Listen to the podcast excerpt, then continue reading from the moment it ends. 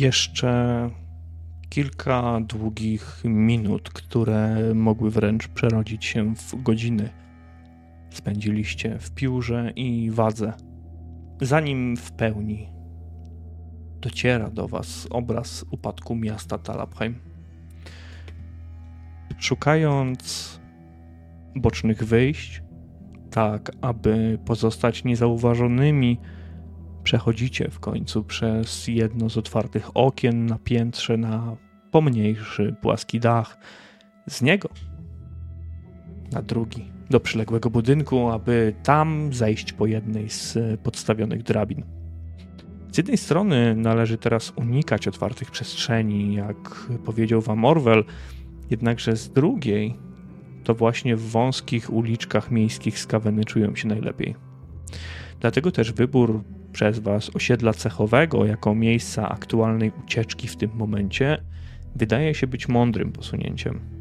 Z pominięciem oczywiście, oczywiście dzielnicy finansjery, czyli Geldwoldu, ruszacie przez dzielnicę pałacową na południe, robiąc łuk. Dzisiaj bardzo szybko zaczniemy sobie od rzutu, bo będę waszą dwójkę prosił o rzut na percepcję na plus 20 od razu.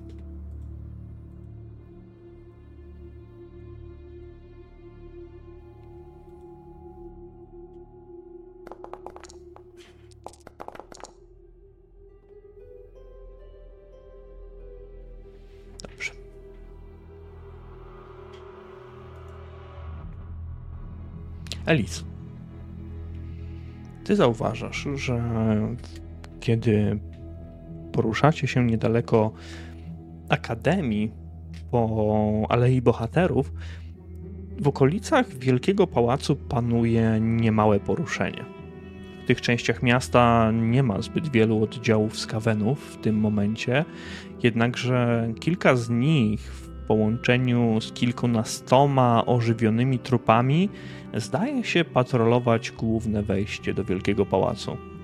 Nie stoją oni przy bramie głównej, wy się przekradacie po drugiej stronie jeszcze szerokiego traktu, więc tym bardziej was nie zauważają, a właśnie daleko gdzieś pośrodku, pośród ciał.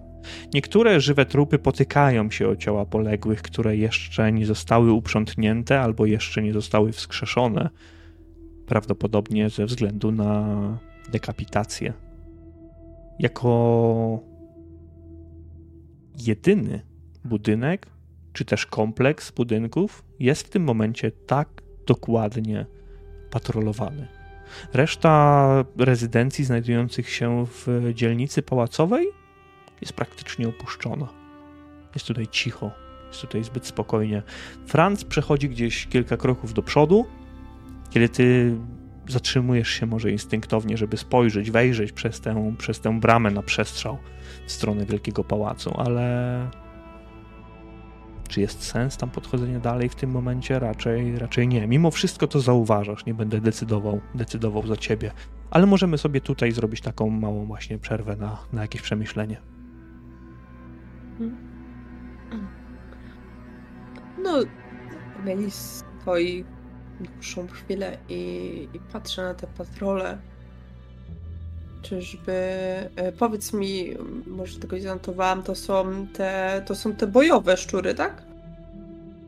To nie są te może uzbrojone jeszcze mhm. w pancerze i w, w łucznie czy glebie, raczej te, raczej te zwykłe, zwykłe szczury. Ale te nie chore. Nie, nie, nie, nie, nie te owinięte szmatami, nie, nie. Dobrze. Te, z którymi walczyliście, ale no nie aż tak bardzo uzbrojone. Niemniej jednak jest ich tutaj tak. naprawdę sporo. Bardzo dużo. E, spójrzcie. Zobaczcie. Patrzcie, ile ich jest. Myślicie, że, że tam się zatrzymali? Że tam rezydują? Może. Może kurwa czegoś szukają, tak jak myśleliśmy kiedyś. Może faktycznie. Pewnie tak, pewnie masz rację, Franz. Nie wydaje mi się, żeby zatrzymały się akurat tutaj. Gdyby tak było, byłoby ich zdecydowanie więcej. To przykrywka? Ale ciekawi mnie, dlaczego jest ich tutaj tak dużo mimo wszystko. Może czegoś Ale... pilnują. Może.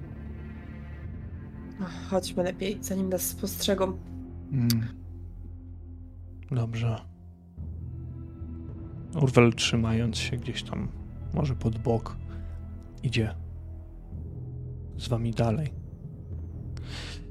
Na południowych krańcach Talabheim rozpoczyna się dzielnica zdominowana przez niską zabudowę. Dominują tutaj drzewa, wysokie krzewy i żywopłoty, a budynki oddzielone są od siebie. Oj, zdecydowanie. Wygląda to jak pomniejsze farmy. Wydawać by się mogło, że wkroczyliście na wieś, że wyszliście całkowicie z Talabheim, jednakże obecność murów miejskich i talbastonu szybko potrafi przywrócić świadomość. Aleje utworzone przez najwyższe drzewa prowadzą praktycznie przez środek dzielnicy, z północy na południe, kończąc swój bieg prawdopodobnie gdzieś w okolicach południowego kamieniołomu, być może. Osiedle cechowe, jak sama nazwa wskazuje, jest miejscem, w którym swoje zakłady prowadzą wszelacy rzemieślnicy miejscy. Kowale, piwowarzy, stolarze, bednarze, złotnicy może nawet, czy kamieniarze. Oni właśnie tutaj mają swoje miejsca. Mijając zakłady rzemieślnicze, możecie mieć przeświadczenie o tym, że osiedle cechowe jest dzielnicą opustoszałą zarówno od ludzi, jak i od skawenów. Nie wre tu żadna praca, ale nie ma tu też patroli. Wiatr jedny, jedynie smaga wasze twarze, świszcząc gdzieś pomiędzy drzewami, gdy powoli nad Talabheim zaczyna wstawać słońce. Hmm. Coś tu cicho, nie uważacie? Nie jest za cicho, nie ma tutaj szczurów ani ludzi. Wygląda jak jakieś opuszczone miejsce. Zaraza ich wybiła? Nie, chyba Może. nie. Może jedno i drugie. Smutny to widok. Bo się chowają. Może trzeba się- wypatrywać. Może. Lepiej być czujnym. To osiedle cechowe, więc może, może znajdzie. Patrzcie też, może, może znajdzie się tutaj coś użytecznego. Coś, co może się nam przydać. Jakieś niedobitki. Żołnierzy może tutaj się skryły. Może.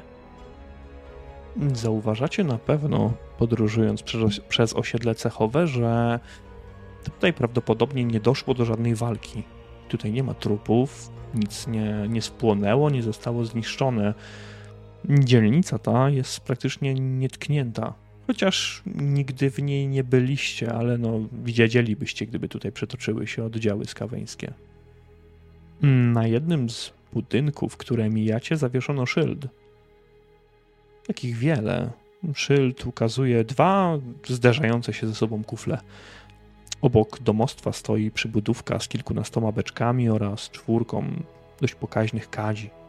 Do szyldu ktoś przybił jednak białą różę szalii, taką jaką widzieliście w wielu miejscach w mieście. A tuż obok chyboczącego szyldu na wietrze porusza się także mała, zielona wstążka, którą zauważacie także w budynku naprzeciwko. Spójrzcie, Welu. Czy to... ta, Mów, Ruda.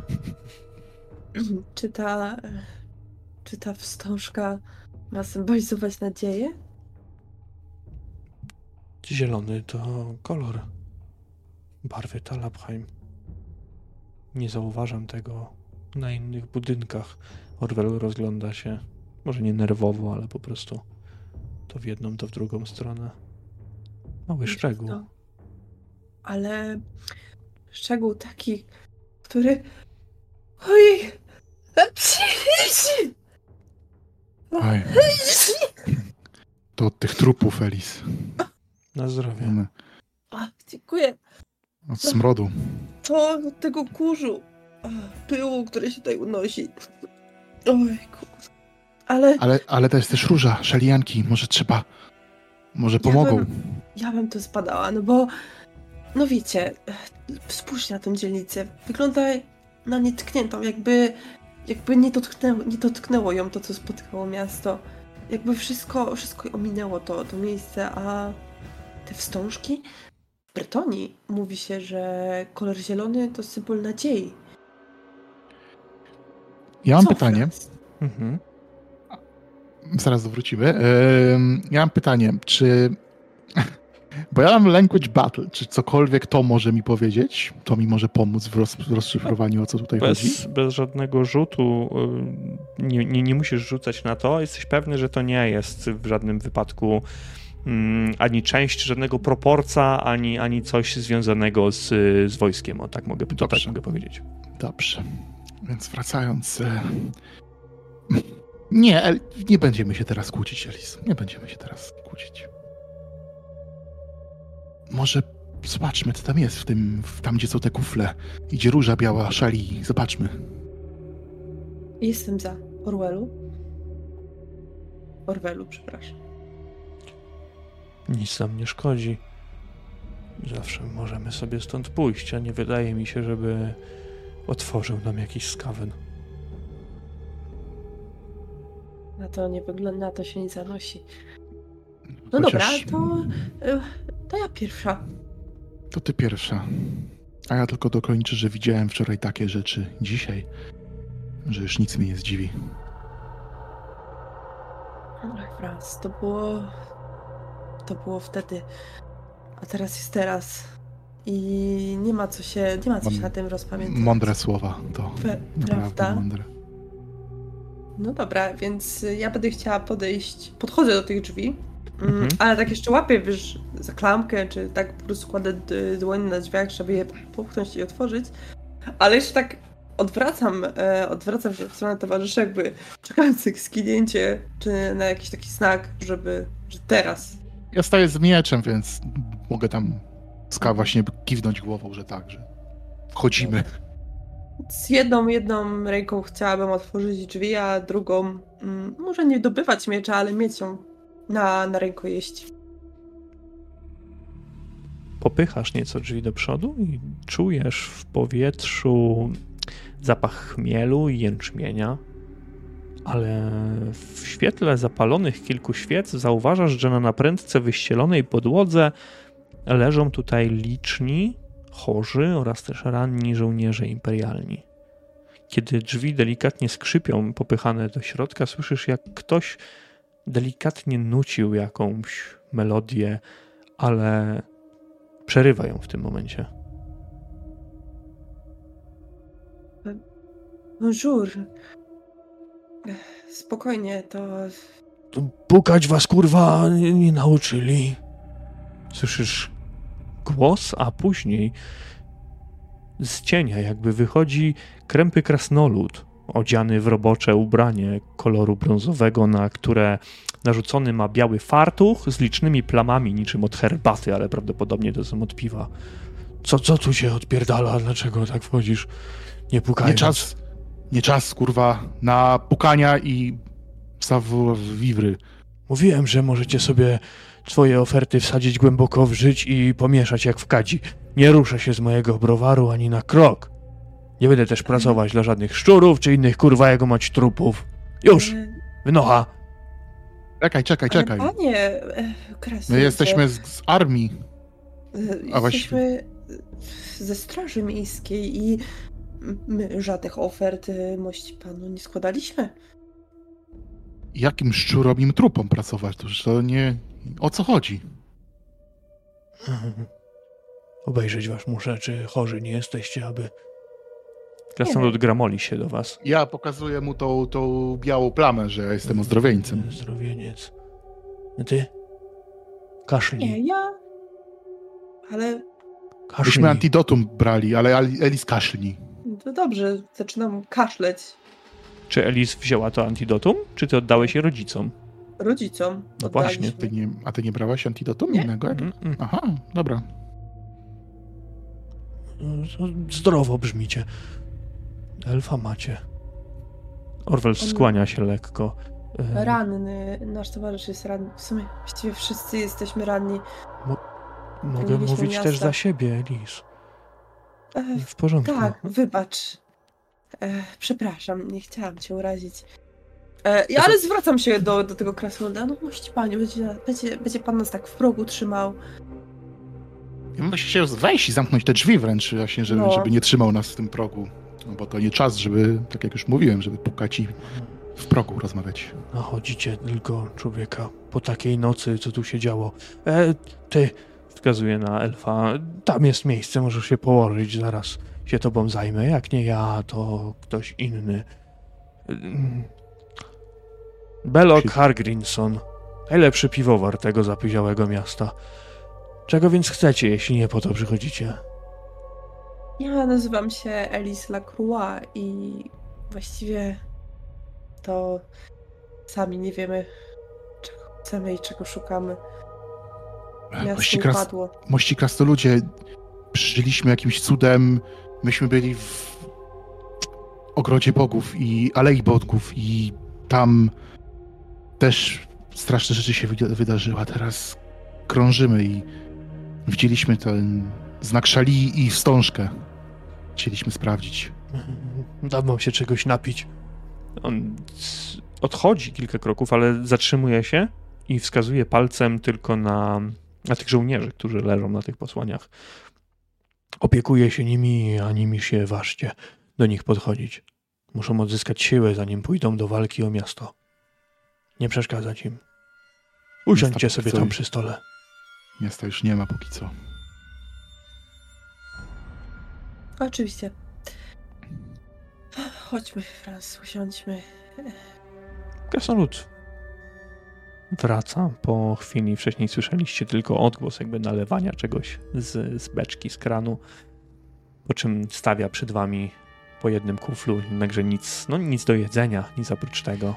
Stawia wam w takim razie jeśli sami nie wiecie po co przychodzicie, na rannych jakoś tak wybitnie nie wyglądacie, nasz towarzysz tylko, to nie do mnie powinniście przychodzić. Nie, A do kogo? Wiesz może, panie? To miasto Słyszałeś? upadło, ale nie dzisiejszej nocy. Padło już dużo szybciej przez opieszałość niektórych ludzi. Tych, którzy udają, że nie widzą i nie słyszą, bo tak jest łatwiej. Od przeszło tygodnia tkwimy tutaj i zbieramy siły. No więcej musicie popytać u Emeli. No, naprzeciwko. Tam się zbiera cała śmietanka. dobrze. W takim razie y, popytamy. Jeszcze, jeżeli mogę być wścibski, mówiłeś yy, mości Belogu o, że oferty i że nie będziesz pracował dla trupów ani z trupami. No nie Masz- będę. Oni ci coś oferow proponowali? Bo myśmy tylko z nimi walczyli. Już od jakiegoś czasu dostawałem oferty od takich szemranych jegomości, co by tu niektóre partie piwa, które wysyłałem do dzielnicy prawnej i do Geldwold.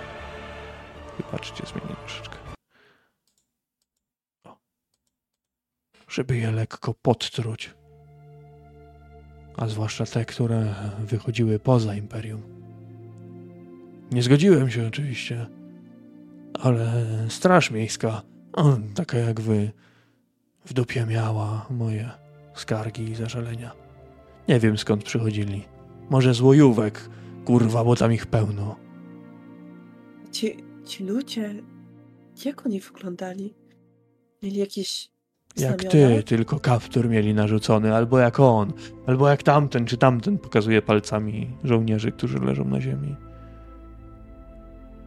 Nie Ależ powiem ci, bo to się toczyło już od dawna. Może z miesiąc. A potem Ja- wszyscy ludzie zaczęli chorować. Najpierw mówili o Talagadzie, a potem przeniosło się to tutaj. Nie jestem głupi, połączyłem fakty. Nie ja, to ktoś inny.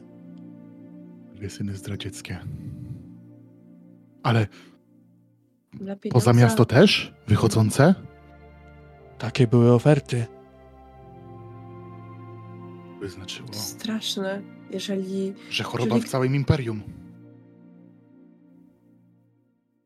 oby nie, to, to by było straszne. Jeżeli Imperium upadnie, no i te beczki Jakie, też jak, poza. jak upadnie imperium? No, jeżeli Nie mów. zostanie... Nie mów. Wypluj, takie, wypluj te słowa. Imperium nigdy nie upadnie.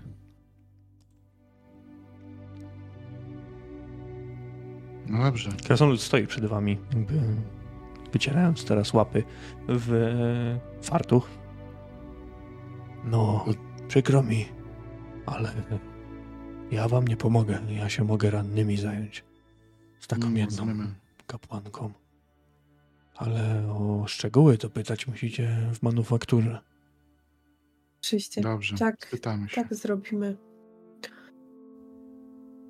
Dziękujemy za piwo. Dziękujemy. Ale to nie piwo. Ale cieszę się, że smakowało. A co to było? Zaśmiał się tylko i machnął na ciebie, na ciebie ręką. Następnie podszedł do Orwela. Do, pokaż co tutaj boli. I zaczął zadawać pytania, czy jak dotknie tutaj, to boli, a jak tutaj, to czy nie boli. I tak dalej. Dobrze. Idziemy, Elis? Wiemy, Się to tak. pytać? No to chodźmy. Dobra. To tylko jak zanim wyjdziemy, to, to ja bym chciała powiedzieć Orwelowi, że idziemy naprzeciwko. Że zaraz, zaraz wrócimy, żeby odpoczął. Porządku. Zobaczymy się niedługo. Oczywiście. Postaraj się oszczędzać. Nie mam innych planów w tym momencie.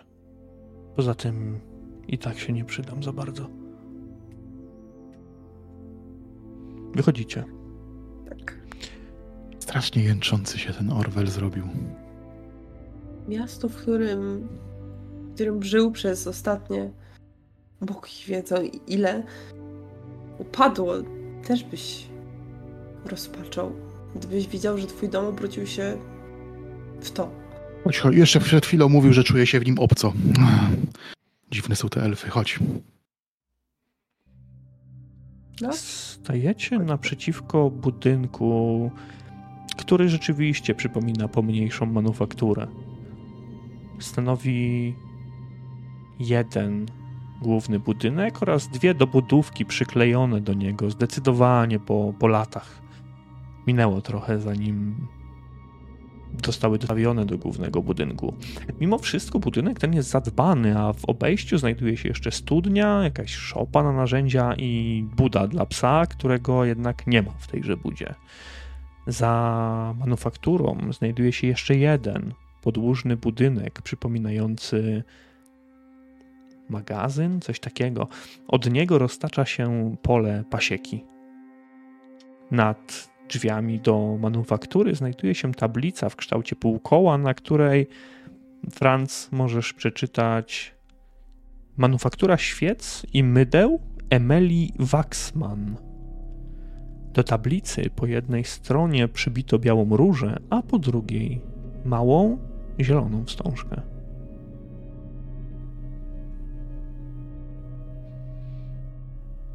Ale to niewątpliwie faktycznie pisze Emilia Waxman. O niej mówił. Jej się trzeba dopytać. Świece tu robili. No, no dobrze.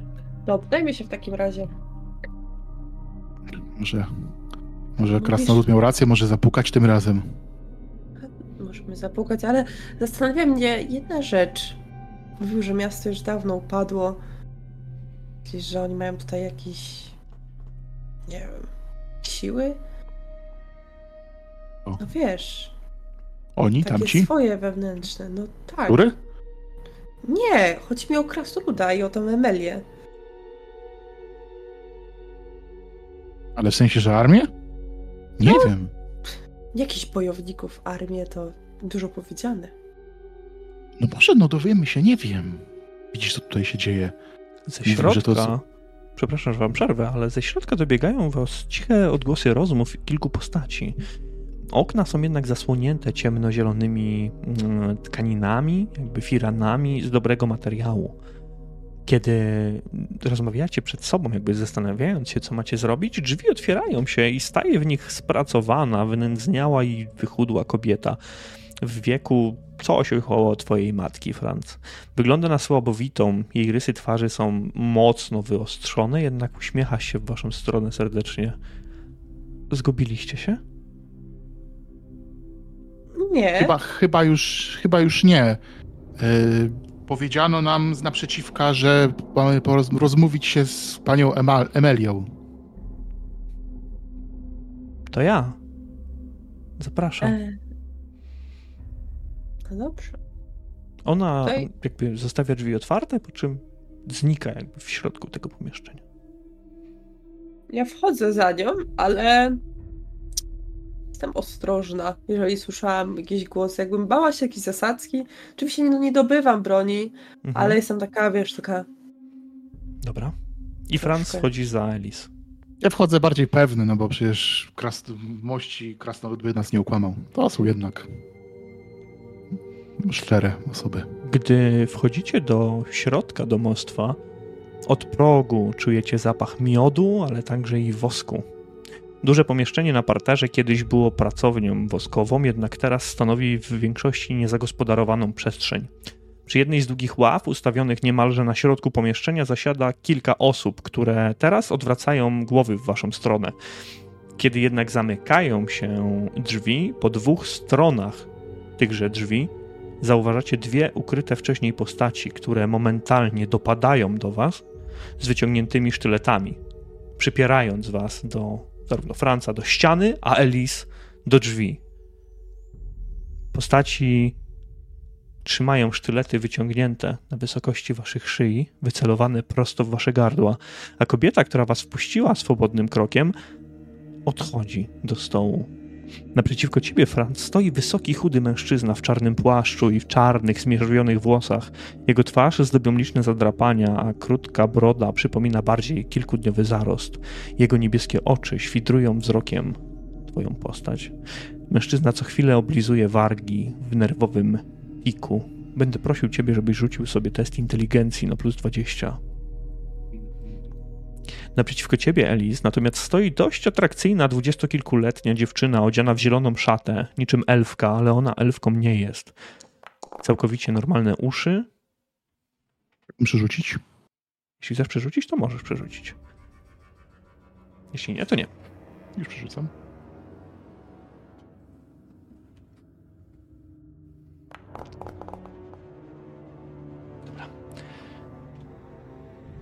Powiedziałem, że ona nie jest elfką, tak? Tak. E, ma normalne uszy, brązowe włosy, spięte w koński ogon i lekko zadziorny uśmiech. To rzuca ci się od razu w oczy. Mężczyzna łapie Franca za szczękę i obraca ją kilka razy w lewo i w prawo. W lewo i w prawo. Komu służysz? Kto cię przysłał?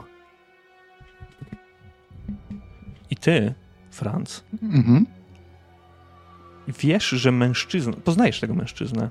On nazywa się Jorn, ale więcej o nim nie wiesz. To jest jeden ze szczeniaków, którzy zostali włączeni do służby kilka dni temu.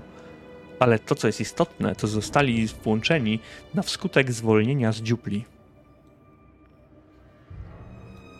Już, okej. No co ty, Jorn? Służyłem temu, komu ty. Tylko, Komu? no przecież dobrze wiesz, temu, kto kurwa, ten, kto już nie żyje. Sam widziałem jego ciało.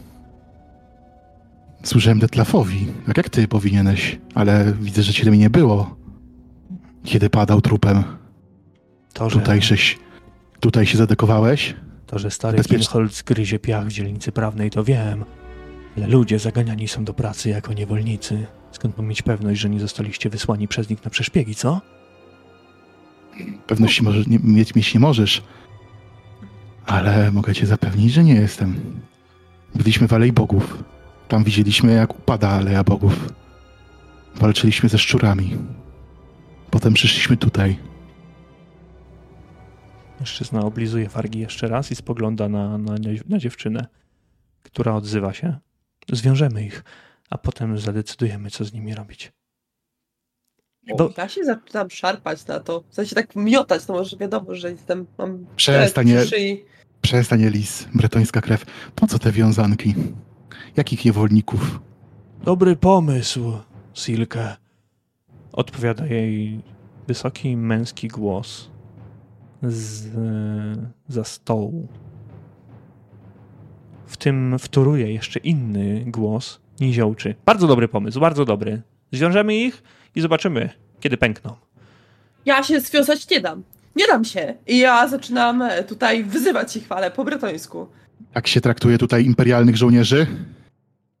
My mamy wam coś, mo, mo, wtedy możemy wam coś powiedzieć, a wy chcecie mnie nas na tortury brać? Nie. Nikt was nie będzie torturował, odpowiada ten mężczyzna, który na początku powiedział, że to dobry pomysł. To co to znaczy, że pękniemy? Jest tylko jeden sposób, żeby pęknąć kogoś. Już dobrze widziałem, jak to się robi. Przede wszystkim czas. Usiądźcie tam. On pokazuje wam jakby miejsce obok kilku hmm, worków. Jakimś zbożem Ale- prawdopodobnie. Ja będę robił wszystko to, co oni mówią, Mhm. jeżeli on wka- jakby wskazuje, żebyśmy tam poszli, ale mówię, że no, czas, owszem. Tak, w- tutaj w tym mieście wszyscy mają czas. Tak dużo mieli czasu, że miasto upadło, a takie bestie i wstrętne nekromantki tutaj się panoszą po mieście teraz, bo wy mieliście czas. Oni nie odpowiadają na to, na te zaczepki, które mówisz, jednakże w twoich wypowiedzi dopanowuje cisza. Jorn, który stoi przy tobie, trzymając sztylet gdzieś na wysokości twojej, twojej szyi, on nie, nie zabroni ci mówić w żaden sposób, ale oni będą dążyć do tego, aby zabrać wam broń.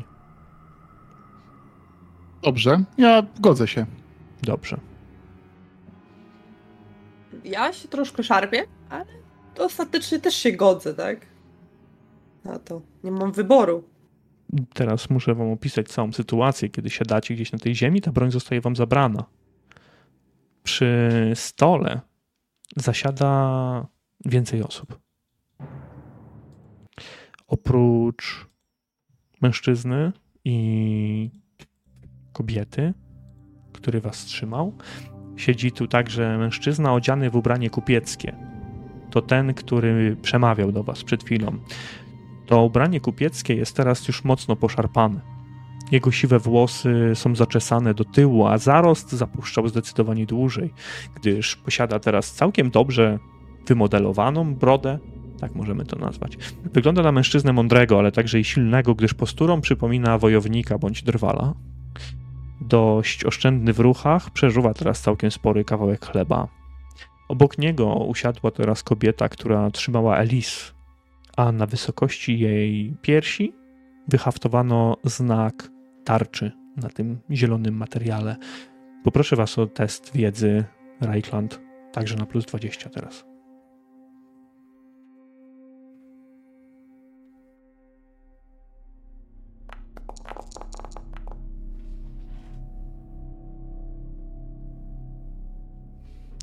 To ciekawe, że, zda, Mhm. że test zdaje Elise.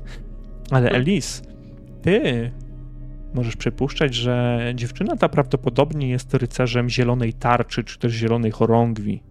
To zacni ludzie, którzy poświęcili swoje życie, aby przede wszystkim chronić Talabheim w imieniu bogini Myrmidii. Obok mężczyzny, który pochwycił Franca, siedzi kobieta, która otwierała wam drzwi, czyli Emelia, a także niziołek odziany w robocze ubranie. Jego kręcone blond włosy lśnią teraz w świetle kilku świec.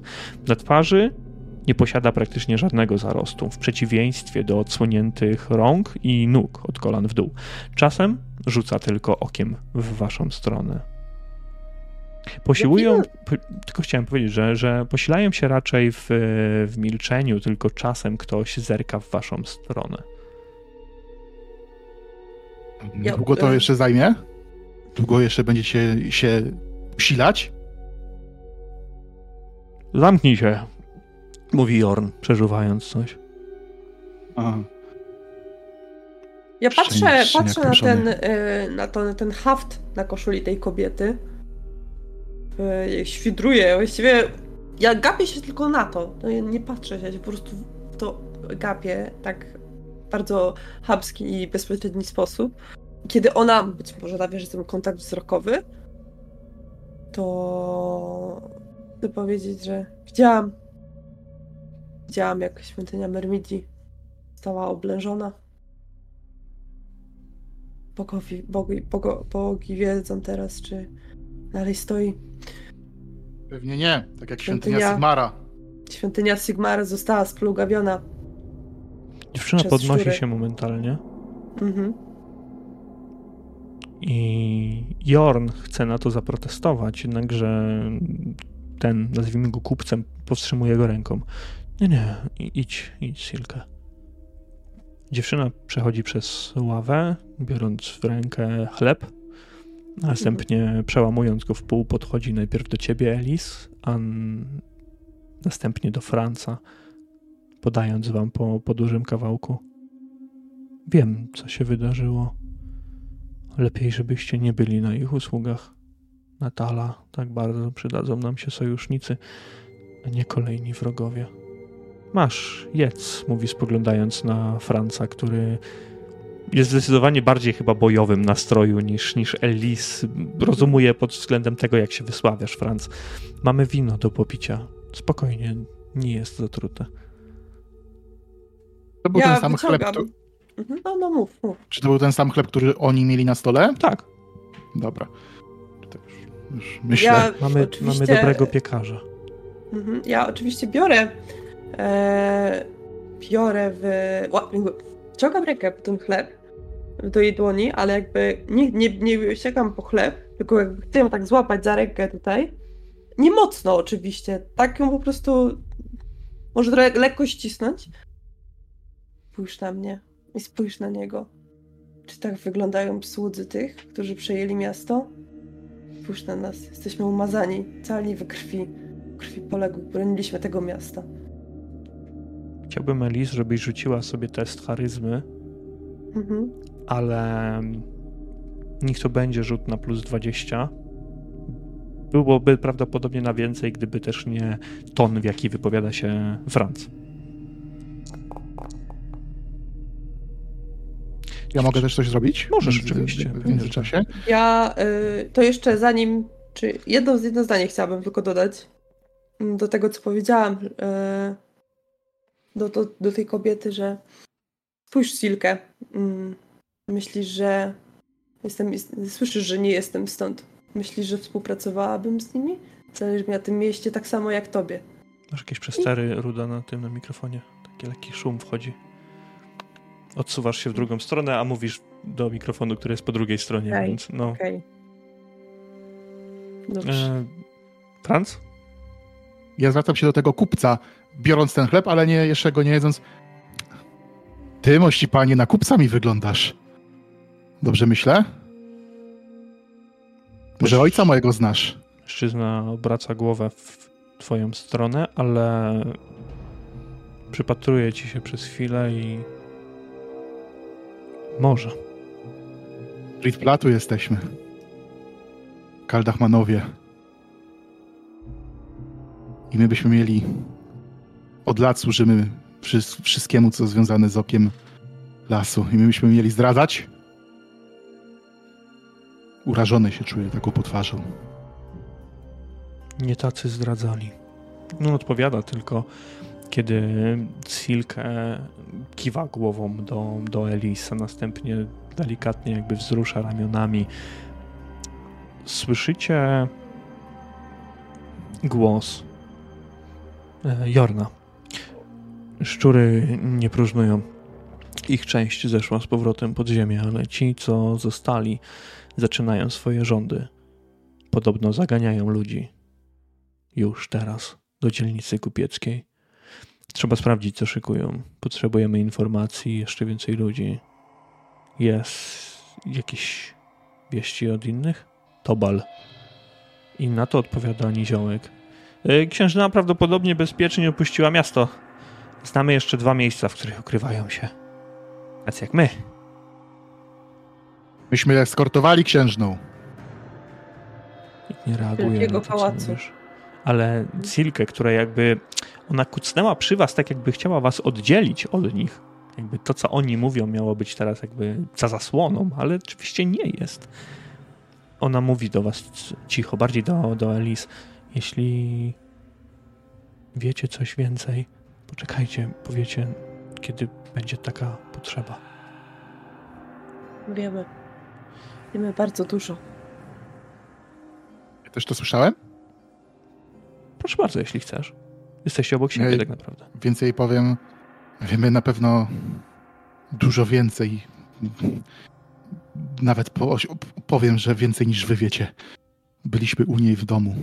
Byliśmy u niej w piwnicach. Widzieliśmy, widzieliśmy. Byliśmy w domu nekromantki.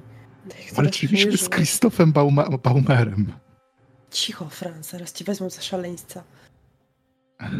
Niech, niech biorą. Nic mnie to już nie obchodzi. Dziewczyna nie wie, co powiedzieć w tym momencie. Mhm. Patrzy się na was, to na jedno, to na drugie. Krzysztof Bawię Baumer. Się. Mhm. Nie. To wydaje się niemożliwe. A czy możliwym wydaje się, żeby żeby zburzyć Talbaston? Albo Jego część, żeby powtórzyła Żeby- Silke. Cały nie upadł. Nawet mała część jest dobrze. wystarczająco Tyle dobrze. Ja patrzę się na nią. Widziałaś na pewno tych nieumarłych. Widziałaś też, że mają, mają dziwne znamiona. Jakby podpis. Wiemy czyj. Google i Skel. Wie każdy z nas.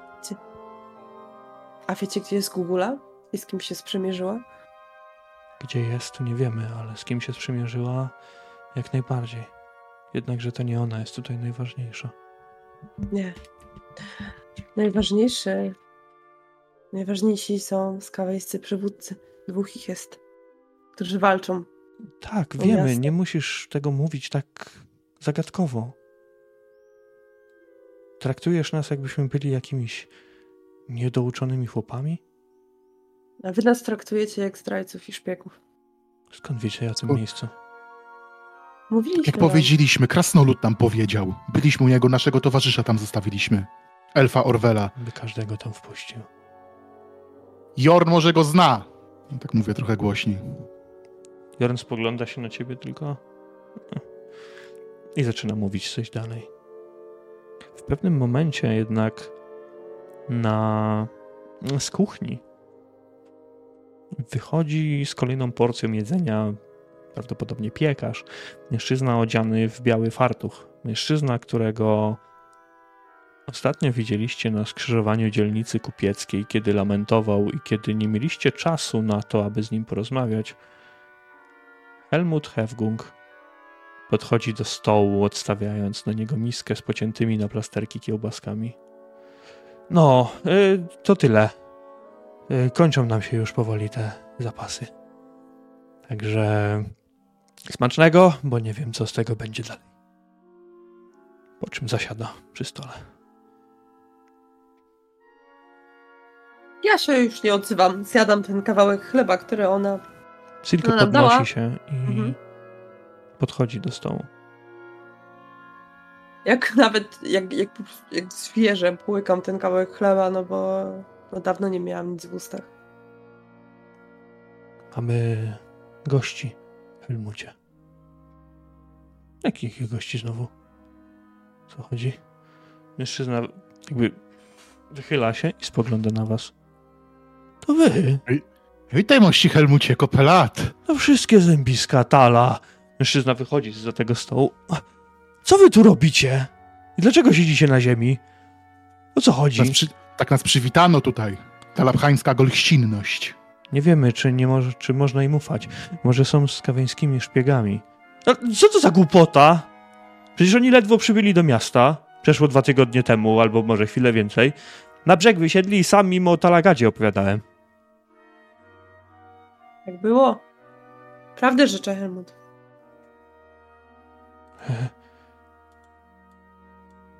No, no już. Wstawajcie, chodźcie do tego stołu. Ja wstaję w Helmut, takim Helmut razie z ziemi. się łapie tutaj pod boki. Może No, nie dam sobie głowy za nich uciąć, ale zdrajcami to oni na pewno nie są. Zresztą Nie. wszyscy dobrze wiecie, że to, co się zaczęło w tym mieście, zaczęło się dużo wcześniej niż oni tutaj przybyli. A przybyli, no sam pamiętam dokładnie kiedy. Teraz to się wydaje, jakby to było wieki temu.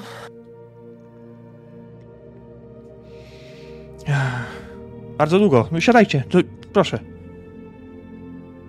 Inni, Ja siadam. Reszta, reszta z nich zaczyna na was spoglądać nie to, że od razu trochę inaczej, ale mm, też wasze słowa wcześniejsze dużo, dużo pomogły. Zwłaszcza, zwłaszcza Silke inaczej na was patrzy. Niziołek wzruszył tylko ramionami, Jorn podobnie. Ten mężczyzna, ten kupiec spogląda nieco bardziej przenikliwie w waszą stronę.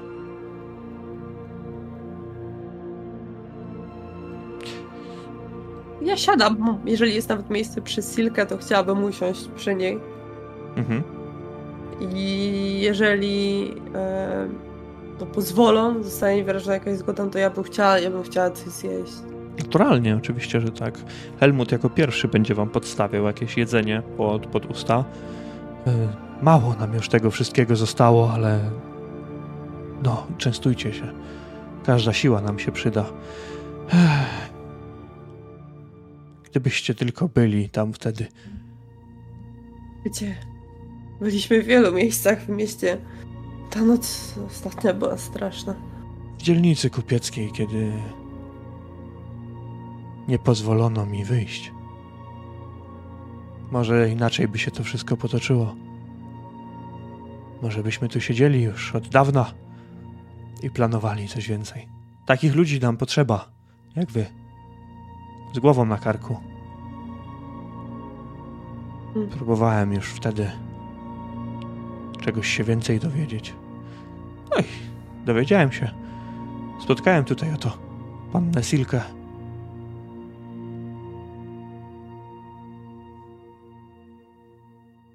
I tak oto powstała nasza zbieranina. Niektórzy polegli, niektórzy są całkiem nowi, ale jakoś się trzymamy. A u krasnoluda mamy lazaret. Tak, To widzieliśmy już wiemy. towarzysza tam. Zostawiliśmy. Ucierpiał w nocy, gdy broniliśmy miasta. Jak Widzieliśmy, wielu. jak, Bo jak wielu. To prawda. Widzieliśmy, jak przybijają się przez mury Talbastonu. Jak pochłaniają dzielnicę po dzielnicy. Zaczęła się od dzielnicy kupieckiej, a potem prawnej, Alei Bogów. Wszystko przypadło. Byliśmy tam. Odpowiadają jakby wszyscy. Walczyliśmy w różnych miejscach. Mówi kupiec. To Na tyle, ile mogliśmy. Aż niespotykane, że nie mieliśmy okazji się spotkać. To duże miasto. Prawda? Ja myślę, że opowiem im w dużym skrócie, jak to było, co widzieliśmy, jak co nas tutaj doprowadziło. Wszystko im opowiem. Mhm. A Franz? Bo Franz miał, tak jak powiedziałem, bardziej wojownicze nastawienie do nich. Ja siedzę, ale nie jem, nie będę, nie będę. Od, odeszły mi chęci, chęci na jedzenie, bo Franz myśli, że nie takiej wdzięczności się za boje i przelaną krew spodziewał, więc ja na razie siedzę obrażony. A Elis opowiada tą historię, ale tak kompletnie wybrana z uczuć, tak bez, bez żadnych emocji. Patrzy się w jedno, w jedno miejsce, w ścianę i, i snuje tę opowieść. Opowiadasz, a oni słuchają. Czasem niektórzy coś uzupełniają jeszcze w tej opowieści. Niektórzy walczyli całkowicie niedaleko was, jak się okazywało. Ta wychudła, mizerna kobieta to rzeczywiście Emilia Waxman. Ten kupiec nazywa się Jirl Gladisz, czy też Żirl, ale raczej Jirl. Sam o sobie powiedział, że jest kupcem, ale nie powiedział nic więcej. Mężczyzna, który trzymał Franca, no to Jorn, jak już Franz wydedukował, przestępca.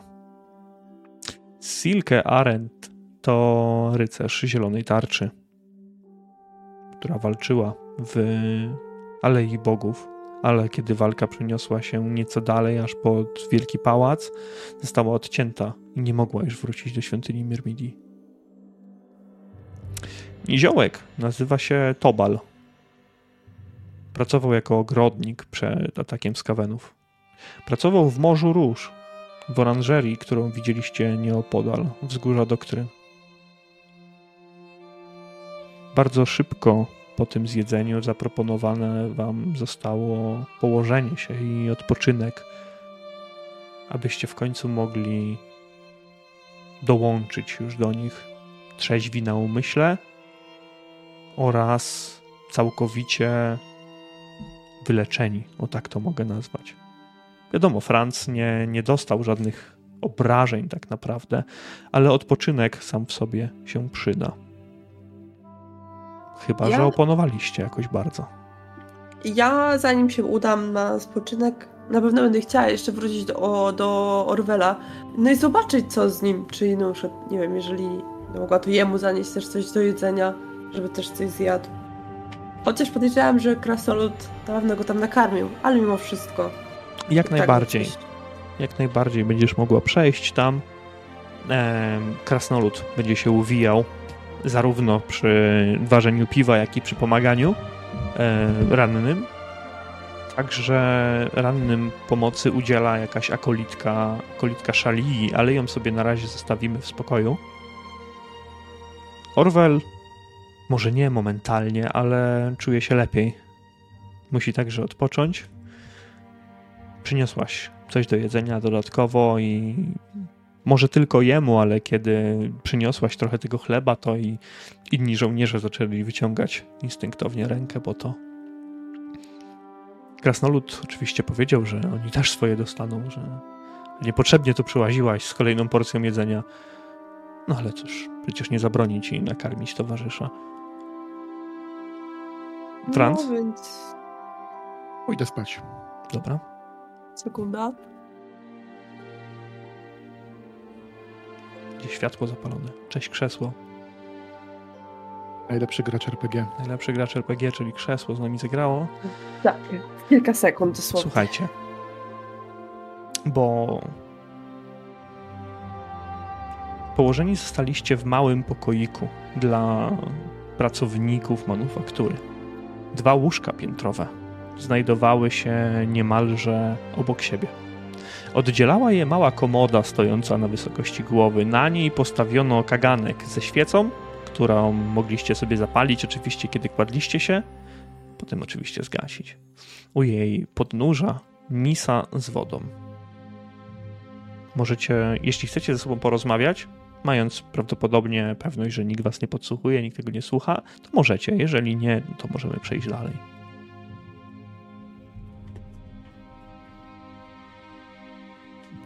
Macie Tak jak już mówiłem, Franc nie ma nic do powiedzenia. Dalej jest nabrumuszony, jest, jest dalej zły, e, że tak go potraktowano, więc nie będzie tutaj miał za bardzo nic do powiedzenia.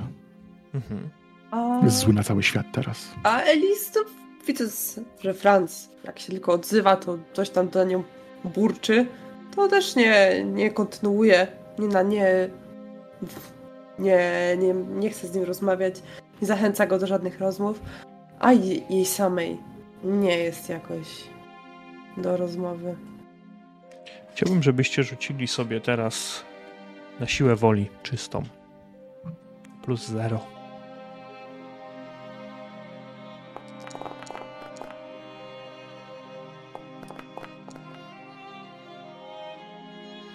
Sukces u Franca i porażka u Elis. Nie, u mnie też porażka. Marginal failure. Dobrze. Zostają te wyniki? Tak, Dobrze. Chciałbym, żebyście dopisali sobie jeden punkt zepsucia. W tym momencie.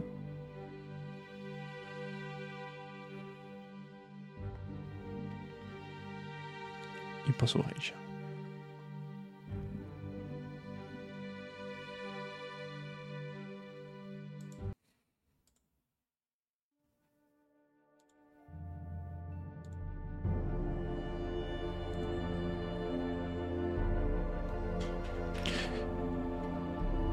Bo do głowy wdziera wam się zamazany obraz. Jakbyście przebywali w ciemnym tunelu Talbastonu. Od tunelu w bok prowadzą liczne korytarze, które schodzą głęboko pod powierzchnię. Jeszcze bardziej, aż strach tam zaglądać. Chociaż wy dobrze już wiecie, co kryje się pod ziemią. Każdy z was jest w tym samym miejscu, lecz nie widzicie siebie nawzajem. Z wylotu tunelu słyszycie głośne westchnięcia zachwytu pomieszanego z trwogą i bezwiednie wasze kroki zaczynają prowadzić was w stronę ujścia tego tunelu. W sekundę później z góry patrzycie na całe Talabheim. Tak. Znajdujecie się teraz na szczycie jednego ze wzniesień Geldwoldu, a tunelu nie ma już za wami. Stąd dość nienaturalnie, jak na dłoni, widzicie całe miasto. Zniewoleni mieszkańcy Talabheim. Wyrzuceni zostali z domów przez swoich nowych panów. Masy ludzi, krasnoludów, niziołków i elfów pchane są niczym bydło na rzeź w stronę obelisku prawa. To właśnie tam skaweny poczęły wznosić dziwną konstrukcję przypominającą gigantyczne lustro. Tłum komentuje sytuację głośnym westchnięciem, widząc nowy porządek w mieście. Wielkiego placu pilnują szturmoszczury z włóczniami i z glewiami. Widzicie, jak wysoki, barczysty mężczyzna w czarnej szacie prowadzony jest przez dwójkę szturmoszczurów, a następnie rzucony zostaje pod pomnik, padając na kolana. Z głowy zostaje mu ściągnięty worek, spod którego wynurza się obita twarz mężczyzny, który niejedno już w życiu przeszedł, jednakże zdradzają go rudoszare włosy opadające na skronie. To sędzia Hohenlohe. Cisza unosi się w powietrzu zdecydowanie zbyt długo. Na dziedzińcu pojawia się jednak smutły, smukły skawen o jasnym futrze, a jego znakiem rozpoznawczym są zakręcone baranie rogi. Jego czerwone ślepia zdają się wpatrywać w każdego dookoła, nawet w ludzi oddalonych kilkaset metrów dalej. Szczur unosi teraz swoje łapy, gdy ziemia zaczyna drżeć, a obelisk prawa zaczyna zapadać się pod ziemię, wyrzucając tumany kurzu i drobiny kamieni w powietrze, raniąc postać, która jest teraz na kolanach. Zatrzymuje on jednak swoje przedstawienie w połowie, a następnie odwracając się kilka razy do tłumu, zaczyna przemawiać. Jego głos musi być wzmocniony jakąś magią, ponieważ doskonale słyszycie go i z tej odległości. Słuchajcie, niewolnicy, wasze prawo, władza skończyło się na zawsze. Zawsze. Teraz jest tylko prawo, władza skawenów. Słuchajcie, bądźcie posłuszni, a będziecie żyli, żyli. Próbujecie z nami walczyć, ludzie, ścierwa, a szybko, szybko umrzecie. Skawen macha jedną z łap, a szturmoszczury pchają postać na kolanach w jego stronę. I słyszycie także wzmocniony głos sędziego. Słucham i jestem posłuszny, mój panie. Budzicie się, bardzo głośno oddychając. A w progu tego pomieszczenia widzicie Silkę trzymającą w rękach kaganek z zapaloną świecą. Jest środek nocy. Mówiliście głośno przez sen. Mogę wam jakoś pomóc? Oglądam na Alice. Ja jestem oblana potem. E, Głośno oddycham. Widziałeś? Sędzia. I szczur. Tak. I plac. Tak. groził im wszystkim. A, a Hohenlohe?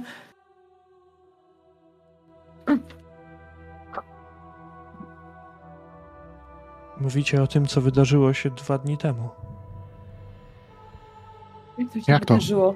Już? Hohenlohe mierzył się ze stalowo, stalowokim? Wszyscy to słyszeli, nawet ci przebywający po drugiej stronie. Użył jakiejś magii, gdy to mówił, ale nie sądziłam, że potrafi wedrzeć się do snów. Nie mogliśmy was dobudzić. To była jaka, jak, jakaś, jakaś wizja? Albo... O, bogowie. O, pani jeziora, niech miej mnie w swojej opiece. Oni coś tworzą. Wiem, widzieliśmy, trzeba... Oni... Kula chce... Chce zamknąć oko lasu. Na zawsze, na wieki. Silke podchodzi nieco bliżej i siada na, na łóżku e, Franca. Nie, to nie ona jest naszym przeciwnikiem. A kto? One? One. Szczury? Kiwa głową. Trzeba je zabić. Jak najszybciej. Wszystkie. A wsz- co do jednego. Jeszcze nie mamy sił. Ale Trzeba- cieszy mnie twoje podejście. Trzeba zebrać siły. Za długo już to się dzieje. Dobrzy ludzie umierają i postradają zmysły. Rano będziemy o tym dyskutować. Teraz i tak jest środek nocy. Większość śpi. Chyba, że chcecie popełnić wartę razem ze mną. Ja i tak już nie zasnę. Nie po tym, co widziałam. Ja chyba też nie. Chodźcie w takim razie na górę. Na łapie ten swój kaganek, odpala świecę waszą, która się jeszcze nie dopaliła. Czujecie, że jesteście cholernie głodni i spragnieni. Jeżeli naprawdę w jakiś sposób przespaliście dwa dni bez przyjmowania posiłków, jesteście osłabieni. Tutaj musiała zadziałać jakaś dziwna magia, ale Nikt z was nie, nie zna się na tej magii. Ani nie macie tutaj w obrębie nikogo, kto mógłby się na niej znać. Więc ciężko w ogóle na ten temat dyskutować. Możecie gdzieś nawet w biegu zobaczyć, czy coś jest na stole i zabrać ze sobą, kiedy, kiedy ruszacie na górę. A ostatecznie wychodzicie na dach tej manufaktury, który w pewnym miejscu jest spadzisty, ale na dobudówkach jest całkowicie płaski. Silke zasiada tam, wpatrując się w niebo, mury sunące nad Talbastonem. Wasz towarzysz poczuł się trochę lepiej. Jutro dołączy do nas przy śniadaniu. No dobrze. Dobrze wiedzieć. Macie jakiś plan?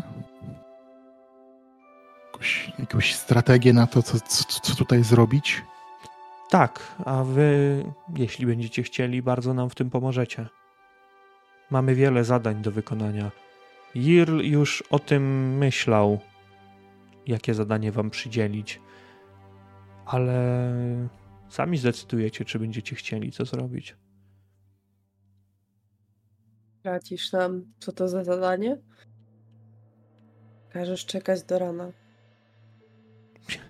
Sama nie wiem, co ja będę miała robić.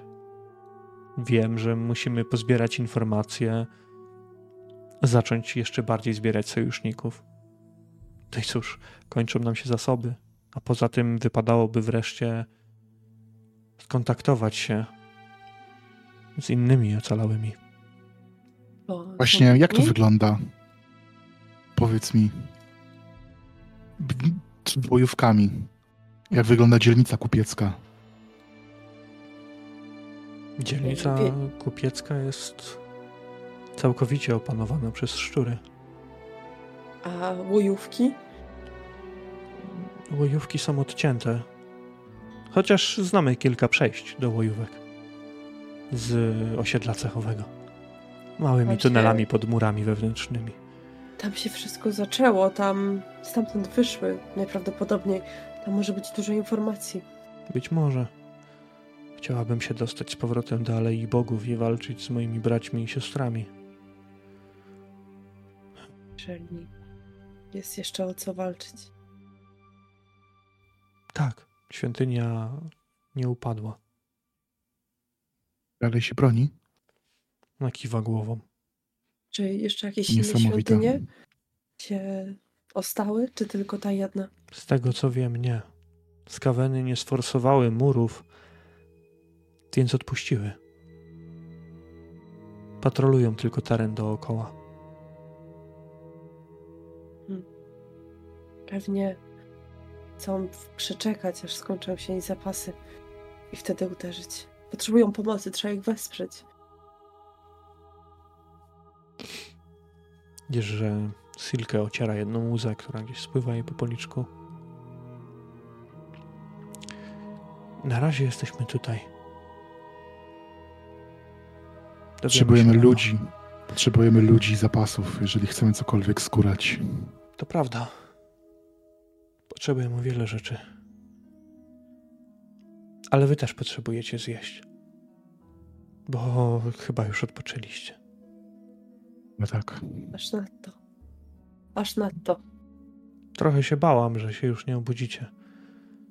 Nawet nasza akolitka Szalii nie była jakoś w stanie was pobudzić.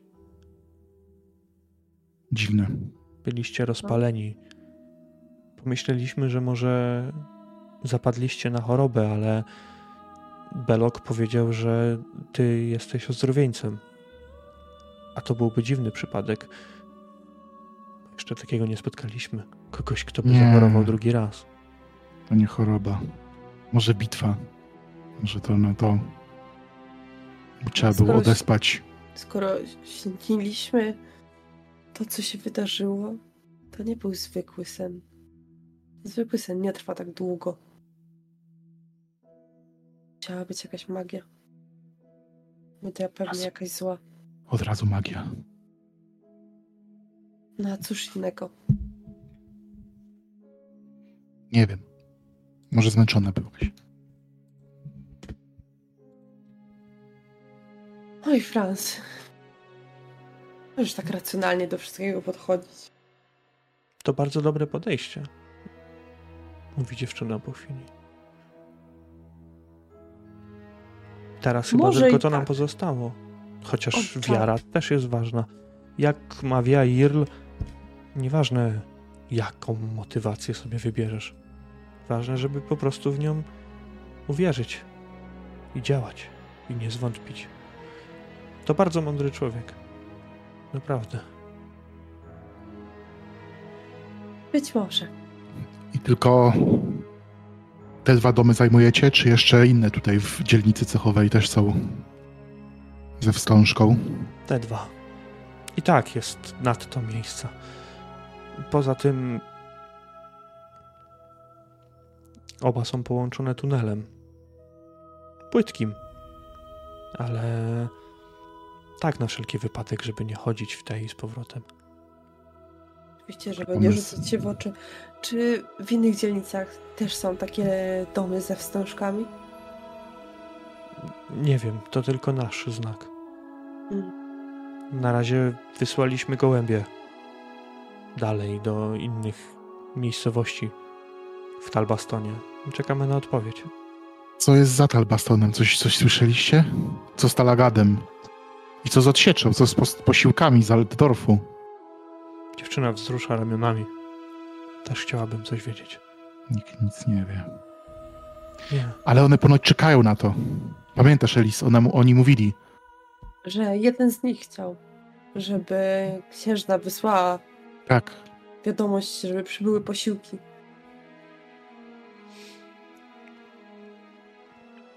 Rano dowiemy się więcej. Co planuje Irl. I rozdzieli zadania, a wtedy. Wtedy może zaczniemy już działać na poważnie. Oby tak było. oby tak było. Możemy przeskoczyć do Mhm. tego śniadania. Jeśli chcecie już. Możemy. Możemy. Dobra.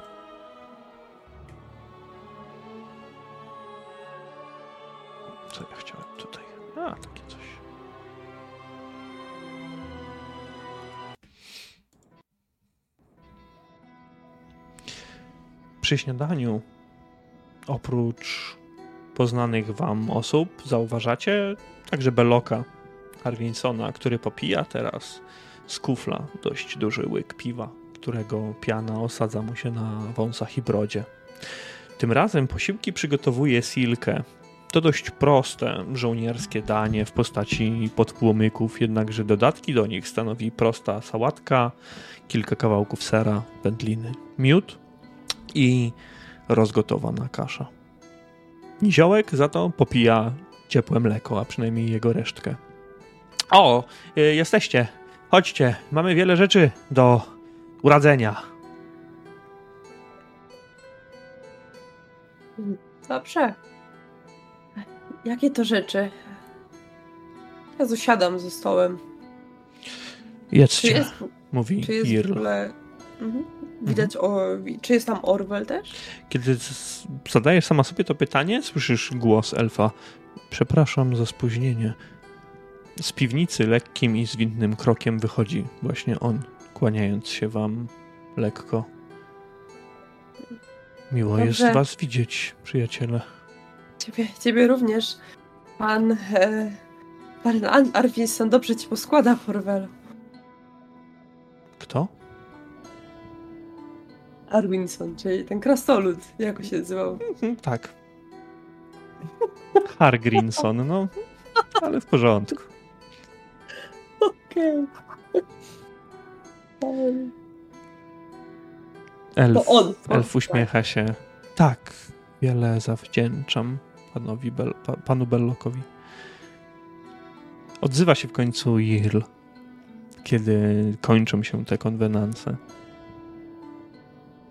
Szczury zaganiają ludzi do budowy ogrodzeń wokół kilku obszarów miasta.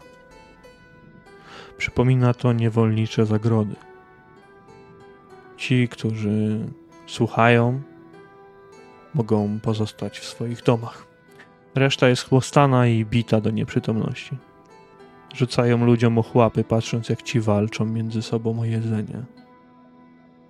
Dokonują selekcji, wtrąca się Jorn. Oho. Oznaczają wszystko. Taki mają zwyczaj. Nakazają ludziom, nakazują ludziom wychodzić z domów na ten czas. Nie rozumieją oddania rodzinie, dlatego najpierw zabijają dzieci. Silke w tym momencie uderza ręką w stół, a Jirl klepie ją kilka razy po ramieniu. Różne grupy ludzi pracują na terenie całego miasta. Jednak nie wiemy, jakie to przeznaczenie. Musimy się tego dowiedzieć. Najgorzej jest w smoczym gnieździe. Podobno Asorak osobiście nadzoruje pracę właśnie tam, a ci, którzy zostali wysłani w ten region, nie wrócili do domów. Mamy kilka zadań do wykonania. Odzywa się właścicielka manufaktury. Chociaż jest nas mało, każdy specjalizuje się w czymś innym. Musimy to wykorzystać. Ja nie ruszam zatka. Nie, ma mowy, zostaję na miejscu i będę z Helmutem doglądać przybytku, mówi krasnolud. Wy idziecie we dwójkę, tak? Pyta Jirl, wskazując na was. Kiedy Silke unosi rękę w górę, chcąc coś za, za gest, dokonać jakichś ges- gestów, jednakże szybko odpuszcza. Kiedy Jirl zatrzymuje ją ręką, czekając na waszą odpowiedź. Chyba tak. No. We dwójkę z Orwelem. Silke pójdzie z Orwelem. Dobrze. Może i też tak być. A my? Co będziemy musieli zrobić? Jakie jest nasze zadanie? Zaraz o tym powiem. Jorn? Ja działam sam. Y, Tobal też. W porządku. Niech tak będzie. Posłuchajcie. Od tych misji zależy naprawdę wiele. Niektórzy z Was wolą działać w pojedynkę, inni w grupach. To w tym momencie naprawdę jest dla mnie mało istotne. Dopóki działamy we wspólnym celu. Ja chciałabym zgłosić się do najtrudniejszego zadania, odpowiada bez wahania Silke. Jako rycerz zielonej chorągwi przysięgłam chronić miasta i jego mieszkańców. Wtrąca się Jorn. A mnie mają za groźnego przestępcę i bandytę. Mówią, że mam na koncie kilka morderstw i tylko czekam na, czekałem na egzekucję. Ułaskawili mnie, bo wiedzą, że nie ma lepszego ode mnie w zabijaniu skawenów z muszkietami. Mówiąc to, wyciąga dwa długie sztylety na stół. Musisz bardziej szanować swoje życie, Silka. Masz je tylko jedno. Y, ja się zgadzam z Silkę, mówi Niziołek. Walczyłem w Alei Bogów, ależ tam była rzeź. Czułem tam taką ogromną nienawiść i siłę. Nawet nie wiedziałem, że tyle ich mam w sobie. Zrobię wszystko, aby znów zobaczyć moje piękne różyczki. Poza tym najlepiej z was unikam skaweńskich patroli. Mogę śledzić kogo tylko chcę. Jirl odzywa się. Na koniec. Ty, Elis, opowiedziałaś nam swoją historię. Ty jesteś od Kaldachmanów, tak? Z Britblad. Ale nie jesteś kupcem. Jak widać.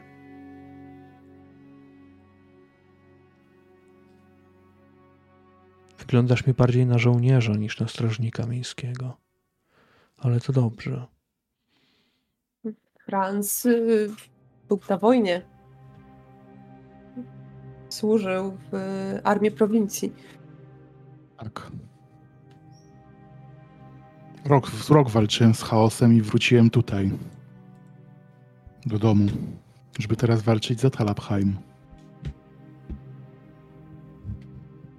Też robię. Mężczyzna kiwa głową. Nie wątpię. Nie chcę, żebyś miał nam za złe początkową niepewność. Mam nadzieję, że zrozumiesz nasze działania. I co możemy to puścić w niepamięć?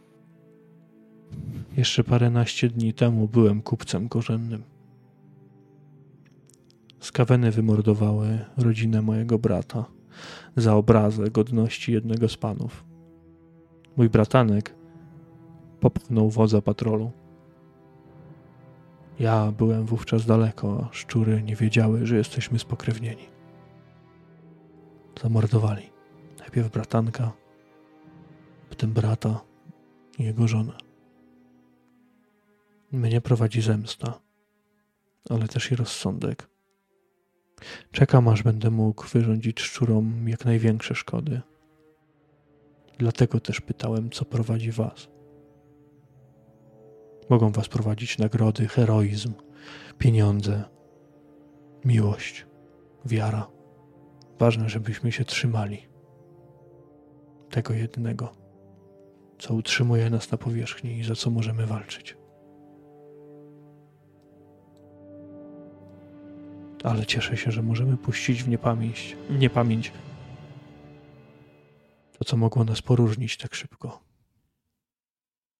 I w tym momencie do środka wchodzi młoda akolitka szali, odziana w szare raczej szaty.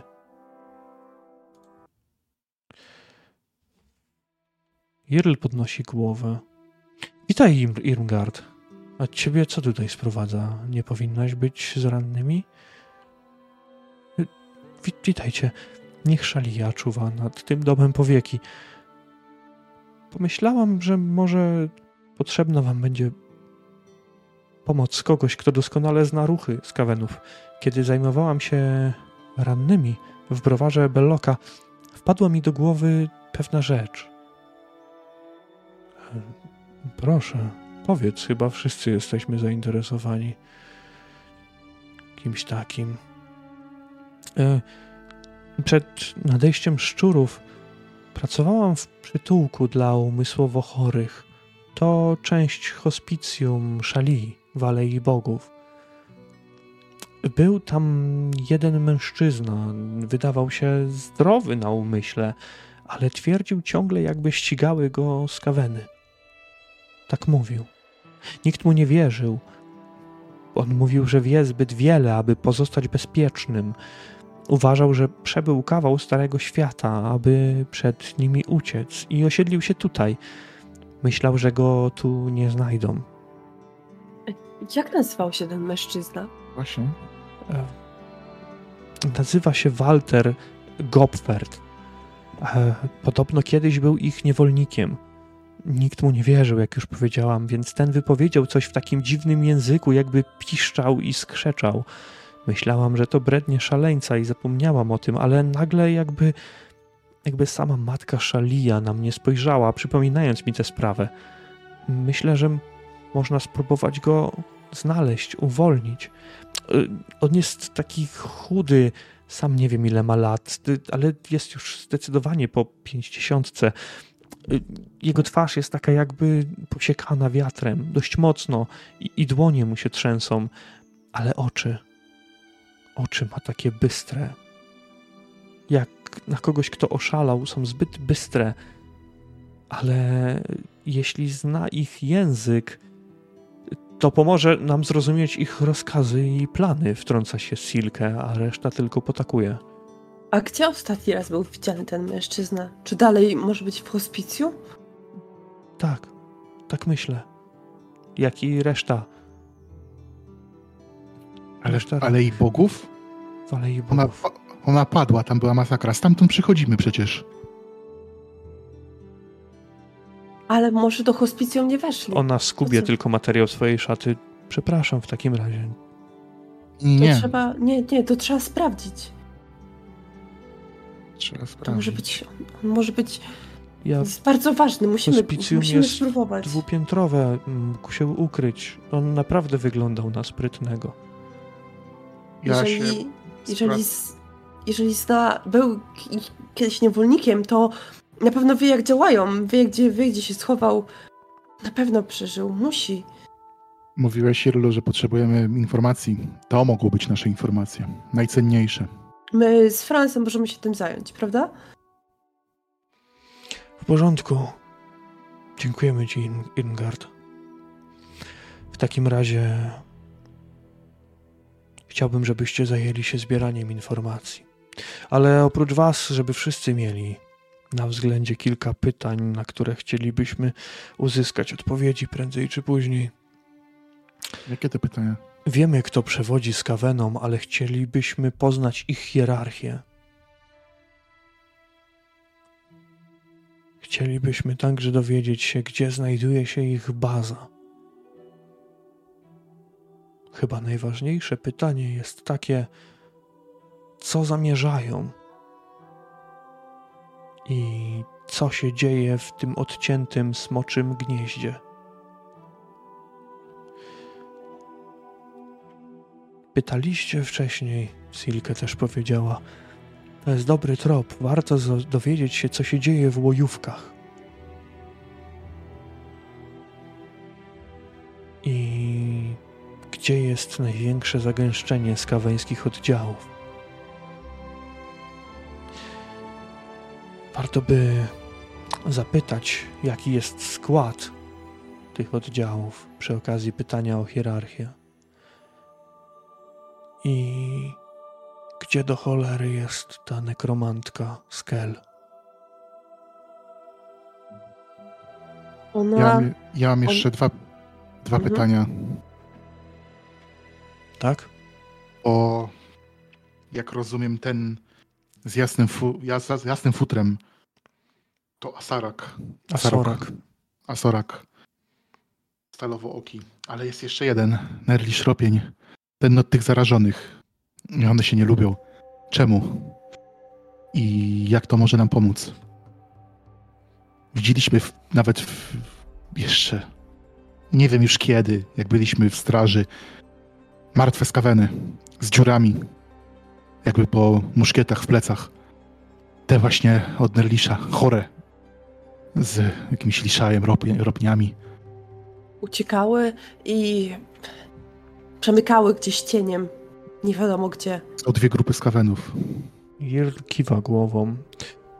Jeśli dowiecie się nieco więcej na. Jeśli znajdziecie trochę odpowiedzi na te pytania, będziemy mogli może wykorzystać skaweny przeciwko sobie. Ale to jeszcze nie teraz. Wiesz, tak. A moje drugie pytanie jest jeszcze takie, kiedy szliśmy tutaj po naszych bojach, przechodziliśmy obok pałacu. Było tam dużo skawenów. Tak, ale to nie były te boje, nie były tak te uzbrojone.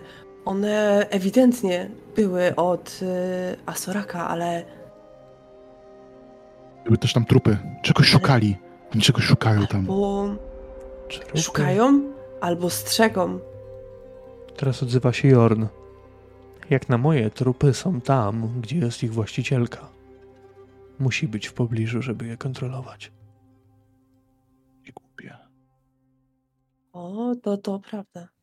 W takim razie Głupie. prawdopodobnie Gugula może być w pałacu. Może być. Jeżeli dalej tam jest. Ale to jest jakiś... Jakaś myśl. Faktycznie. Mamy do poruszenia jeszcze sprawę zasobów.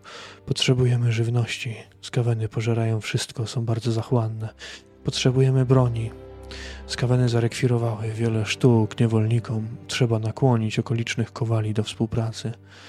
Ktoś powinien wyprawić się też do kamieniołomu. Tam znajduje się magazyn z bronią palną.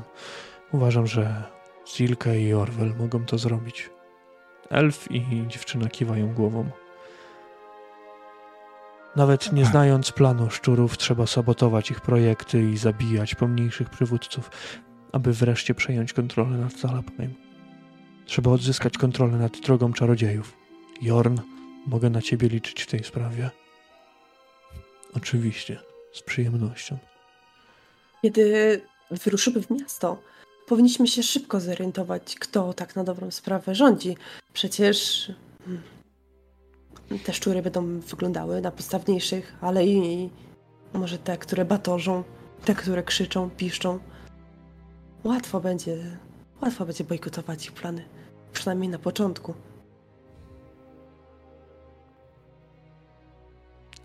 Obserwacją patroli i skawenów zajmie się Tobal.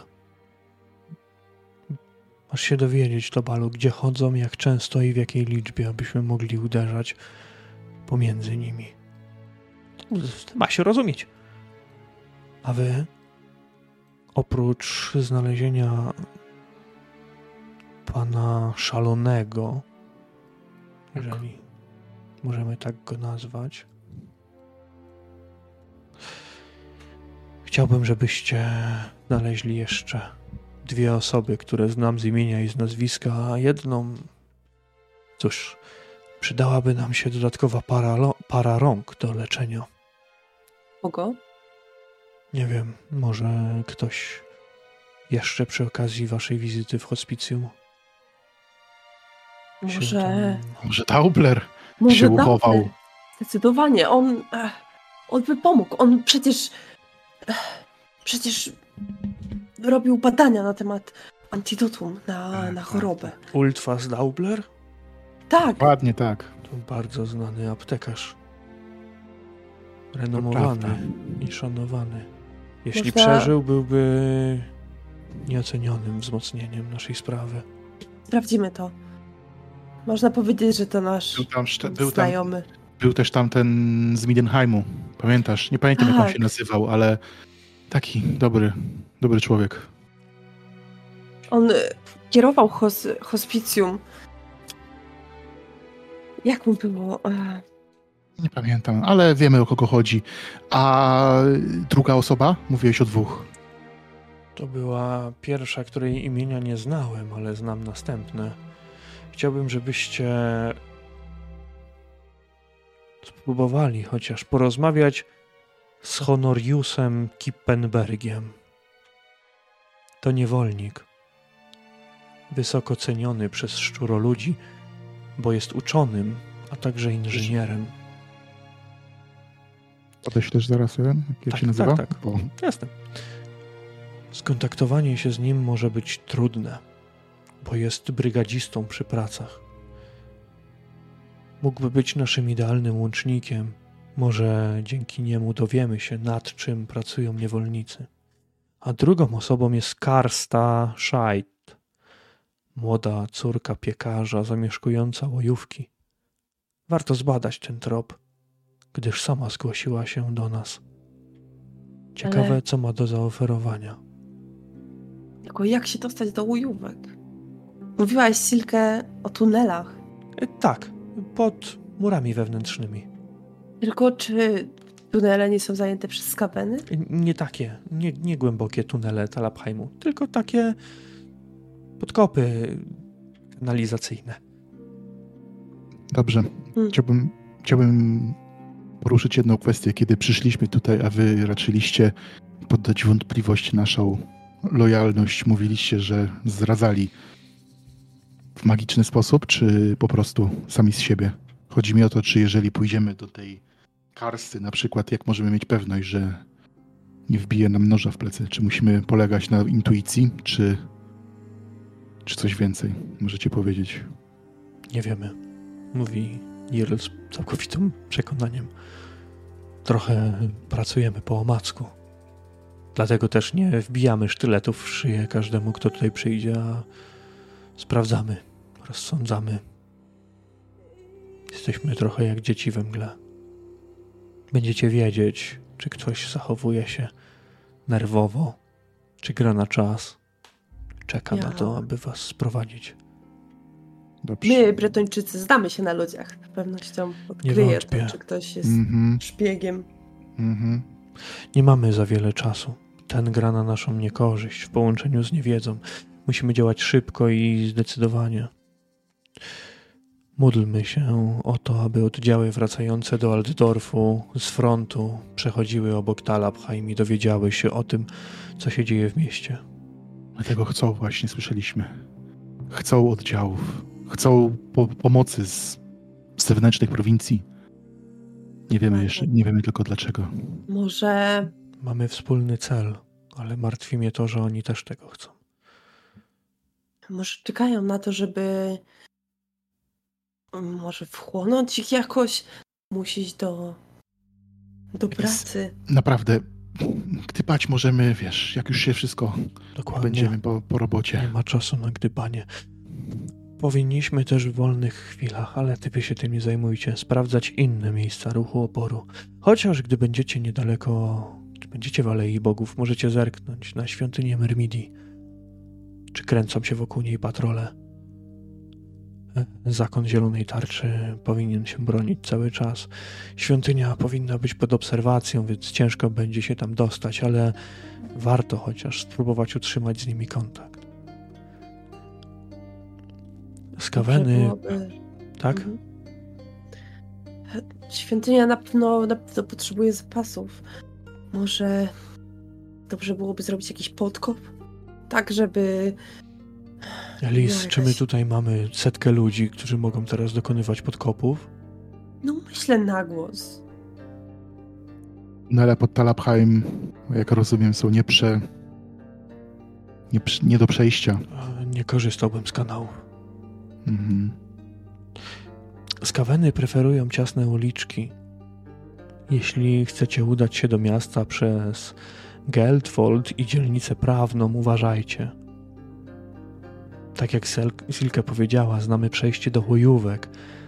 Dużo więcej czasu zajmie wam przejście obok pałacu, jednak wydaje się być najbezpieczniejsze. Co ciekawe, i co najważniejsze, wiemy, że księżna elektorka wraz ze swoim orszakiem wydostała się z miasta i udała się do Dankerode. Jest bezpieczna. Wysłaliśmy tam gołębia z wiadomością.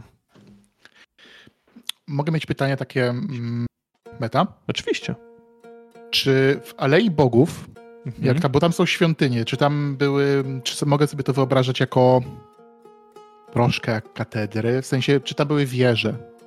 Tak, naturalnie. Niektóre były mniejsze, inne były większe, Mhm. oczywiście te świątynie, ale tak, miały jakieś swoje wieżyczki, kopuły. I drugie pytanie, z tego co kojarzę, Aleja Bogów jest wyżej niż e, dzielnica kupiecka. Tak. Dobrze. Wracając, ale udając się do dzielnicy pałacowej, przez, yy, przez dzielnicę pałacową do Alei Bogów, można by było wejść na wysoką wieżę i zobaczyć, co się dzieje w Smoczym Gnieździe. Nie będzie to naj... Nie będziemy to naoczne zobaczenie, coś, coś tam się dzieje, ale coś dojrzymy może. Możecie próbować, odpowiada Jorn, ale budynki dzielnicy kupieckiej także są dość wysokie. Większość dzieje się na pomniejszych placach. Mimo wszystko, to dobry pomysł. Warto spróbować. Dobrze. Jarlen Ellis poszedł najpierw tam, a potem pomyślimy. Pomyślimy, ile zdziałamy. Też zobaczymy, ile zdziałamy. Dobrze, zobaczymy ile zdziałacie, ale na razie zrobimy sobie może krótką przerwę. Ta Mhm. pierwsza 44 jest. O, myślę, że chwilę przed 22 wrócimy. W takim razie, w zależności od tego, gdzie będziecie chcieli pójść, będziemy sobie rozgrywać poszczególne sceny. I to będą sceny, które będą się toczyły na przestrzeni zarówno godzin, ale także i prawdopodobnie dni. To jest dużo rzeczy, które trzeba zrobić i na upartego oczywiście możemy to skondensować, ale będziemy to skondensować kondensować w ramach jednej sesji, ale z uwzględnieniem upływu czasu, którego zarówno nie ma, a z drugiej strony też potrzeba do tego, bo w ciągu jednego dnia nie zbierzecie sobie nie wiadomo ilu sojuszników. Tu chodzi też o to, abyście łącznie pracowali dla sprawy. Więc yy, powiedzcie, dokąd chcecie się skierować na samym początku? Jakie są wasze pierwsze kroki? Najpierw chcielibyśmy się skierować do em, Alei Bogów. Alei Bogów, tak. Ale zanim wyruszymy, chcielibyśmy skombinować kawałek pergaminu jakiegoś, może jakiś węgiel, cokolwiek, coś do pisania. To nie musi być pióro z tuszem, Mhm. bo oczywiście tego jest na pewno deficyt, ale może jakieś właśnie węgielki, coś, czym będzie można przekazać wiadomość. E- I kawałek sznurka jakiegoś. Nie ma z tym żadnego problemu w manufakturze. To, że Melia nie wygląda na dobrze sytuowaną, e, to tylko gra pozorów tak naprawdę. Kobieta jest naprawdę zamożna, tak samo jak i Belloc, bo okazuje się, że on jest najbogatszym piwowarem w całym Talabheim. Tak więc takie rzeczy jak pergamin, węgielek, zestaw do pisania, nie musicie się tym przejmować, zostaniecie w to, O. w to wyposażeni. Nie ma ja nawet problemu. mam, mam inny pomysł w takim razie, więc zanim wyruszymy, załóżmy, jesteśmy w trakcie przygotowań, e, to ja bym chciała, żeby na tych kawałkach pergaminu, żeby wszyscy naraz zastanowili się, co napisać, bo to mają być wieści przekazane do świątyni Myrmidii.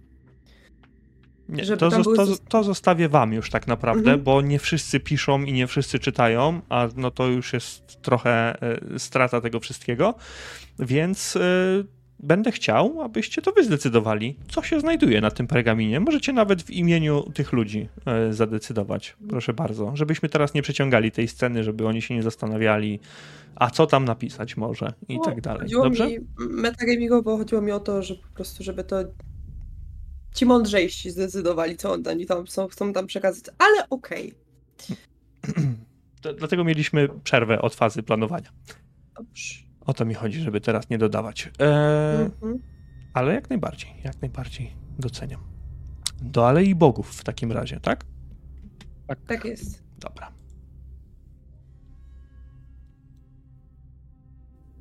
Zaczniemy sobie od testu na skradanie. Na plus 20.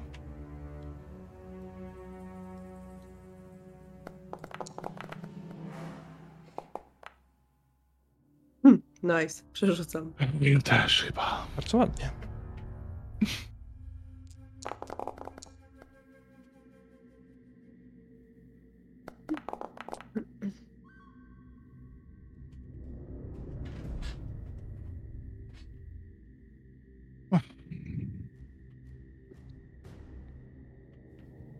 Widzę, że wymieniliśmy się yy, Właśnie Tak. widzę, tutaj. Że totalnie, totalnie się wymieniliście wynikami.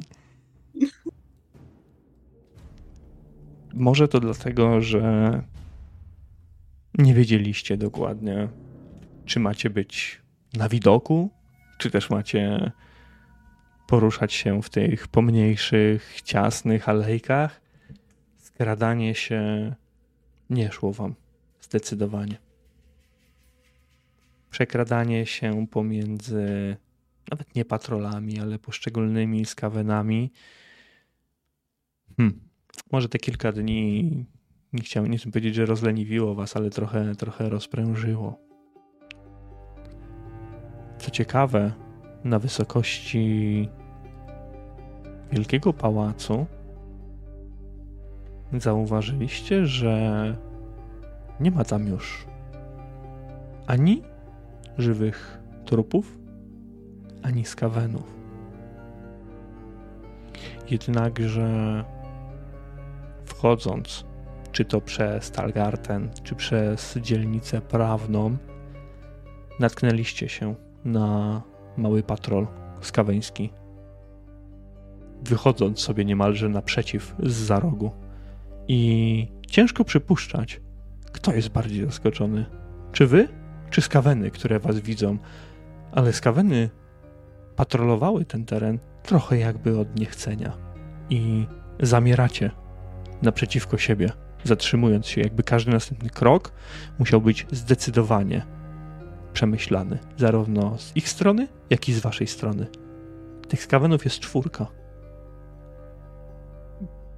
One są mm, No. mo- uzbrojone poważnie, Raczej w jakieś zakrzywione miecze. więc W takim Franc... razie, no, może myślimy o tym samym, ale wykorzystując element zaskoczenia, Nie ma zaskoczenia w tym momencie. w sensie, to może takiego otumanienia, To bardziej, bardziej za- wy niż oni, tak jak powiedziałem już. Wam się Mhm. nie udało, macie pecha na skradaniu. Więc e, Franc... Ja chcę w nich wbiec i ich zabić, i ich zabić jak najszybciej. Tak. Tak. żeby one nie wezwały reszty. Zgadzam się. Dobra, no to szarżuj. To jest jedyne, co tak naprawdę Franc potrafi robić naj... to, to, co potrafi robić najlepiej. Eee, już, czyli ja mam plus 20. Za szarżę? Czy Tak. plus 10, powiedz? Dobra. Dawaj, plus 20.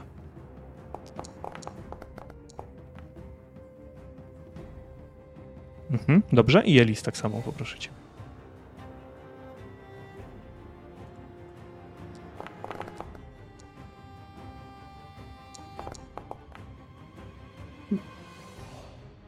Dobrze. Wybiegacie w swoich przeciwników i ty, Franz, tniesz jednego ze skawenów dość nisko, próbując jakby przebiec gdzieś pomiędzy nimi, ale y, dostajesz się między dwóch skawenów i zaczynasz się z nimi teraz wymieniać ciosami, mimo że zraniłeś tego jednego dość poważnie, a twój, twoja szarża Elis jest w tym momencie dość, y, dość chybiona, ponieważ oba skakeny, skaweny odskakują od twojego ostrza.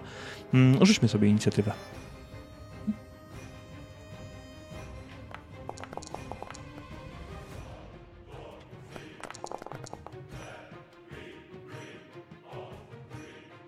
Dobra. Elis. Pierwszego lepszego atakuje. Dobra.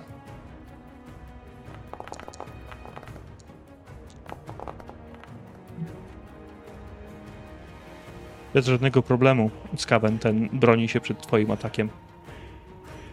I w tym momencie one będą atakować was. To Elis, zaczniemy sobie od ciebie. Będziesz mogła decydować, czy wa- walką wręcz, czy unikiem.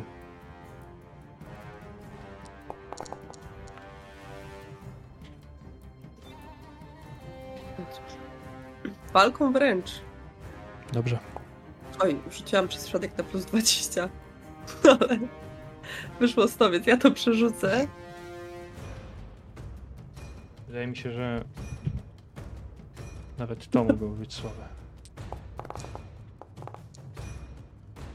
Proszę bardzo. Dobrze. Żebyś odpisała sobie 6 punktów żywotności w tym momencie.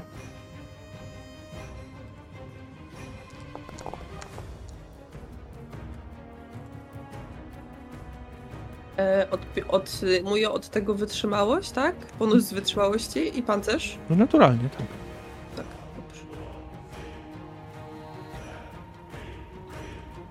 Jeden ze skawenów unika twojego, twojego ciosu, po czym wyprowadza swój, trafiając cię rękojeścią swojego zakrzywionego miecza prosto w twarz. Czujesz chrupnięcie i w pewnym momencie twoja szczęka zostaje momentalnie przestawiona.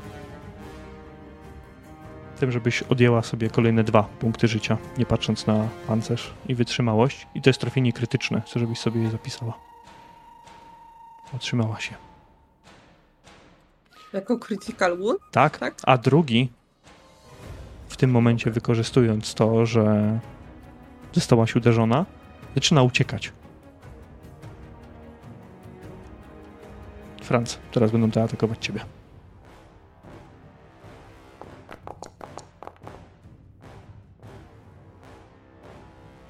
Co? Yy, tak, bo...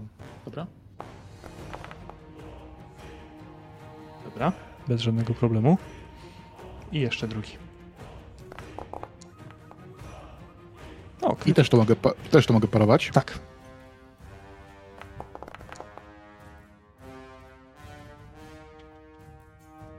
Dobrze.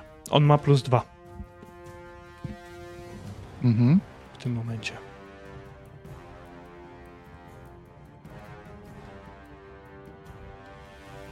Ile dostaję? Już ci mówię.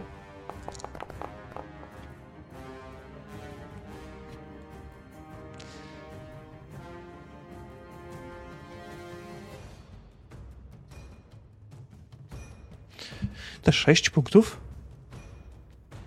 Dlaczego sobie rzucałem? Ponieważ e, Skaven wywija się tobie, a następnie wyprowadza ci cios pięścią prosto w twoją twarz i omal nie złamał ci nosa. Jednakże trafił cię w oko. Prosto w oczodół, który także głośno chrupnął i w pewnym momencie twoje oczy zaczęły zalewać się krwią. Aż usiadłeś na ziemi. Ale skaweny odpuściły. Nie dobijały was w tym momencie. Tylko wzięły nogi za pas i przebiegły w stronę, przez Talgarten, w stronę Alei Bogów. Tak jakby ta droga była dla was w tym momencie spalona. Bo sami nie wiecie, czy one kogoś zaalarmują, czy nie. Ale Franz, ciebie też proszę o dopisanie sobie rany krytycznej. Mm, ja mogę przeciągnąć, tylko nie wiem, jak, to, która to będzie.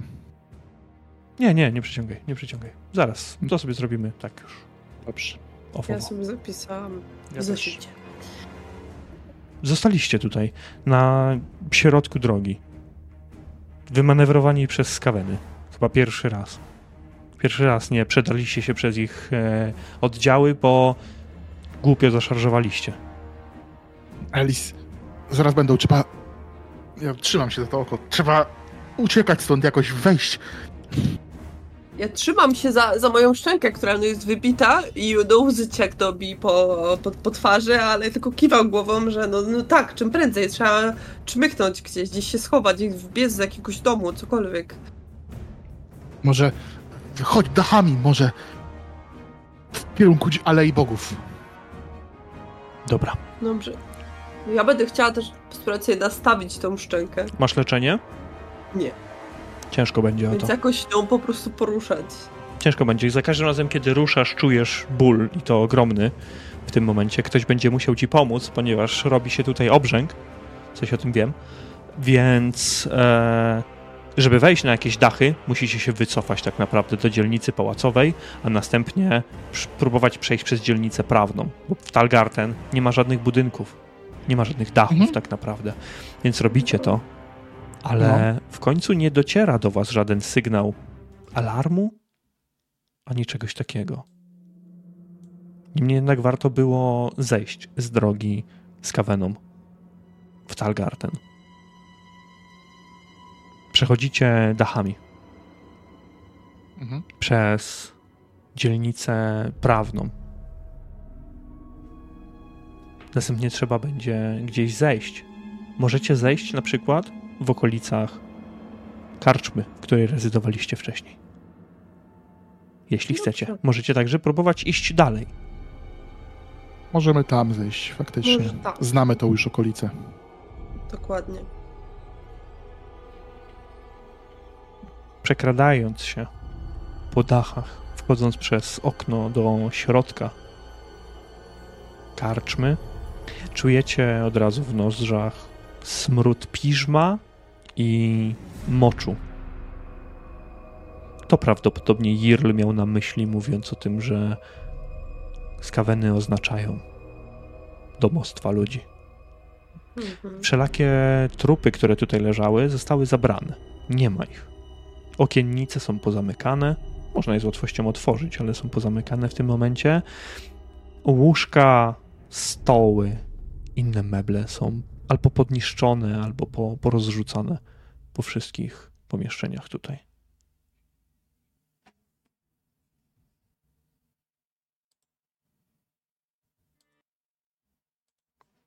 Wychodzicie niżej. Kontynuując waszą misję skradankową, która od samego początku nie, nie idzie tak, jak powinna. Ciekawe, dlaczego skaweny nie, nie dobiły was po prostu, albo nie, nie zaatakowały w szale takim, w jakim powinny to zrobić. Tutaj, w dzielnicy prawnej, zdaje się, że nie ma ich aż tak wiele.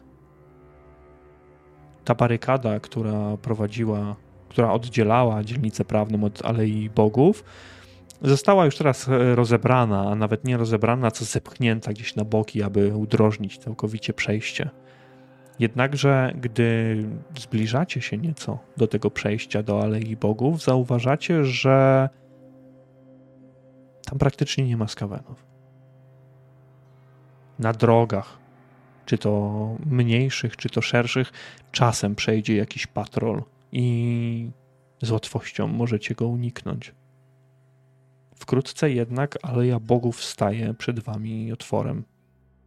Jako obraz nieco mniejszego pogorzeliska od tego, które zostawiliście za sobą, uciekając do osiedla cechowego. Większość trupów, które tu była, także już zniknęła.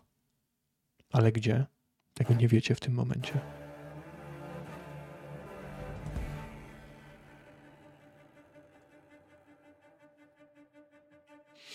No dobrze, to w takim razie szukamy chyba hospicjum. Mhm.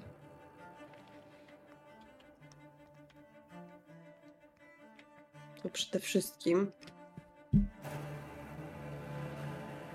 W porządku. Zmierzacie w stronę hospicjum Szali. Przy hospicjum kręci się mała grupka ludzi. Grupka ludzi, która wynosi ciała zmarłych ludzi i skawenów. W tym momencie z okolicy świątyni Mora i przenosi je właśnie tutaj, do środka, do hospicjum. Pilnuje ich garstka skawenów po jednej i po drugiej stronie drogi. Czy chcecie się zakraść do środka? Co chcecie zrobić? No bo jesteście pod hospicjum. Potrzebuję więcej informacji od was.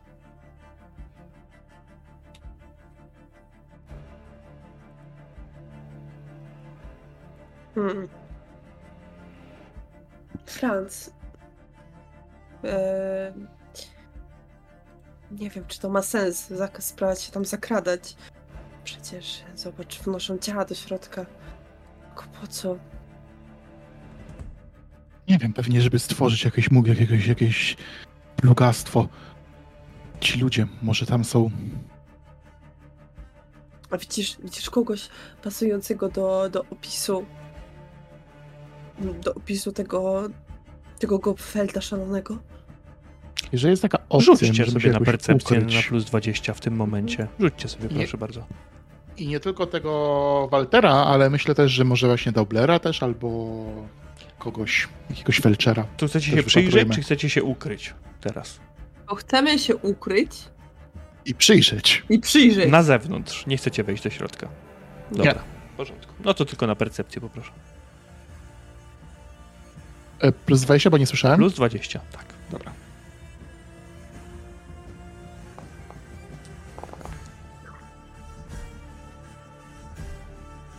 Elis. Widzisz mężczyznę, który do spółki z innym niesie ciało jakiegoś zmarłego człowieka do hospicjum.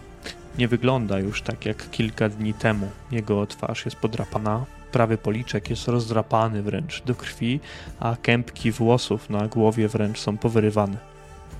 Na szyi jednak wciąż ma mały rzemyk, do którego przymocowana została jego drewniana fajka. Rozpoznajesz w nim Ultfasa Daublera. Teraz, teraz zobacz. Tam jest Daubler. On nosi te, te, te ciała. Musimy się jakoś z nim skontaktować. Może jakoś ze środka i spróbować się jakoś wymknąć. Dobrze, ale też myślę, że ci ludzie przydaliby się nam. Tam może być też ten, ten szalony. Ile tych szczuro ludzi tam jest, widzisz? Czy ośmiu, tak? My chyba ich było z tego, co, co Nie, nie podałem, nie podałem ci, A. ale ja twój rzut to był impressive sukces. Dobrze, w porządku. Możesz zauważyć także w niedalekiej odległości kilka grupek patroli em, szczuroludzi, które maszerują te i z powrotem dookoła jednej ze świątyń. ale tutaj-? Tak. Ale tutaj, po jednej stronie ulicy, niedaleko świątyni Mora, stoi grupka skawenów, która zdawałoby się, jakby rozmawiały ze sobą po prostu. A tutaj, przy hospicjum, stoi kolejna grupka, ale bardziej spogląda się tam w stronę świątyni Mora. Od razu zauważasz pewne rozprężenie w szeregach skaweńskich. Może po waszych ostatnich przygodach najlepszym pomysłem nie jest wybieganie i atakowanie ich, bo z łatwością zostałyby zaalarmowane te patrolujące świątynie.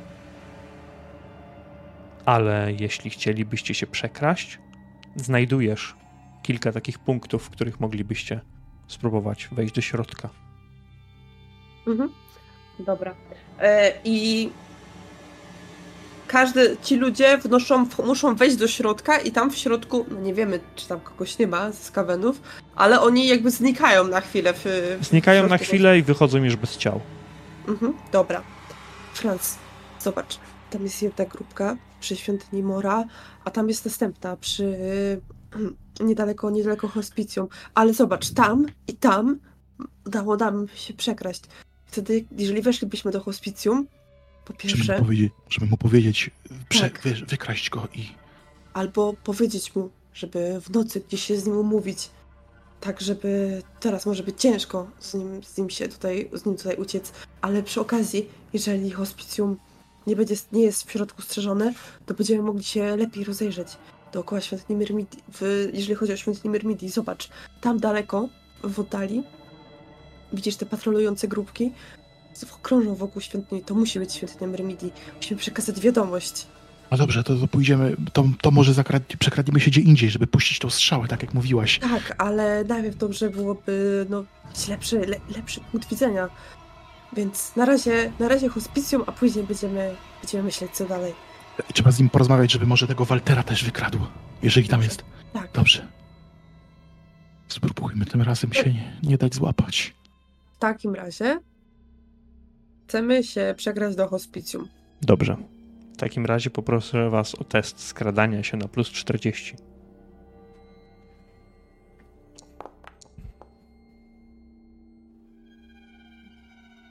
Już rzucam.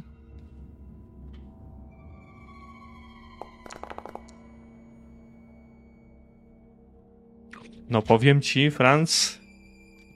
Uf. Nie wiem, co dzisiaj jest. Przechodzicie do środka obok tych skawenów, które. Gdy ty, Franz, kopnąłeś niechcący w jeden kamyczek, który odbił się gdzieś od deski. zamarłeś. Te skaweny jakby poruszyły się, gdzieś obruszyły, ale nie spojrzały w twoją stronę i kamień mógł spaść gdzieś z okolicy szyi. By wdarliście się do środka. Czując i widząc od razu sterty ciał ludzkich i skaweńskich oraz momentalnie doszedł do was odgłos mlaskania. Jakby ktoś tam spożywał posiłek. Gdzieś w głębi tego hospicjum. Hospicjum jest dwupiętrowe, więc jest tutaj zdecydowanie dużo miejsca, żeby wejść ewentualnie wyżej, tak jak Elis chciała. Mhm. Są tutaj poszczególne drabiny, ale są także schody kamienne, prowadzące od prawego skrzydła w tym momencie nieco wyżej. Gdyby się A przegradliście, od razu za, zakładam, że ten test na skradanie to jest schowanie się też wewnątrz, w środku, więc osoby, które nosiły te ciała, też was nie zauważyły. Mam dwa pytania. Słucham. Jedno, to mlaskanie dobiega nie z piętra, tylko bardziej z głębi tego parteru. Tak. Okej.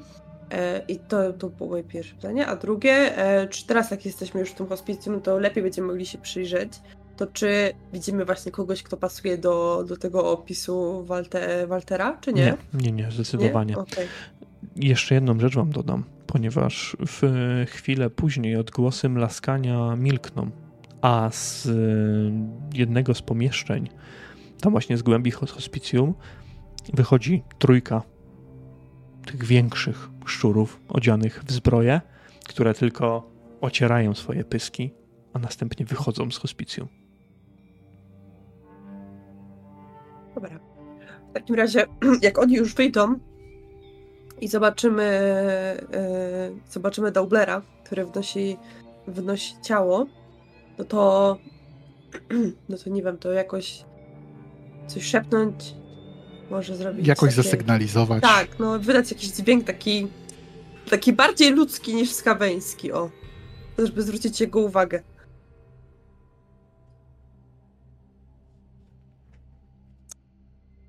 Dobrze, ale czy chcecie coś powiedzieć tutaj?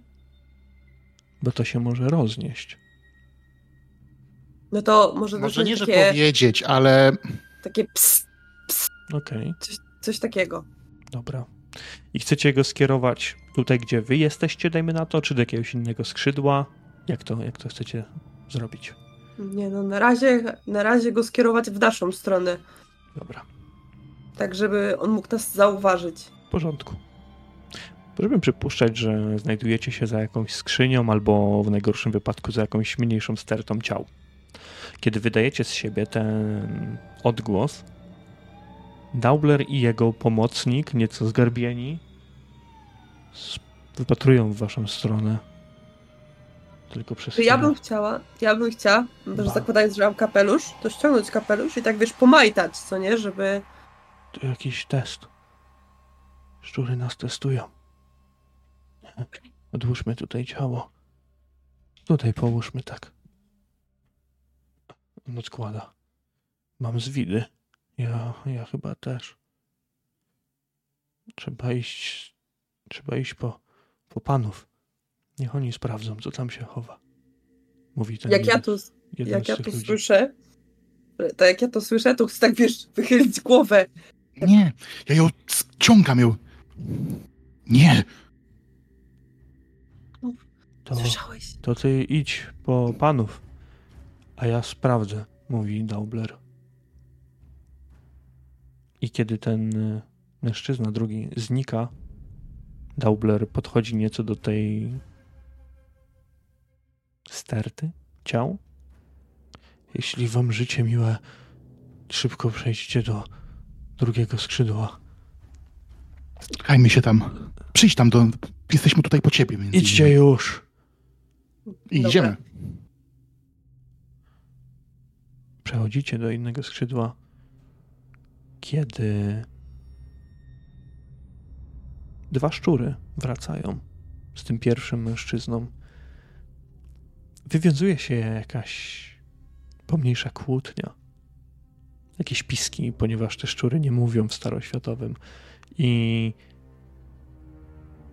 Po krótkiej chwili słyszycie tylko, jak ktoś upada, a następnie odgłosy jakiejś szarpaniny, łomotaniny, kopaniny i jęki mężczyzny. W tym i Daublera. Po chwili to jednak wszystko cichnie, a do tego skrzydła, w którym wy się teraz schowaliście, wchodzi Daubler z opuchniętą twarzą. Nie są zbyt delikatni. Nie mam za dużo Dobrze. czasu. Siadaj, przyjacielu. Słuchaj, nie ma czasu na przepraszanie. Słuchaj, y, gdzie, gdzie jesteś w domu siedzisz w, wieczorami, czy gdzie jesteś? Trzymają cię gdzieś? W zagrodach, tak jak innych niewolników. Możesz się wykraść w nocy, wracając? Nie. Zabiją mnie. Liczą wszystkich ludzi. Inni niewolnicy nas spisują. Nie mogę. Uciekniesz z nami. Yy, Walter, Gep, Walter Gepfert. Znam, wiem, który to. Gdzie on jest? Jest tutaj gdzieś? Czy jest razem z tobą w zagrodzie? Nie, nie, nie. Nie widziałem go. Ale on był w celach na piętrze. Na drugim piętrze, na samej górze. Dobrze, musimy to sprawdzić. Paweł, Ale po słuchaj, co wam szalony Gopfert? on Dowiesz się wszystkiego do, swoim- dowi- w swoim czasie. Słuchaj, uciekniesz z nami. Musimy uciekać stąd. Nie, to niebezpieczne. No, Ale Jesteś nam potrzebny. Jesteś, możesz pomóc miastu. Nie jest wszystko stracone. Nie możesz być, nie możesz być przecież pomocnikiem szczurów. Trzeba walczyć za Talabheim. dokładnie. Przecież Uciekaj z nami. Już upadło. Nie upadło nie, jeszcze, Nie upadło. póki jego On- obrońcy żyją. Dokładnie. To co, to, co powiedział Franz Dauler. To miasto potrzebuje takich jak ty. A my chcemy ci pomóc. Tak jak ty pomogłeś nam. Kiedy to było? Jeszcze niedawno temu. Przyjacielu, daj. Daj szansę nadziei. Niech ja też miałem chwilę zwątpienia, ale miasto, miasto się obroni. Jesteś potrzebny nam. Jesteś potrzebny nie żeby znosić ludzi, ale żeby ratować tych, kto, którzy go bronią. Dokładnie. Rzuć sobie. Franc. Na charyzmę, na plus 20.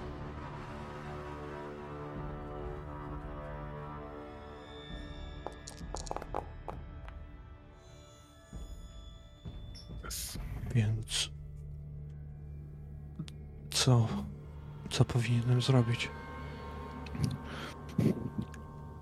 Ile Uciek- będzie ty chciał? Dużo wam jeszcze zostało? Możesz, nie wiem, możesz jakoś... Masz okazję w jakimś miejscu, żeby, żeby gdzieś czmychnąć. Powiemy ci, gdzie uciekać. Tutaj, tutaj mnie nie widzą. Przecież chodzę pod ich oczami i zbieram ciała i przynoszę do spiżarni. Stąd, stąd możemy się jakoś wykraść, tak żeby nie zauważyli nas? Jakimś oknem, czymkolwiek. Myślę, że tak. może. Dobrze. Jest połączenie tutaj z hospicjum. Tym mostem do świątyni Szalii. Tam nie wchodzą. Tam nie chcą Tędy. wchodzić. Tamtędy może się przekradniemy.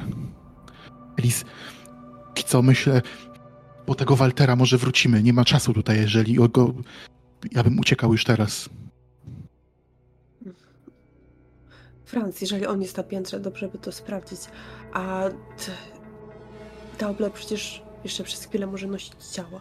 Dla niepoznaki, może coś zauważysz, wypatruj. Czy zmieniają się szeregi. Muszę wracać. Damy, damy ci znak. Zastukamy. Nic stukać, znowu będzie problem. Za chwilę. Za trzy rundy twoje. Jak obró- trzy razy obrócisz, spotkajmy Tak. się tutaj. Dobrze. Postaram się. Jakbyście mieli coś do picia. Mamy ze sobą jakiś bukłak może? Pewnie dla siebie coś macie. No to, To- ja mu daję, ja mu daję swój. Pi. Pi. No. I masz tutaj, masz, Tak. zjedz. Nie, Jakiś- nie, nie mogę jeść teraz. Nie mogę jeść. Trzy obejścia. Trzy rundy. I zajdź tutaj. Dobrze. W porządku. On Dobra, odchodzi. Nie. to my czekamy chwilę, żeby on wrócił. No i będziemy chcieli się przekraść na piętro. Na piętrze pierwszym nie ma nikogo. Ani skawenów, ani żywych ludzi. Kompletnie. Jednakże z wysokości tego pierwszego piętra jest to przejście. Jest to jakby most zamknięty. Ta, Mhm. ta, ta przybudówka łącząca e, przytułek ze świątynią Szalii po drugiej stronie ulicy. Ale są Mhm. także schody na drugie piętro. Tak. Chociaż te schody w kilku punktach zostały przełamane i teraz to są tylko takie jakby zęby wystające ze ściany. Trzeba by podstawić ewentualnie drabinę, żeby tam wejść. Z tym nie będzie problemu. Chodzi mi o to, że nie jest tak łatwo wejść na to drugie piętro. Dobra. To no, uwijając się, będziemy chcieli to zrobić. Ale ej, po cichu. Ale cichu. Tam mogą, po, po być, cichu. tam mogą być inni, Tak. żeby nie, nie wstrzeli alarmu. No oczywiście, no nie chcemy narobić rabanu. Franc, przecież wiem. No, musimy się śpieszyć. Trzy rundy, pamiętaj, licz. Widzicie, tak jakby z tego piętra wyżej, nieopodal tych schodów, jakby wystawał fragment jakiejś drabiny. Jakby ktoś jej użył tam na piętrze, a potem wciągnął ją ze sobą. Mhm. Ale wy dostawiacie swoją drabinę, po czym wchodzicie na górę, na drugie piętro. Mhm. Piętro, w którym, na którym czuć rozkład, ale także i wilgoć. Tutaj widać pozamykane cele, prawdopodobnie tej części przytułku dla obłąkanych. One są pootwierane w większości wypadków, a w tych pozamykanych już zaczęły rozkładać się ciała. Przechadzacie się gdzieś pomiędzy nimi, sprawdzając, i ty, Elis, widzisz leżącego pod ścianą w jednej z celi, która ma przymknięte drzwiczki, żelastego mężczyznę koło pięćdziesiątki, a jego skóra rzeczywiście wygląda jak wysmagana wiatrem. Dłonie są zakrzywione, jakby, jakby miał pazury, a powieki zamknięte. Walter? Walter Gopf Gopfeld? Ja podchodzę mm, do, tej, do, tej, do, tych, do tej e, celi, ale Mhm. no nie wchodzę do środka. Franz? Widząc to, też właśnie podchodzę i właśnie staram się jak najciszej. Walter. To ty? Walter. Nie odpowiada Ona jest zamknięta? Czy otwarta? W Nie, sensie, no, otwarta jest. Ona jest przymknięta, tak jak powiedziałem. zamknięta. przy, dobra, bo właśnie tego nie dosłyszałem. Powoli chciałem się zbliżyć i dotknąć Jupuls. Podchodzisz do tak. niego i przykładasz rękę tutaj, czując smród od tego człowieka. Widzisz, że jego Mhm. paznokcie są żółte i kiedy w momencie, gdy wyczuwasz ten puls rzeczywiście u niego, on otwiera oczy, patrząc na ciebie. Czego tu chcesz? Walter, ci, ciszej. Czego? Się łapie przy ścianie. Zostaw mnie. Panie, panie, panie Gopfeld, my przyszliśmy pana, pana uratować. Lopfert, tak, to ja. Tak, proszę, proszę udać Wiesz, się z nami, tylko wie- cichu. My wiesz, chcemy, on, oni tutaj są. Chcemy, może nam pan pomóc. Pan wie wszystko o nich. Tak. Tak wiem, one są na, na dole, na dole. Są na dole, my, a my chcemy, my chcemy obronić miasto przed nimi. Proszę nam pomóc, proszę się, tylko bardzo cicho. My wykradniemy się stąd i pójdziemy do miejsca, gdzie, pan, gdzie się pan naje i napije i wszystko nam pan opowie. Naje? Napi, napije? Tak. ty- Napiję. Tylko musi pan, musi pan być z nami, musi pan być cicho. I Na, na wszystkich bogów musi pan być bardzo cicho. Dobre mięso ze skawena. Tak. Zje pan każde mięso, jakie tylko pan sobie zamarzy. Tylko na... błagam cicho. One są tutaj. Przyjdą. Przyjdą po nas. Obronimy. Y, Musi pan nam zaufać i podążać za nami, po cichu. On omiata wzrokiem was, wszystko dookoła. Proszę nam zaufać. Talapheim, Idziemy do zie... Nie miało u- upaść polec, a, a to zrobiło, upadło. A teraz Jeszcze nie, jeszcze nie, jedziemy. proszę pana. Dopóki, dopóki są tacy jak my, to miasto nie upadnie. I dopóki są tacy jak pan. Dlatego musi pan iść z nami. Nie mamy czasu, proszę z nami pójść. On się próbuje gdzieś gramolić na nogi. Dokąd prowadźcie? Proszę za nami. No i będziemy chcieli zejść niżej, nie? Do tego pomieszczenia, gdzie się umówiliśmy z Doblerem. Po schodach drabinie? Nie, Tak, nie, nie, nie, nie. On się zaczyna cofać, widząc to, że wy chcecie sobie zejść po drabinie. Nie, na dole Ja są mogę- oni. Mogę musimy panu pomóc. Tam jest most. Przejdziemy do świątyni Szali, proszę pana. Tam ich nie ma. Oni się boją Szali. Nie chcą tam wchodzić, a stamtąd przymkniemy się do dzielnicy cechowej. Uda nam się. Tam ich jest mało. Ja gołębica, tak. Tak, dobry, dobry pomysł. Ale nie, nie krzyczcie. Musicie być cicho. Tak. Nie, Musicie uważać. Dokładnie tak. On schodzi jako ostatni z wami Mhm. po tej drabinie. Drabina, drabinę trzeba wyrzucić, pozbyć się jej, żeby nie weszły na piętro za nami, do góry. Jakby pokazuje piętro, z którego zeszliście dopiero co. Ale ja bym chciał to zrobić, żeby go nie Mhm. Tak. denerwować. Odstawimy, odstawimy tą drabinę. Dobrze, dobrze. I teraz, teraz biegiem ruchy. I on rusza przez ten, próbuje ruszyć przez ten korytarz. Nie, spokojnie, spokojnie. Musimy być cicho, musimy się przekraść. On odbiega kilka kroków od, od ciebie, Elis. Ja mu pokazuję, że wiesz, żebyśmy się teraz schylić i się przekraść. Za mną szybko. Ja bym jeszcze chwilka. Musimy, mamy Bo jeszcze jedną Tam, osobę. tam jest korytarz. Ten, tam jest na tym pierwszym piętrze jest ten korytarz Tak. tam w którym kierunku. Ja mówię, to może ja się przekradnę do Daublera i go wezmę. Tak, Zostań- spotkamy się w świątyni. Zostań Albo- tu z nim. Tutaj Dobra. czekaj, bo jakby coś Dobrze. się stało, to żebyś mi Dobrze, pomogła. okej, tak. I ja bym chciał zejść i Mhm. faktycznie tam podejść, przejąć Daublera tak naprawdę, żeby to była szybka akcja i- wrócić tam od razu do nich, prawda? Tak. Przejmiesz go. Jak, Nie ma żadnego problemu. W tym czasie y, Gopfert siada pod ścianą gdzieś i zaczyna obgryzać paznokcie. dobra, to, to ja, ja go, jeżeli on jest spokojny i cichy, no to ja go tam nie zaczepiam, ale jeżeli on na przykład zaczyna nerwowo się zachowywać, chciałabym go uspokoić. W jaki sposób? E, mówić do niego spokojnie właśnie, że jakby powtarzając mu, że zaraz się przekradniemy do świątyni, udamy się do świątyni, do dzielnicy cechowej, wszystko będzie dobrze, już będzie pan bezpieczny, już nie jest pan sam i tak dalej, nie? Byłem, Żeby dodać mu otuchy w taki sposób. byłem skaweńskim niewolnikiem. Tak, tak. Byłem. Uszedłem Ale z życiem podczas pewnej zarazy daleko, bardzo, bardzo daleko. Od 15, od wielu lat ukrywam się, ale koszmary, sny. One wciąż przychodzą w nocy.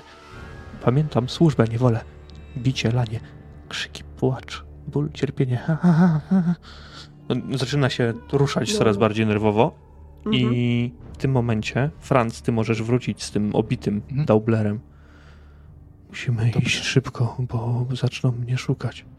Tak. Chodźmy. A on tam Chodźmy. dygocze coraz bardziej. Spokojnie, panie, panie, panie Walterze. To było dawno, a syny wracają, oczywiście, ale teraz ma pan przyjaciół. Nie jest pan sam. Chodźmy, Pan nas. chodźmy, zje pan sobie, podje sobie pan, napije się piwa.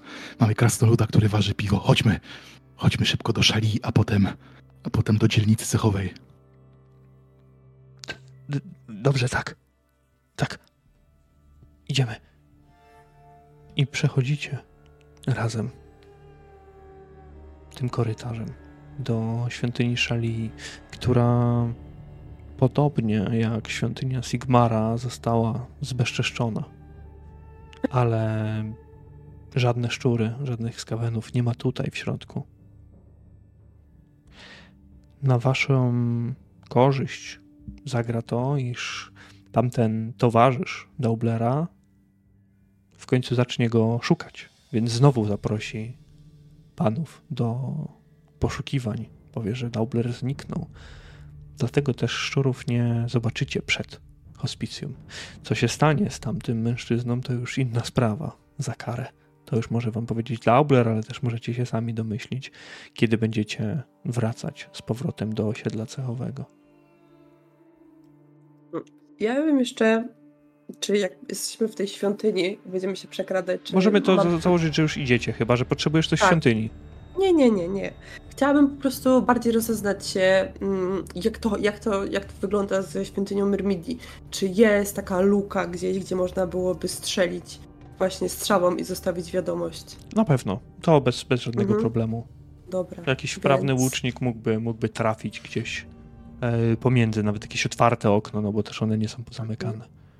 Dobra. Czy możemy na potrzeby opowieści e, założyć, że mieliśmy na przykład jakąś wiadomość przekaza- już przygotowaną wcześniej? Możemy założyć. Dobra. To w takim razie przekradając się do świątyni, do dzielnicy cechowej, e, ja bym chciała w, takim, w miejscu właśnie takiej luki, no spróbować zostawić tą wiadomość w postaci strzały e, strzelonej w, w jakąś okiennicę, tak żeby się gdzieś wbiła albo wpadła do środka. Dobrze, E, dobrze. Nie, nie będziemy sobie rzucać, bo to, bo to nie ma sensu w tym momencie, żebyśmy rzucali na to, czy tam trafisz. Po prostu ta, strza ta strzała gdzieś pomknie i, i wleci, wleci do środka, ale co z tym będzie, to już inna, inna sprawa. Dobrze. Przechodząc pomiędzy różnymi scenami, wkrótce dowiecie się, iż na Talabheim zmierzają dwie imperialne armie prowincji. Jedna wracająca z frontu powinna praktycznie już rozbić obozowisko, a jeżeli nie, to rozbije je w przeciągu kilku dni. Nigdy jednak nie prowadzono oblężenia Talabheim, więc ciężko przypuszczać, jakie są plany. Komunikacja z fortecami Talbastonu została całkowicie przerwana, więc ciężko w ogóle wysłać jakiekolwiek informacje, skoro są tam skaweny. A co najważniejsze, ogół szlachty przebywający w Dankerode zadecydował. Należy czekać.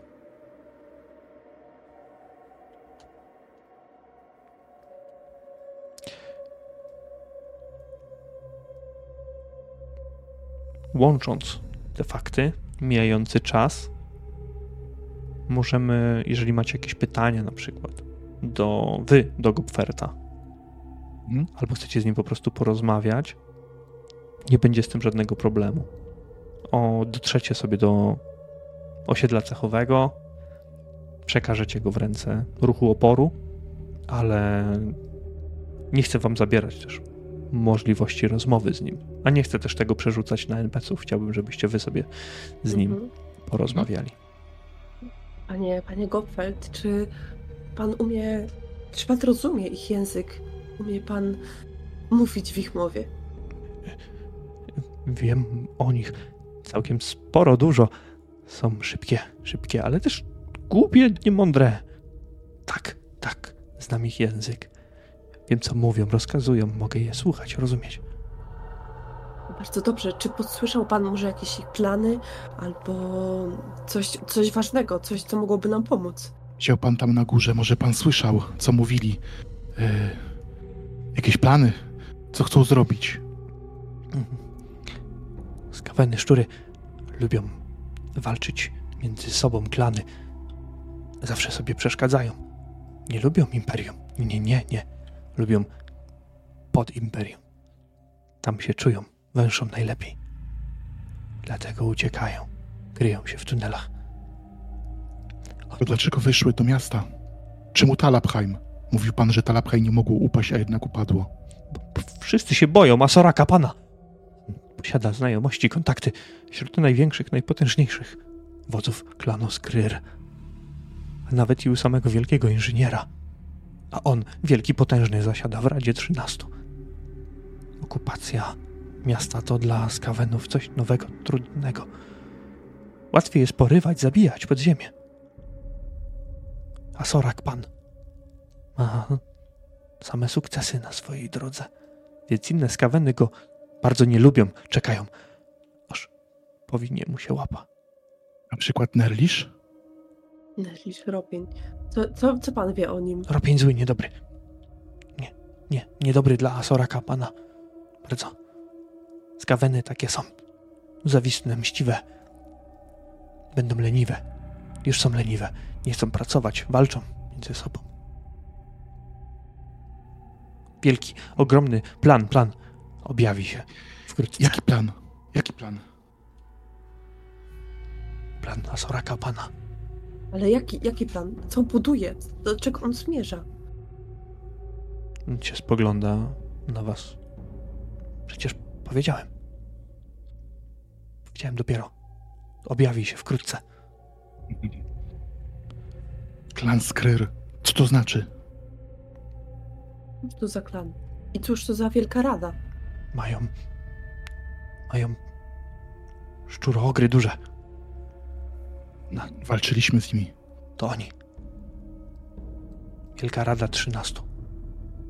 Oni mogą tylko spojrzeć przed oblicze rogatego szczura. Oni wielcy. Wielcy panowie.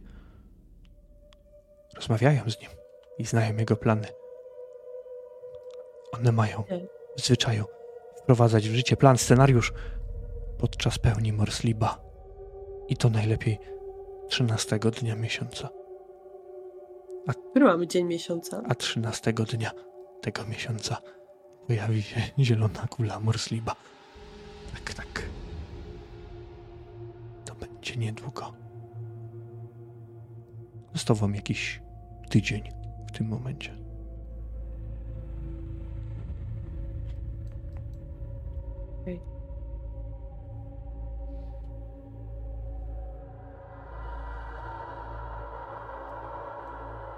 Można je sku... Można... Walterze, one walczą cały czas ze sobą, prawda? Ale tutaj w mieście, w Talabheim, a Sorak coś buduje. A gdzie jest Nerlisz? Dlaczego on... Nerlisz Czemu tchórz. Tchórz on ucieka. Boi się. Nie lubi Soraka pana. A dlaczego go nie lubi? Czy tylko ze zwykłej zna- zawiści, czy jest jakiś, jest jakiś powód? A Sorak pan go szukał. Jest mądrzejszy od ropnia. Nie wiem. Nie wiem więcej. Dobrze, spokojnie. I tak dużo się dowiedzieliśmy. Działali razem, ale już nie. A dawno przestali działać razem? Nie wiem. Nie wiem. Okej, dobrze. Bardzo dużo nam pan pomógł. Był pan bardzo pomocny. Teraz, teraz już będzie dobrze. Zaraz pan odpocznie, umyje się i naje.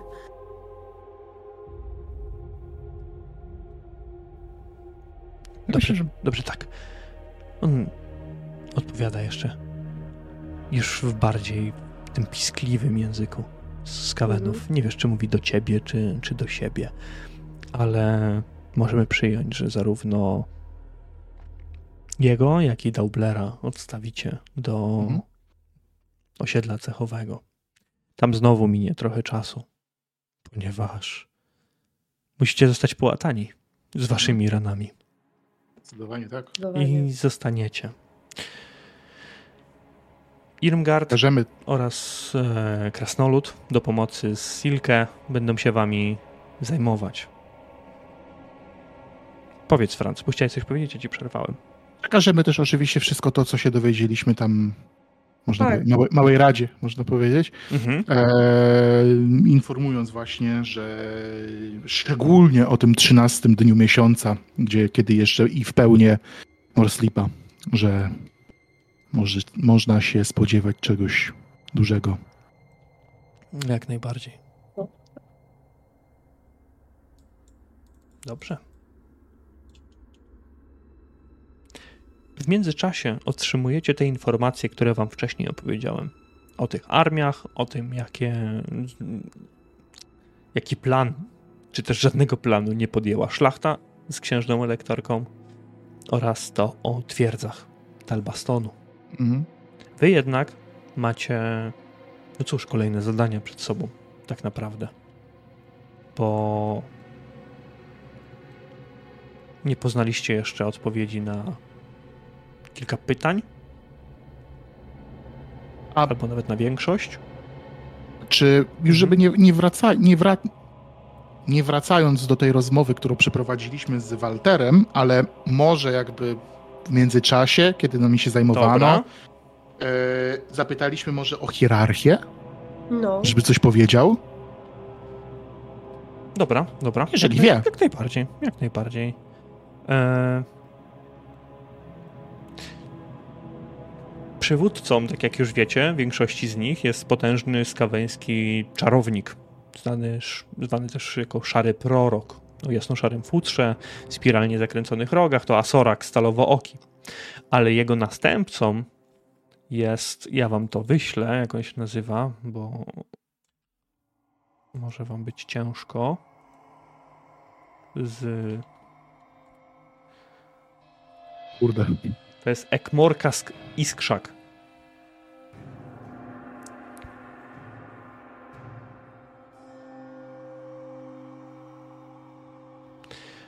Na... Hm. Jak bym to ładnie powiedzieć. Gopfert jest na tyle szalony, że on może nie łączyć ze sobą e, faktów. Wielu. Ale on najpierw mówiąc wam o Ropniu mówił jedno, a potem dodał jeszcze, że na terenie Łojówek jest ukrywający się jakiś przywódca, ale nikt nie ma z nim kontaktu. Hmm, Okej. Okej, okej. Jednak jeśli będzie się chciało go znaleźć, nie można się skradać.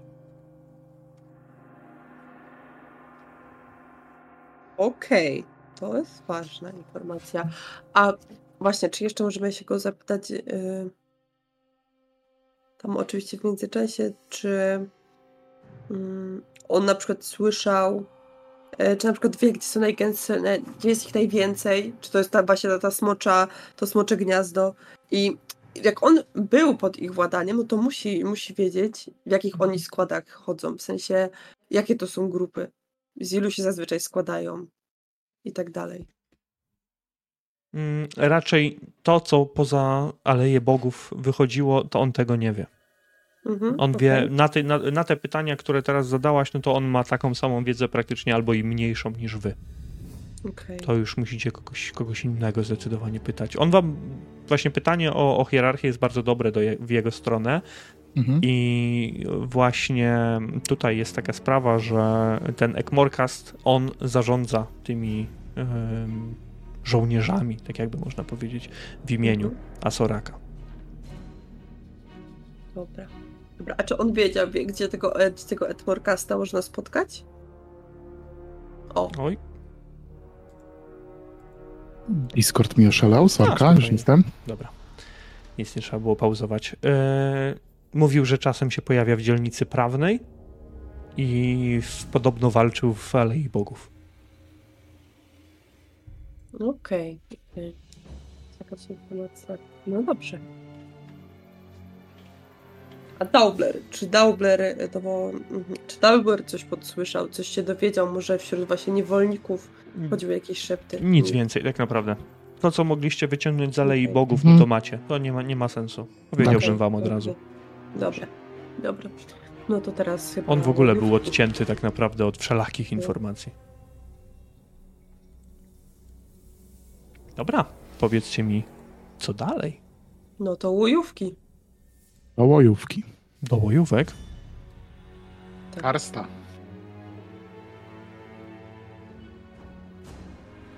Dobrze.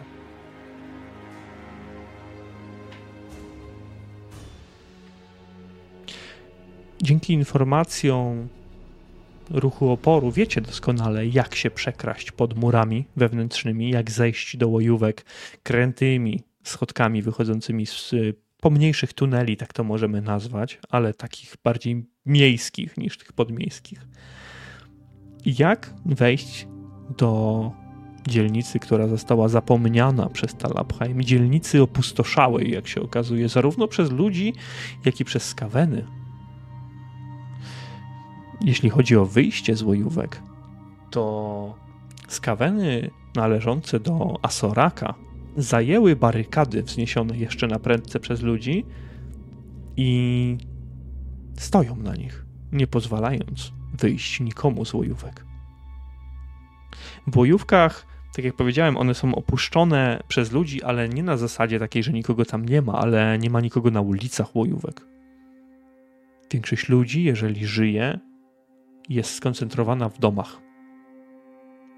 Bardzo rzadko widać tutaj jakiekolwiek szczury, więc nie musicie rzucać nawet na skradanie się, jeżeli chcecie się przemknąć w stronę piekarni, karsty, szajt. Pie, mm, przepraszam. Puste, zabłocone, ciemne ulice, tak jak powiedziałem, wieją pustkami. Chociaż zdawać by się mogło, iż ktoś ciągle was obserwuje, nawet jeśli się skradacie. Piekarnia to niewielki budynek, przyklejony do innych, jemu podobnych, znajdujący się w bardzo wąskiej uliczce. Ze środka czujecie zapach wypiekanego chleba.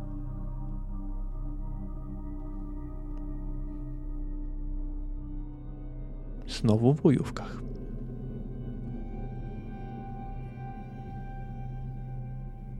Dobrze, to chyba wchodzimy. Może zapukajmy.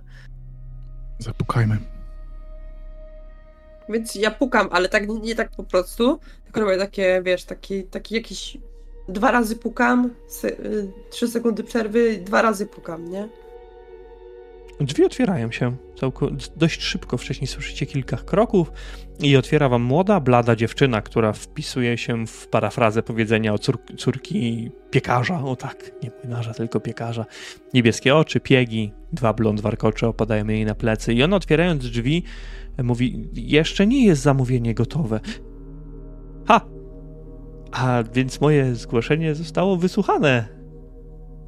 Zostało. Świetnie. Możemy wejść? Świetnie. Tak, zapraszam, proszę bardzo. Proszę. No, wpuszczę was do środka. Wnętrze na parterze to jedno pomieszczenie, dobrze zorganizowane.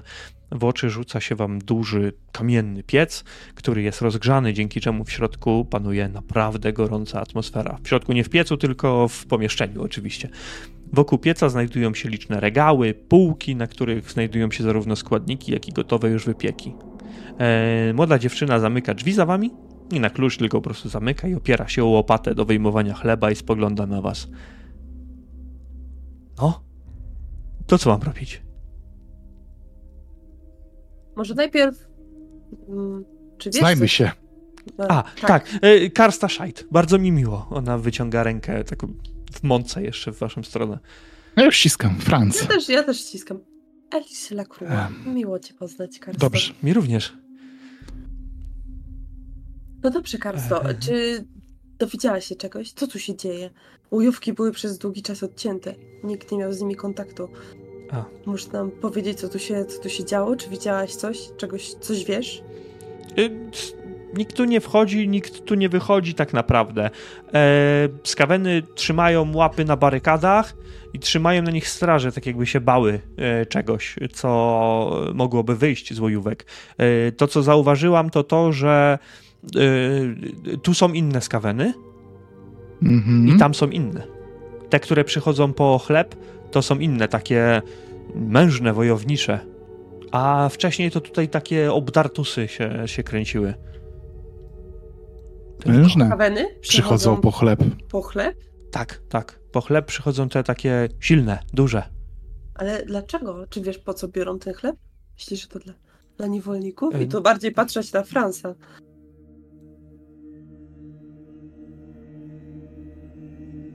Jak patrzy się na Franca, no to Karst. No, Ale to, ja, ja, ja, ja Franc czeka na, na W odpowiedź sensie, jej. Nie no, chodzi mi o to, że pytam się, mówię to na głos, ale jakby nawiązuję kontakt z Fransem wzrokowy, czy na przykład no on te myśli Znaczy ja, tak samo. nie- O to ja nie, ja nie od, od, odwzajemniam kontaktu, ja się przyglądam jej bardzo uważnie, patrzę na jej odpowiedź teraz Yy, właśnie. No muszę im pomagać. E, to prawda, codziennie piekę chleb, aby wykarmić, nie wiem, czy te paskudne szczurze gęby, czy, czy, czy niewolników. Myślą, że jestem ich uległą niewolnicą i kucharką. Wielu z nich nawet mnie lubi. A skąd wiesz, że oni cię lubią? Przecież nie mówią w naszym języku. No, a nic nie, nie zniszczyły. Nie, niektóre mówią, I coś ci powiedziały? że piekę dobry chleb. I No że dobrze. mam piec dalej, to przeżyję. Dobrze. A Potrafię się nawet ładnie do nich uśmiechać, naprawdę, mimo że upiekli mojego ojca w tym właśnie piecu. Od tej pory czekam tylko na pozwolenie na to, aż będę mogła doprawić mąkę mocną trucizną, taką, która zacznie rozkładać ciała tych szczurów w momencie, gdy tylko wezmą do pyska chociaż kęs chleba. Ale nie wiem, czy nie karmią tym niewolników, a nie chciałabym zrobić krzywdy ludziom. Dlatego jestem gotowa do działania i czekam na, na znak. To bardzo dobrze. Jesteś bardzo dzielna. Mhm. Dobrze. Dobrze, a, bo słyszałaś, że one to samo zrobiły. Zatruły Talabheim. Ta zaraza od nich wywodzi się wstrętna. Dziewczyna jakby kiwa głową i chciałaby ci pokazać białą plamę na szyi, ale ona jest cała w tej mące praktycznie, też Mhm. ma białą, białą plamę. E, tak, ja też chorowałam, No ja też. ale przeżyłam. Ja O. też. Tak, wiem, wiem, że to od nich, dlatego niezależnie jakie by to były szczury, muszą zginąć. Wszystkie. Za tatkę. Powiem tak. em, bo ja, ja chciałem ją z, zbejtować z braku lepszego określenia, tym właśnie tym, bo Franz bał się, że ona będzie chciała dostarczać chleb y, nam Mhm. i go zatruć. Więc e, czy ja jestem jakkolwiek w stanie wyczuć to, co- przed czym przestrzegali mi, mnie tamci, jakieś poddenerwowanie, taki właśnie. To rzuć sobie na intuicję. Na plus 20 oczywiście. A... Intuition. Tak jest.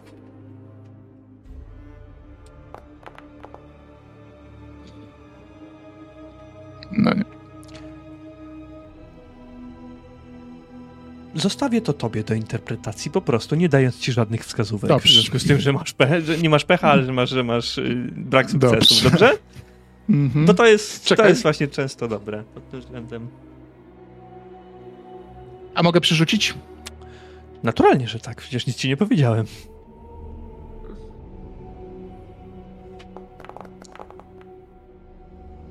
O, sukces. Em, Obserwowałeś ją przez ten cały czas. I jesteś pewny, że nie ma żadnych takich niekontrolowanych tików nerwowych. Mm, Nie mówi w nerwowy sposób. Może bardziej w, taki, w takim stanie podniecenia trochę jest, że was widzi, że Mhm. jednak, przy- jednak przyszliście. No ale ciężko by byłoby tutaj, żeby, żeby was oszukiwała i kłamała, tym bardziej, że podała bardzo racjonalne podejście do, do sprawy. Więc na tej zasadzie, co możesz teraz, Franc, odczuwać, to to, że dziewczyna mówi prawdę jak najbardziej. Tym bardziej, że powiedziała jeszcze o tym, że upiekli jej ojca Mhm. piecu. No dokładnie. To było takie potwierdzenie, to faktycznie podała dosyć. Karsto, Karsto, musisz być naszymi oczami i uszami w łojówkach. Y, Dobrze, a mam jakoś przekazywać informacje? Em, Potrzebujemy jedzenia, zaopatrzenia. Nasze, nasze zapasy się kończą, więc Ale jeżeli spokojnie. mogłabyś też troszkę piec dla nas, wtedy przychodziłby ktoś, mogłabyś przekazywać informacje. Ja i tak piekę od rana do wieczora, także no myślę, że parę bochenków to, to nie jest problem, ale jakby trzeba było więcej, no to już może być trudno, bo oni Nie, tak nie. zabierają Nie. dużo. Na razie Parę wystarczy. No, Na, na razie wystarczy niewiele. Jeżeli się da, jeżeli się nie da, te, też się nie da, trudno. E, najważniejsze, naj, najważniejsze, żebyś przede wszystkim słuchała i patrzyła. Wszystko, co może wydawać się dziwne, co, co może się przysłużyć sprawie. Jeżeli, tak jak powiedział, tak jak powiedział Franz, jeżeli, jeżeli nie będzie, nie będzie możliwości odłożenia bochenku dla nas, to, to nie ryzykuj. Dobrze. To jedno, a drugie, ustawimy, ustawimy jakiegoś gońca pomiędzy nami, tak, żeby faktycznie ktoś mógł być tutaj częściej. E, dwie sprawy. Pierwsza, powiemy tam, Może jakiegoś Una- elfa. może jakiegoś elfa też się znajdzie. Mamy Ustalimy-. Ustawimy, to już nie moje, nie mnie osądzać. Ustawimy jakiegoś e, gońca. Ja przekażemy tam u nas twoją propozycję o zatruciu im chleba. Wie, uwierz mi, że nadejdzie ten dzień, że zemścisz się i wszystkie one zgniją od tego, od tego chleba. Z, zaatakujemy ich, ich własną, ich własną bronią. Dziewczyna aż podskakuje z zadowolenia z tego. Nareszcie czekałam na to bardzo, bardzo długie dni. E, jestem szczęśliwa, że będę mogła e, pomóc. Mm, Mam, Masz kontakt z ludźmi. Mam, mam tak? dużo tej trucizny, e, jakby co. Dobrze. Dobrze, masz kontakt z innymi ludźmi tutaj? Czy tutaj się coś dzieje? W sensie, czy ktoś próbuje się przeciwstawiać im? Albo Nie, w Może nie nie. W łojówkach zostali tylko farbiarze, piekarze. No a tak to niewiele ludzi już zostało. a czy ci farbiarze też jakoś się przysługują im? No nie, no farbę, farbę robili. E, oni pracują fizycznie, ale są ci, co są grzeczni, to mogą wracać do domów, a ci, co są niegrzeczni, to są spędzani do takich zagród Mhm. dużych. Mm. Dobrze. Na razie nie ma co może roz, roznosić wieści. Na razie kontaktujmy się, miej oczy otwarte i wyczekuj dnia, aż będziemy mogli ich wszystkie zatruć. Dobrze. Dokładnie. Czekam na informacje. Oczywiście. Dobrze, bywaj, bywaj w zdrowiu. Karsto. Y, a czyli jest szansa, że przyślecie elfa? Tak, Jest powiemy. szansa. Powiemy, żeby przysłali elfa. Dobrze, dobrze. Dawno nie widziałem żadnego. Opuszczacie to miejsce. Y, a chcecie chleb? Tak. I Karsta wynosi wam taki duży, okrągły bochenek z jeszcze chrupiącą skórką, ciepły. Proszę, weźcie. Albo, albo jeszcze jeden i wrzuca wam do takiej torby. glinianej. Oj, Macie. nie, tak żeby one się nie zorientowały. Nie, nie, nie, nie. Spokojnie, dopiero zaczęłam piec. Mam jeszcze dużo czasu. Dobrze, Dobrze. będziemy w kontakcie. Drzwi się zamykają, a w tym smrodzie i brudzie łojówek teraz zaczyna się roznosić dodatkowo z waszej torby przyjemny zapach ciepłego, świeżego chleba. Słucham Ja tylko chci- chciałem jeszcze powiedzieć, że kiedy, kiedy idziemy, Alice, tak strzeżonego i tak dalej, ja bym chciał, żeby te bochenki najpierw Daubler zobaczył. Żeby to nie było tak, że nie my będziemy truć, a nas będą truli. Nie wierzę w to, że ona mogłaby nam teraz dać zatrute bochenki, no ale jak chcesz. Ale Ja wolę być zastanawia mnie jeszcze jedna rzecz. Pewny. Więc, wiesz, mhm. odkąd nie weszliśmy do łojówek, w sensie odkąd jesteśmy w łoj- w łojówkach, czujesz? Cały czas jesteśmy obserwowani. W Łoju- tak jak powiedział Walter, w łojówkach jest jakiś przywódca. Jeżeli chcemy go znaleźć, nie możemy się skradać. To musi być Robin, ale czy chcemy go znajdować, Franz? Na razie nie wiem jeszcze. Nie wiem, czy konszachty ze skawenami to jest to, co, czego właśnie chcę. Wróćmy może do naszych. Przekażmy, co mamy do przekazania. Niedługo Orwell będzie miał wielbicielkę. Możliwe. Może, może być już zazdrosna. Dlaczego miałabym być zazdrosna, Franz? Przecież mam męża. Jak się nazywa? A nie, no przecież wiem, jak nazywa się mój mąż. Dobrze. Ostatnio ci się pomyliło. Ach, bo... A, nieważne. A Dobrze. poza tym, wydaje mi się, że ona jest zbyt żywa dla... Może to za określenie. Zbyt energiczna. Zbyt energiczna. Zbyt Dla- żywa to ona jest dla. Google i Skell na pewno, ale Tak, to na pewno. Z- Jest zbyt energiczna dla Orwella. Jemu potrzeba kogoś spokojniejszego. Dobrze. Dobrze, Alice. dobra.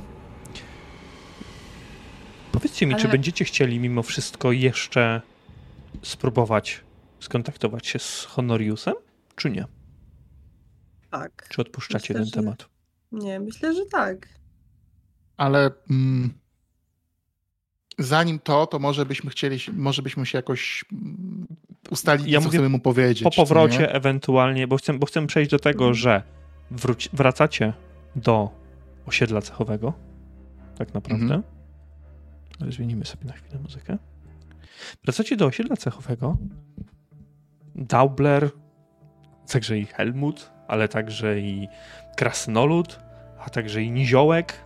Będą patrzeć na te chleby dookoła nich, czy wszystko jest w porządku, po czym y, Niziołek zdecyduje się go spróbować. I Mhm. jak najbardziej okaże się, że jest jadalny. Minie trochę czasu, nie ma z tym żadnego problemu. Karsta zdecydowanie nie, nie otruła was, nie zatruła niczego. Do tej pomocy także została pra- prawdopodobnie wykorzystana Irmgard jako akolitka Szalii, więc komicznie musiało wyglądać to zbiorowisko nad dwoma buchnami chleba, ale one zostały wkrótce bardzo szybko, bardzo szybko podzielone i słuch o nich zaginął, że tak, że tak powiem. A Irl informację o nowej sojuszniczce przyjął z zadowoleniem.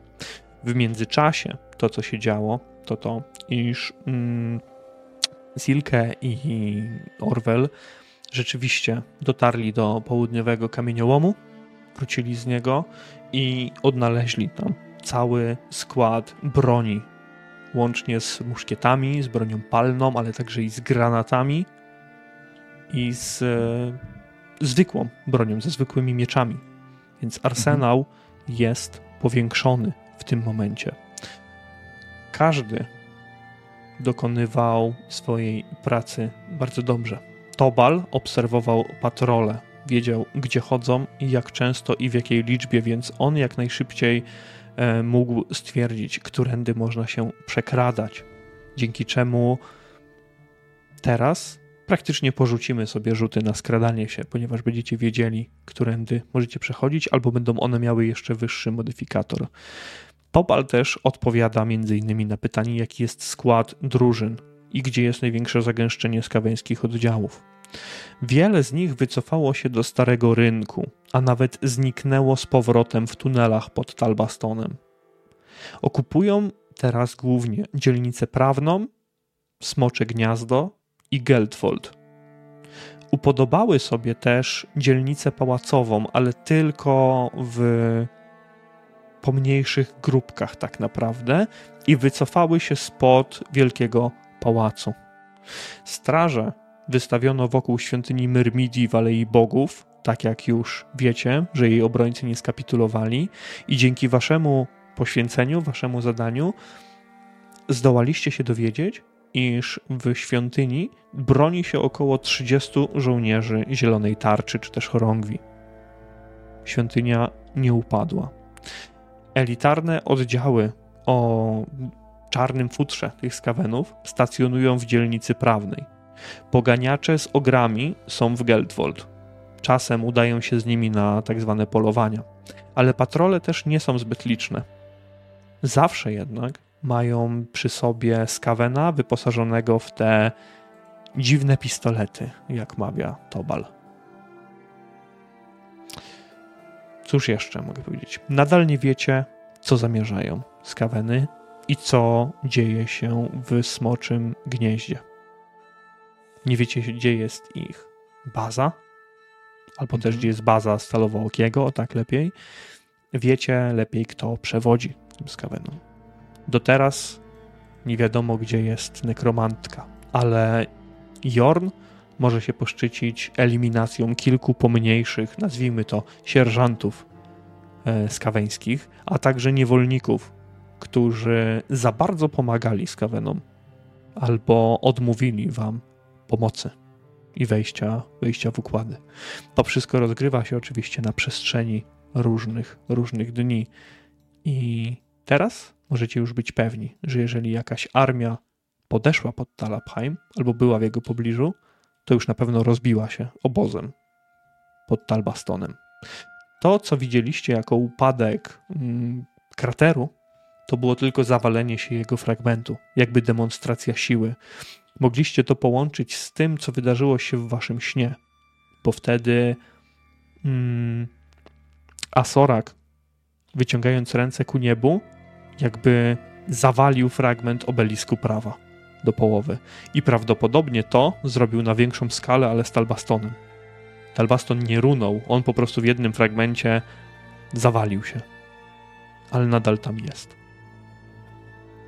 Coraz więcej czasu spędzała z wami Zelkę. Pytała się bardzo dużo świątynię, o to, co widzieliście. Wypytywała. Orwell nie był zadowolony z tego, że ma znowu tarzać się w łojówkach, ale jeżeli ktoś z was naciskał na to, no to się zgodził z pewnością. Elis nie naciskała na pewno. Co ciekawe, bardzo dużym zainteresowaniem e, dotarcia do tej piekarni wykazywał się Jorn. Ale to w waszej kwestii będzie, czy pójdzie tam Orwell, czy pójdzie tam Jorn. Ja bym był za Orwellem. Ja nie ufam temu przestępcy. Niziołek co prawda też powiedział, że chętnie chciałby pójść i spróbować wypieków, ale to po prostu niziołek. I chyba nikt go nie wziął poważnie pod uwagę. Co ciekawe, Tobal często przekradał się, z tego co wam mówił, do Talgarten i ze wzgórza doktryn spoglądał na oranżerię, na morze róż, w którym kiedyś pracował. Tak bardzo tęsknił za tymi różami, że nie mógł sobie wyobrazić, wyobrazić życia bez niego. Girl i właścicielka manufaktury często siedzieli i planowali. Nie byli już w kwiecie wieku, więc ciężko im było rozmawiać. A ty, Franz, mogłeś zauważyć, że wasza rycerz zielonej tarczy, ty może nie, ale bardziej Elis. Bardziej Elis jako kobieta mogła zauważyć, że wasza pani rycerz ma się ku Francowi. Mniej czy bardziej. o, ja już to widzę. Dobrze. Na pewno, na pewno Elis powiedziała o tym Francowi, że Franz. Co myślisz o Silke? Jest dobrym rycerzem. A podoba ci się? Bo wiesz, ty się jej podobasz. Myślę, że ona byłaby dla ciebie idealna. Bylibyście wspaniałą parą. Franz, O, już na... Franz, słyszysz w głosie Elis głos swojej matki sprzed kilkunastu dni tak naprawdę, która... Nie wiem, czy nie masz dość swatania już jak na jeden miesiąc i to jeszcze pod oblężeniem przy upadłym mieście. No ale cóż, cóż na to, cóż na to poradzimy. Zaraz wam jeszcze oddam ten, ten moment, w którym możecie sobie porozmawiać, ale możemy e, przejść ewentualnie do waszej próby skontaktowania się z e, inżynierem. Chyba, że porzucacie ten plan.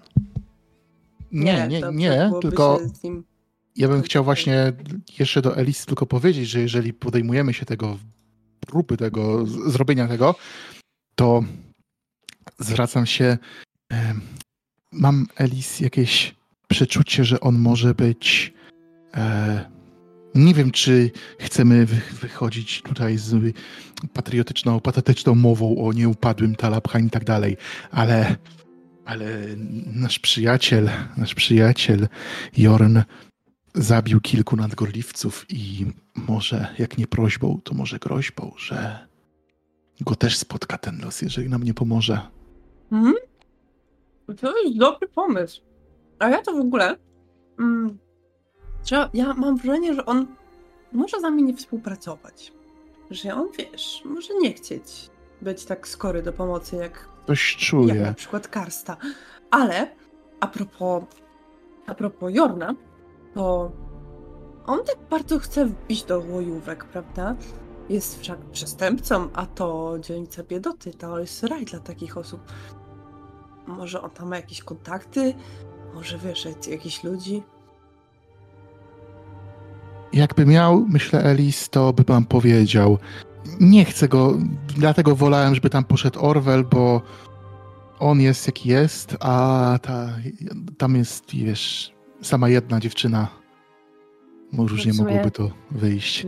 Taki ork mógłby jej zrobić krzywdę. No.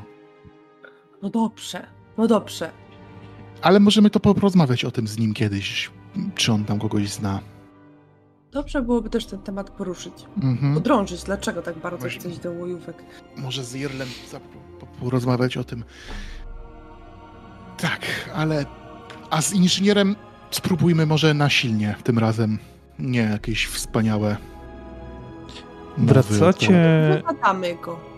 Dobra, w porządku, przepraszam, wam przerwałem, ale przechodząc dalej. Wracacie do question.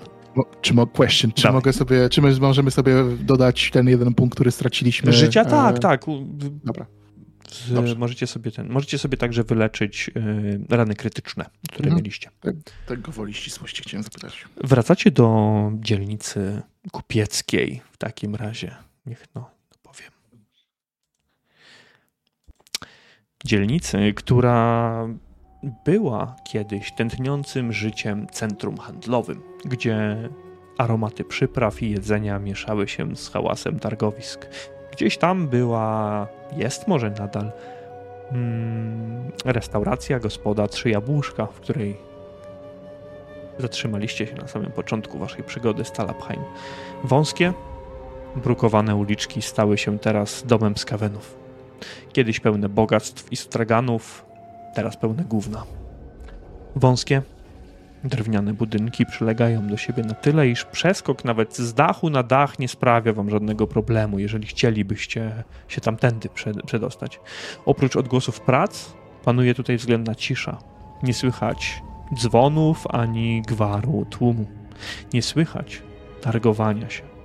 Widzicie potężne zagrody, zarówno dla niewolników, jak i coś w rodzaju ogromnych placów budowy, większych i pomniejszych.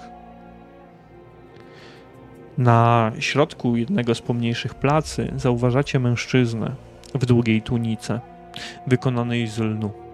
Na nią zarzucony ma płaszcz, który chroni go od padającego deszczu. Na głowie miał lekko przekrzywiony kapelusz, który mu teraz spadł, on go podniósł z błota, a przy pasie przewieszony ma zestaw linijek, kątowników, młotek, jakiś nożyk i przyrządy pomiarowe. On ma ze sobą także kawałek drewna, dość szeroki, na którym rozbity ma jakiś pergamin teraz. I widzicie, że sięga po przyrządy miernicze, którymi zaczyna coś odmierzać, patrząc się na tą dziwną konstrukcję. Elis, ja bym poczekał. Jak i zdybał go w jakimś może w jakimś miejscu odosobnionym. Dobry pomysł. Dobry pomysł. Na razie pamiętaj, że na początku zaczniemy miło, może nie od razu z wielkimi przemowami o uratowaniu miasta, ale wiesz, żeby nie było. Nie od razu z pięściami. Mm, Myślałem o tym właśnie pięściami, ale no niech. Niech ci. Ja bym zaczął z pięściami, żeby dać mu. Później możemy się bawić w. Mm, może tak. Daj mi szansę, a jak będzie, jak nie będzie to szło, to możesz z pięściami, dobrze?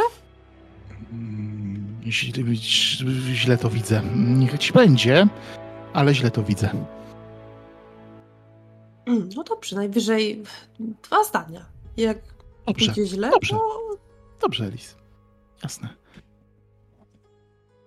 No dobrze, więc będziemy się czaić gdzieś i czekać na takie dogodne miejsce, żeby go właśnie skubnąć gdzieś w jakimś ustronnym miejscu.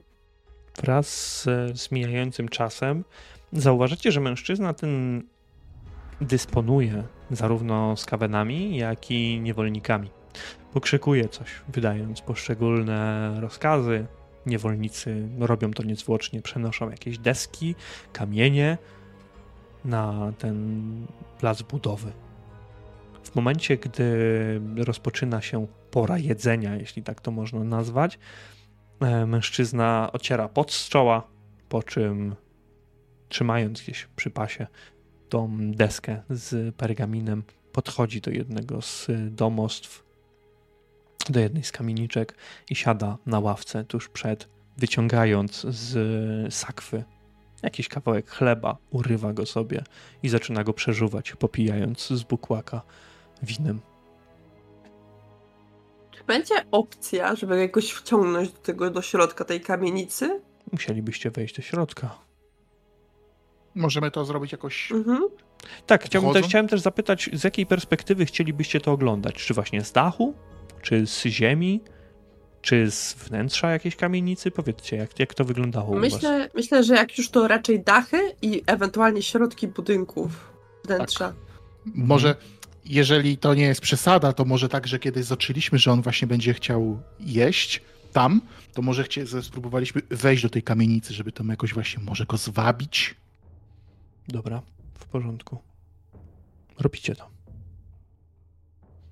Widzicie, że wnętrze tej kamienicy jest hmm, zamieszkiwane prawdopodobnie przez kogoś, kto mm, odbył nauki na czy to na uniwersytecie, w jakiejś szkole, ponieważ jest tutaj dużo papierów, jakieś księgi, e, ale od razu łączycie fakty i widzicie także e, przyrządy miernicze, jakiś młotek, cyrkiel, e, sztalugę z jakimiś planami prawdopodobnie. Drzwi nie będą żadnym problemem, tak samo jak i, jak i okno. Ale mężczyzna no nie siedzi przed drzwiami, a siedzi na ławce, Mhm. ławce obok, więc tutaj zostawiam wam decyzję, co chcecie z tym zrobić. Tylko najpierw y, ja bym chciał wziąć te rzeczy, te plany. Y, To z łatwością pergamin sobie zrolujesz w taką tubę. To są duże dość plany, no bo to jest duża karta, tak jakby, pergaminu. To nie jest co, ja, karteczka. Tak, y, ja ją mogę nawet zgiąć. Proszę bardzo. Ważne, żeby ona przeżyła. Dobra, nie, żeby, dobra. żeby ją schować, żeby ona nie wadziła, ale żeby ona przetrwała to. Dobra, dobra. Porywasz ją po prostu z tego, zrywasz i, i, i wciągasz sobie, y, y, wkładasz ją sobie do, do plecaka czy do sakwy. Nie ma z tym kompletnie żadnego problemu. Elis, można spróbować zaryzykować i wiesz, zrobić tutaj jakiś drobny hałas, żeby on może, może wejdzie, ale może też równie dobrze zawołać straż z kawenów i wtedy będzie problem. Wtedy będziemy musieli uciekać, bo przecież Mhm. te plany zabrałeś. Ale no spróbujmy, nie ma co, nie ma co krzyczeć, ani poszeptywać po pożarze, od razu pójść po skawę. Dokładnie. Zróbmy, zróbmy jakiś hałas, coś przewróćmy i tak dalej. Zbijmy kubek może. Ja przyjmuję też, od razu przepraszam, że się wam wtrącam, ale to ta pracownia, te plany były na piętrze i wy dopiero schodzicie na dół i tam jest Tak, taka tak. jadalnia, kuchnia, coś takiego. Dokładnie tak. Może od razu nie kubek, ale może coś przesunąć, krzesło jakieś albo stół. Kubek Dobra. to wiesz, Nie ma, to nie ma żadnego problemu z tym. To jest zwrócenie uwagi, nie musicie kombinować Dobra. jakoś bardzo. Ale czy to przesuwacie stół, czy strącacie coś? Mężczyzna przegryzając coś go. Kurwa, mówiłem, żeby nie wchodzili do domu. Ja, ja bym chciał się ukryć, może tak, żeby Eli, to- sorry, że tak w ogóle e, się jeszcze wcinam, ale tak, żeby może Elis, ty żebyś była jakoś bardziej na widoku, Tak, a ja się widoku. ukryć, Dobra. ukryć, Mhm. tak, żeby go zajść i biorę sztylet w rękę. To Tak, e, rzućmy sobie na skradanie. Przepraszam od razu, Elis, zaraz powiesz. Rzućmy sobie na skradanie przeciwstawnie do jego percepcji. Dobrze? Ja Plus- bym chciała się, y, no rzucaj. Jakiś plus? E, nie, na zero sobie rzucimy, bo to będzie przeciwstawny. Ja bym się chciała ustawić w takim miejscu, żeby on mimo wszystko musiał wejść do środka, żeby mnie zobaczyć. Że on mnie z progu nie zobaczy. Dobrze, dobra, to tutaj nie musisz rzucać w żadnym, żadnym wypadku. Mm. On ma plus jeden w tym momencie. Mhm. Możesz jeszcze przerzucić? Nie. Jak nie ma już punktów, no to nie przerzuci. Ale dobrze. Mężczyzna, mężczyzna wchodzi do środka i kiedy zamyka drzwi za sobą, praktycznie, odwraca się w stronę tego stołu, który jest przestawiony. Halo! Szczury, mówiłem, że nie ma. Macie nie wchodzić do mojego domu. Halo! Co tu jest? Ja bym się chciała wyłonić z, e, z cienia. Dobry. Panie A! Kippenberg. Spokojnie, spokojnie. Nie chcę panu zrobić krzywdy. Chcę tylko porozmawiać. On się zaczyna nerwowo rozglądać gdzieś do, dookoła, jakby nie wierzył w to, że jesteś sama. Mhm. No i prawdopodobnie Francon cię wyłapie gdzieś, gdzieś kątem Mhm. oka. Tak, Ja wychodzę, więc wychodzę i chciałbym go tak mm, też... Dzień dobry. się cofa. E, Nie jesteście, nie jesteście niewolnikami. Spokojnie. Czego tu chcecie? Poro, porozmawiać chcemy tylko. To niebezpieczne. Wiemy, Mogę zacząć krzyczeć.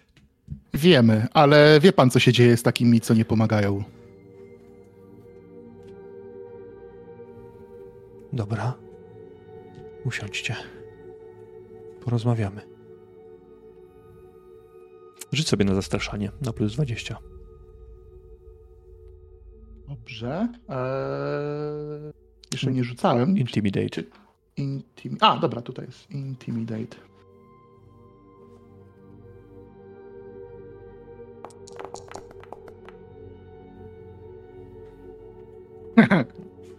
Cóż ja mogę? Cóż ja mogę w takiej chwili, drodzy Państwo? To naprawdę niebezpieczne tu przychodzić. Oczywiście, oczywiście, że niebezpieczne, ale potrzebujemy z panem porozmawiać. Dobrze, ale zaraz muszę wracać do pracy. Oczywiście, dlatego przejdźmy od razu, już przejdźmy do, do, do dyskusji. Widzieliśmy, że jest pan kimś znacznym tutaj. Zarządza pan tą budową. Tak, jestem oni brygadzistą. Co oni każą panu zbudować? Dokładnie. Co budujecie? Myślałem, że wszyscy już to wiedzą. Pracują nad olbrzymimi trebuszami i innymi machinami oblężniczymi. Nakazały wyrąb drzew. Dalgarten. Piękny ogród już praktycznie opustoszał. Niemożliwe. Nie. Drewno jest ciosane na powiększenie zagród dla ludzi oraz na te machiny. Ale nawet ja nie znam ich przeznaczenia. A co, wie pan, co się dzieje w Smoczym Gnieździe? Dlaczego, dlaczego Asorak tam przybywa? I czy wie, czy wie pan, gdzie, gdzie mają siedzibę swoją? Gdzie on jest? Stolowooki przejął podobno kilka budynków w dzielnicy prawnej, ale nie wiadomo dokładnie które. Zdaje się, że Mhm. porusza się między nimi a Smoczym Gniazdem. Iskrzak, jego pomocnik, patroluje miasto, wizytując place budów o każdej porze dnia i nocy. On nigdy nie sypia praktycznie. Rozumiemy. A czy, Czy w Smoczym gdzie jest? Mhm, no Czy, w- czy w Smoczym Gnieździe też jest jakaś budowa? Czekaj.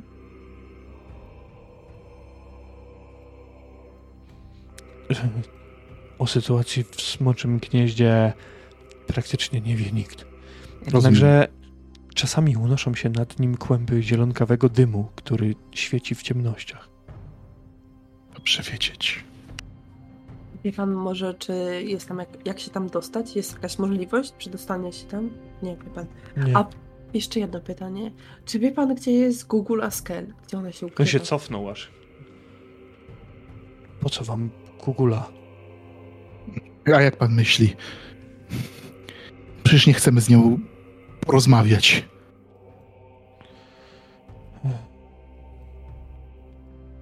Wie pan coś? Pomoże nam to. Zajęła wielki pałac. Stolowooki czasem wysyła do jej nowego domu dostawy zmarłych niewolników. Ale teraz czyni to rzadko, gdyż skaweny pożerają od razu większość. Przeklęte bestie. Przeklęte bestie. Dobrze. Dobrze, panie Kippenbergu.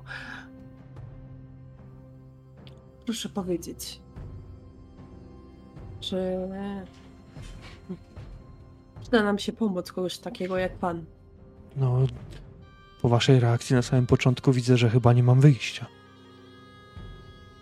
Zawsze, Trochę ma, ta- za, zawsze ma pan jakieś wyjście. Trochę tak, ale wie pan. Tak to wygląda w takich czasach. Niestety, nie wszyscy. Niektórym ludziom spodobało się służenie szczurom. Mam nadzieję, że pan nie jest takim kimś. Patrzę się na was. Nie, ale bardzo cenię sobie swoje życie. Rozumiemy to. Ja też jestem zdania, że nie ma co umierać nadaremno w bezsensownych aktach heroizmu. Czego oczekujecie? Informacji. chcielibyśmy, żeby pan zbierał informacje. Przekazał nam. Bądźmy w kontakcie po prostu. Nie będziemy pana narażać. Nie chcemy też właśnie przychodzić tutaj co chwilę, żeby, żeby szczury nie złapały nas, bądź pana. Tak samo dbamy o nasze życie, jak i o pańskie. Może jakieś, może mówmy jakieś miejsce. Jeżeli pan coś będzie miał, niech pan zostawia nam informację. Jakoś Umiemy wdarliście się do mojego domu. Raz się. Może pan na dachu coś zostawić? Ewentualnie? Myślę, że mogę. Przy kominie. Dobrze. Dobrze. Umiemy czytać i pisać, więc nie będzie problemu. Tutaj nie jest bezpiecznie. Powinniście iść. Wiemy. Elis, niech pan się, niech pan pilnuje się i uważa na siebie. To wy się pilnujcie. Przekażę jakieś informacje, jeśli tylko będę coś wiedział. Dobrze. Dziękujemy. Dziękujemy. Pomoc jest tutaj nieoceniona. Jeszcze jedno. Tak. Uważajcie na Asoraka i nie wchodźcie mu w drogę. Ale uważajcie też na Iskrzaka. To ich inżynier, ale ma pewną słabość. Jaką? Na plecach ma zamontowaną całą maszynerię. Stał się nią. Bez niej nie ma Iskrzaka. Nadal jest niebezpieczny, ale nie musi myśleć o funkcjach życiowych, bo aparatura na jego plecach robi to za niego, przerabiając zielony kamień na płyn. On może się skupić na walce. On nie musi spać. On może emitować coś jakby w rodzaju dziwnych wyładowań, ale także zielonego ognia. To niebezpieczny przeciwnik. Dobrze. Ale podatny na, na fortel. Dobrze, dziękujemy. Dziękujemy panu bardzo. Niech Niech pan, pan- uważa na siebie. I wraca do pracy. On wychodzi, Schodźmy. on wychodzi jako pierwszy ze swojego domu. po Tak, tak, tak. My chwilę A my- czekamy. Tak, Suf, tak. Dach, dachem będziemy Tak, uciekać. ale myślę, że to już chwilę po prostu jeszcze, wiesz, żeby, żeby to nie było tak, że...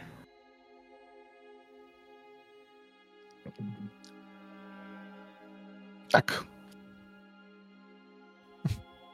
Przepraszam, Dobrze. bo tutaj coś... Uciekacie. W takim razie. Gdzie konkretnie? Do siebie chyba, póki co. Na swoje... Do bazy, Dobrze, dobrze. jeżeli tak to można nazwać, żeby przekazać. Bo Francowi przychodzi do głowy, mm, że ta aparatura może jakby ją ustrzelić z muszkietu. Mhm. Jakby ktoś się zaczaił i strzelił. Może być po iskrzaku. Może być po nim. To prawda. Zrobimy sobie jeszcze jeden przeskok. W tej historii, jeśli pozwolicie. Po przekazaniu informacji. Praktycznie niewiele się zmieniło przez najbliższe kilka dni. Mieliście dużo więcej sojuszników, ponieważ werbunek wśród niewolników także trwał. Dość wyselekcjonowany, ale trwał. Ocaleli żołnierze czy rzemieślnicy poczęli przyłączać się do ruchu oporu i wkrótce niemalże browar, ale i manufaktura poczęły być zbyt małe do tego, aby utrzymać wszystkich. Wasze starania jednak powiększyły zasoby, jeśli chodzi o jedzenie, broń, informacje. Wciąż jednak zostały wam do zrealizowania przynajmniej dwa zadania. Jedno nekromanckie, a drugie takie, które nawinęło się gdzieś po drodze. Związane z pewnym szczurem, który bardzo, ale to bardzo nie lubił Asoraka. Pierwszy raz od najazdu z Kawenów, kilka dni później, gdzieś już powoli w okolicach 13 dnia miesiąca, możemy przyjąć, że jest 9 albo 10. zostały wstrzymane prace na placach budów, a wasi szpiedzy donieśli wam, iż z okolic Smoczego Gniazda w stronę Talbastonu wystrzelono z dziwnych trebuszy ogromne szklane kule wypełnione zielonym gazem. Wystrzelono cztery kule w, w odstępie kilku minut między każdym przeładowaniem. Ostatnia z nich roztrzaskała się na samym szczycie Talbastonu, nie przelatując nad nim. Rozmawialiście w waszej grupie w manufakturze o tym, iż chcą tego użyć do walki na dystans. Zamierzają przerzucać pociski ponad Talbastonem, prawdopodobnie dlatego oczekiwały armii imperialnej pod Talabheim. Nie macie łączności z armią. Nie macie wystarczająco wiele ludzi, aby otwarcie zaatakować. Ale jak mawia Irl, możemy płynnie przejść do tej sekwencji. Musimy korzystać z dywersji. Najlepszym rozwiązaniem w tym wszystkim byłoby zniszczenie sprzętu w smoczym gnieździe i zabicie Soraka oraz tego iskrzaka. Tak? Tak, tak. Należy wykorzystać każdą pomoc. Nawet myślałem o tym dawno, długo, od dawna. Myślałem o pomocy skawenów walczących przeciwko sobie. Trzeba porozmawiać z tym ropniem. Niesamowite. Jakich sojuszy można zawrzeć w takich sytuacjach? Trzeba porozmawiać z ropniem, to prawda. W tym momencie odzywa się Mhm. Gopfert. Na, na misję, zadanie powinni iść tylko ludzie.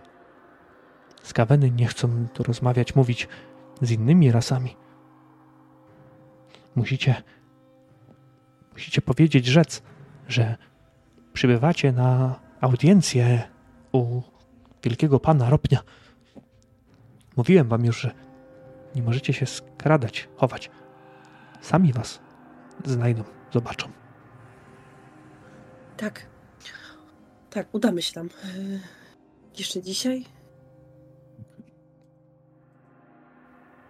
Tylko oni będą chcieli coś w zamian, prawda? Oczywiście, że będą chcieli. Moja, Ech, propo- moja propozycja jest taka, Tak? jeżeli mogę, Alice, Elis, potem, potem ty powiesz. y, Moim zdaniem można zaproponować coś takiego. Razem zabijamy Asoraka i tego jego następcę, I z krzaka. i skrzaka, i wszystkich jego, jego, jego szczury. I wracamy do tego, do statusu quo. Oni są na dole, my na górze. Tak jak było wcześniej. Oni mają swoje miasto pod Talabheim, my mamy swoje miasto w Talabheim. Wydaje tak mi się, że spróbować. i tak nie jesteśmy. Nie mamy lepszej pozycji negocjacyjnej w tym momencie. A ty co myślisz, Beloku? Właśnie. E, Nie układałbym się z tymi szczurami pod żadnym względem, ale no jak trzeba, to trzeba. Walterze, a ty byłeś, Tak, tak. byłeś blisko nich. Myślisz, że, że Ropieniowi się to spodoba? Taki układ? Bardzo tak. To dobry plan. Dobry plan, zamiar. Trzeba wykorzystać. Słabość. Masz jeszcze, jakiś, masz jeszcze jako, jakąś, jakąś radę dla nas? Trzeba prawić komplementy, dobre słowa, mówić dużo. Dobrze, dobrze. Ale takie, W tym jestem doskonała. takie skaweńskie. Czyli, że jakie? Trzeba chwalić pana rozkładu, No, nurglicza pana Nurglicza. wielkiego i mówić o wielkiej smarodliwości pana Ropnia. Czy mam ch- pochwalić jego ropnie, jeśli takie ma? Tak, tak, tak. Dobrze. Wszystko, co Dobrze. brzydkie i co rozkładające, trzeba chwalić, mówić. Nie mówić o sile. On nie ma siły, on choroby. Zgnilizna. Dobrze. To Dobrze. on. Można pochwalić tą zarazę, która przyszła na Talabheim? Można trzeba. Dobrze, dobrze, dobrze, tak zrobimy. Dziękujemy, Walterze. Trzeba powiedzieć, że jesteśmy pod wrażeniem, pod wrażeniem tego, co zrobił. Tak, jak nas zdziesiątkował. Będzie, będzie trzeba mu pokazać to, że no byłeś, hmm, to dziwnie zabrzmi, ale pobłogosławiony jego chorobą. Tak, i że ledwo przeżyłem. Tak, Że byłem, nigdy w życiu nie byłem tak chory. tak, Dobrze, Elis. o bogowie. Jeszcze takich komplementów chyba nigdy nie prawiłaś. Ale podołam temu wyzwaniu. Zawsze podołuję. Podołuję. Nie ma takiego słowa, ale to nic nie szkodzi. Słyszycie jakąś szamotaninę przed budynkiem manufaktury. No ja bym chciała wyjrzeć tak za, wiesz, za zasłony tak delikatnie. Wyglądasz ze zasłony i zauważasz Jorna, który stoi na środku drogi Mhm. i trzyma Tobala za włosy. Okej, chcę wyjść. Elis wychodzi. Jornie, Franz? co ty robisz?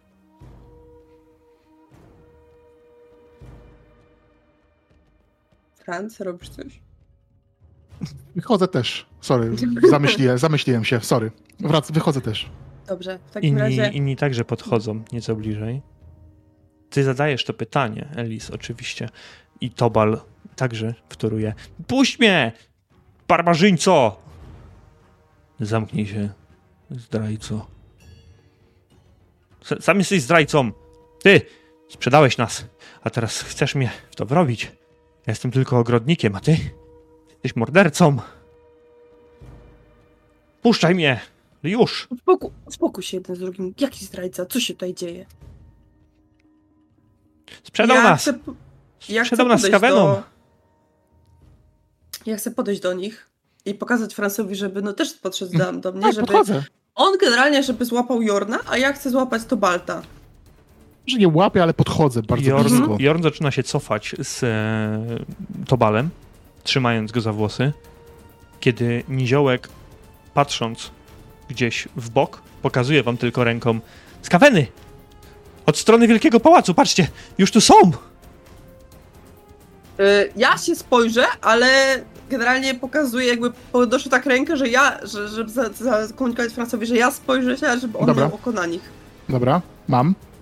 I widzisz mały pododdział szturmoszczurów, które maszerują jednym, jednostajnym wręcz tempem w waszą stronę. O bogowie, rzeczywiście. W tym momencie Rzeczywiście. słyszycie także krzyk, ponieważ Tobal wyciąga sztylet, który wbija w nogę Jorna, który podupada na jedną nogę. Niziołek robi dwa kroki w waszą stronę, ale momentalnie skręca i zaczyna biec w stronę skawenów. Jorn podnosi się i wyciągając sztylet z rany, ciska nim prosto w plecy Tobala, który opada na ziemię. W tym momencie jednak roznosi się głośny huk wystrzału z pistoletu i Jorn z ziejącą dziurą w klatce piersiowej pada na wydeptaną ziemię. Tuż obok was.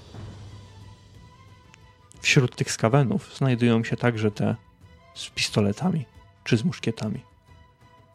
Ja bym Szybko, chciała czym prędzej Wracajcie do środka. Mhm. Do środka. Wbiegacie do środka, a drzwi zamykają się momentalnie.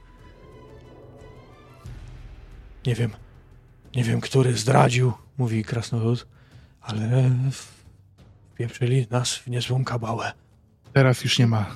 Nie, teraz już się nie, do, nie dowiemy, który zdradził. Jest stąd inne wyjście? Musimy u, przemieścić się. Tak, jest. Możecie wyjść pod ziemiami. Do... A wy? A wy? Wszyscy, wszyscy musimy uciec, cały. Musicie wyjść pod ziemiami do browaru, następnie udać się do Ropnia. W tym momencie odzywa się Selkę. Wykonujcie swoją misję. Znajdźcie tego skawena, a my zajmiemy się obroną. Damy sobie radę, kupimy czas. Uwierzcie Tak mi. dziś... Dobrze. No dobrze, ruszajmy, Franz. Tak zrobimy. Nie ma co czekać. I ruszamy. Ruszcie się. Eee, gdzie jest mój młot? Czy ktoś widział mój młot do cholery? I w środku zaczyna się robić mały, małe zamieszanie. Irl. Helmut i reszta spoglądają na was, tylko kiwając głową, trzymając jakiś oręż w dłoniach. E, Orwell schodzi teraz ze szczytu schodów, uśmiechając się w stronę, w stronę Elis, po czym wyciąga jeden ze swoich mieczy, patrząc się na ciebie, Elis. Moje ostrze zatańczy pomiędzy nimi, śpiewając pieśń o was, przyjaciele. Orwell, tylko nie rób nic głupiego. A najwyżej stracę drugi miecz. Ale mam jeszcze lepiej- zęby. Bylebyś głowę nie stracił. On się Ja uśmiecha. biorę, Mhm. ja łapię Elis, żeby zakończyć to ckliwe, ten ckliwy moment i żeby iść, zrobić to, co mamy zrobić, bo czasu szkoda. I kiedy obracasz Elis w swoją stronę, w twoje ramiona jeszcze wpada Selkę, która przytula się do ciebie, Franz, dość mocno. E, Poradzicie sobie. Wierzę w was. Po czym odchodzi trochę, jakby poprawiając swoją szatę. E, No, i spogląda jeszcze na, na Elis. Szybko. Spokojnie, przypro przyprowadzę ci go z powrotem i ja po prostu chcę, wiesz... Ruszam, ja biegnę. Nie ma, nie ma czasu na takie coś. Teraz. W oblężonym Talabheim. Dobrze. Przebiegacie pod ziemiami. Najpierw do browaru, czekacie na dobry moment, aby udać się do łojówek znowu. Mhm. Dobrze, przejdziemy sobie do tych łojówek. Przeskakujemy trochę dzisiaj, ale taka jest koncepcja też scenariusza. Co chcecie zrobić, powiedzcie mi? Kiedy znajdziecie Ja się to- już w łojówkach? Ja to widzę tak, że wychodzimy na ulicę mm, Łojówek i że raczej no przechadzamy się. E, można nawet powiedzieć, jak wchodzą- wchodząc w jakieś właśnie załuki, mówiąc, że e, no chcemy, przechodzimy na audiencję, do, na audiencję do pana, pana rozkładu. Ja to widzę nawet, że nie musimy ci nic mówić, tylko po Mhm. prostu idziemy Tak, tymi ulicami. W ogóle nie ukrywając się.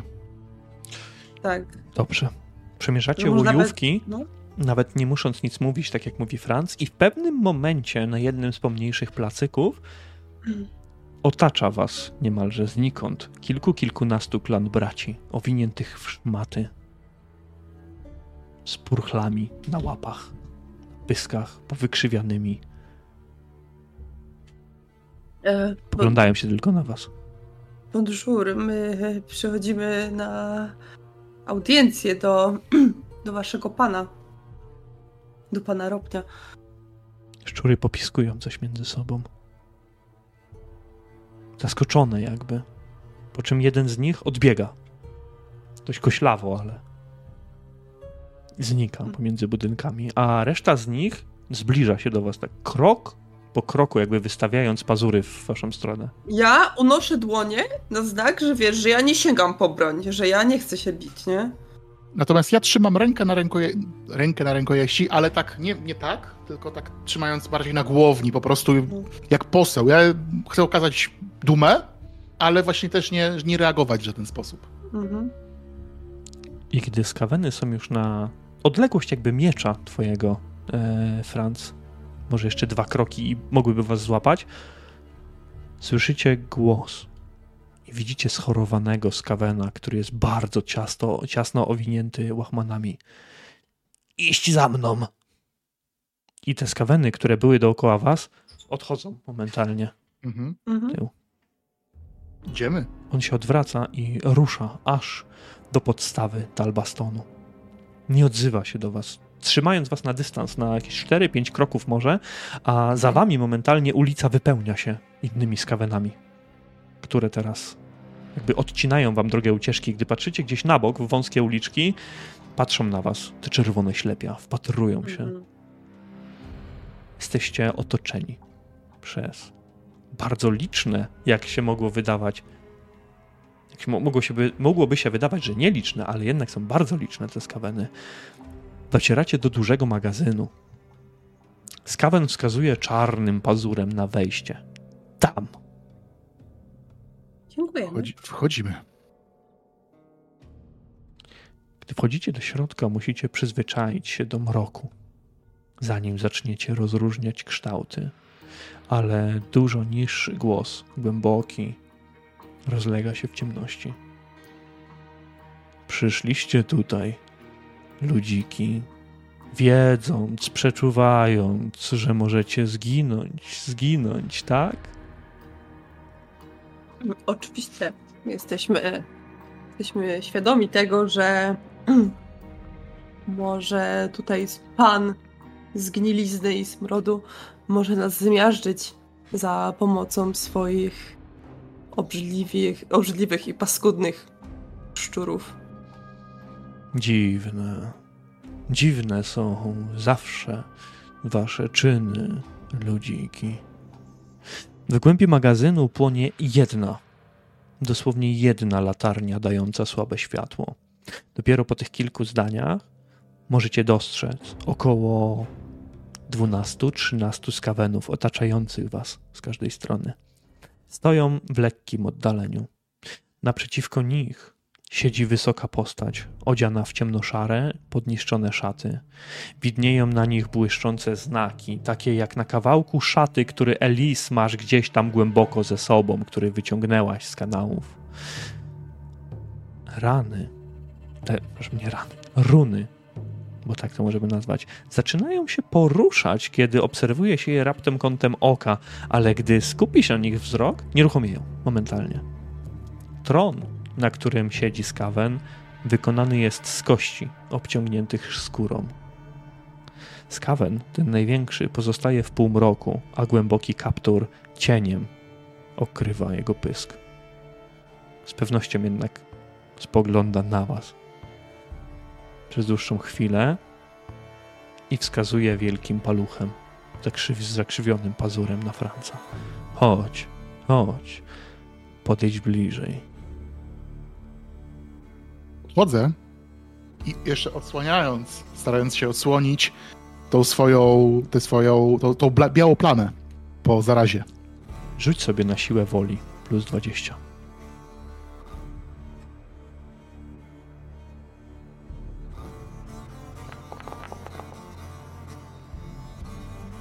16. Targnęło tobą wewnątrz, jakbyś chciał teraz zwymiotować wszystko, ponieważ odór zgnilizny, jaki czujesz od tego szczura, nie czułeś go nigdy w życiu. Jednakże to wszystko, co ci podchodzi z powrotem, kiedy próbowałeś pokazać tą plamę, musiałeś się zatrzymać aż na krok, ale słyszysz tylko cichy śmiech ze strony tego skawena. Kiedy podchodzisz nieco bliżej, on wyciąga łapę w twoją stronę i tak jakby na jego rozkaz on tylko wodzi pazurem, a ty musisz pokazywać swoją twarz na mhm. lewo i na prawo. Mhm. Opowiedz tak. mi o tym, mój słodki, słodki. Jak się czułeś? Czy twoje wnętrzności były palące, gorące, czy raczej lodowato zimne? Wiedz, że nigdy nie byłem tak chory jak wtedy. Jednocześnie trzęs, trzęsło mnie zimno i byłem rozpalony wewnątrz. Oblewały mnie poty, musiałem wsadzać sobie do ust kołek, żeby nie przegryźć własnego języka. Naprawdę niesamowita była to zaraza. Niesamowita. To prawda. Piękna. Rozkładająca. A ty, słodka, czy dostąpiłaś daru? Od niestety, Niestety, niestety nie. nie. Nie miałam, nie miałam tej przyjemności zachorować. On Chociaż... Przerywa ci w tym momencie. Podejdź. I nie mówi tego do ciebie, a mówi do jednego z Kawena, który występuje hmm. i ma na tacy dwa kubki Jeśli dla ciebie to przyjemność, wystarczy, że wypijesz, a zaborujesz jak nikt inny.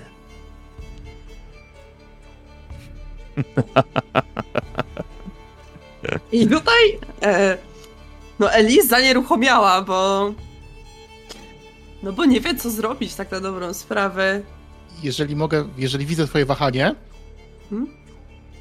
racz wybaczyć, wielki sprawiedliwy panie, ale z tym, co przychodzimy, może, wybacz, śmiałość, ale może nie, nie czas, żeby moja towarzyszka chorowała i była chor, obłożnie chora, bo przychodzimy do ciebie.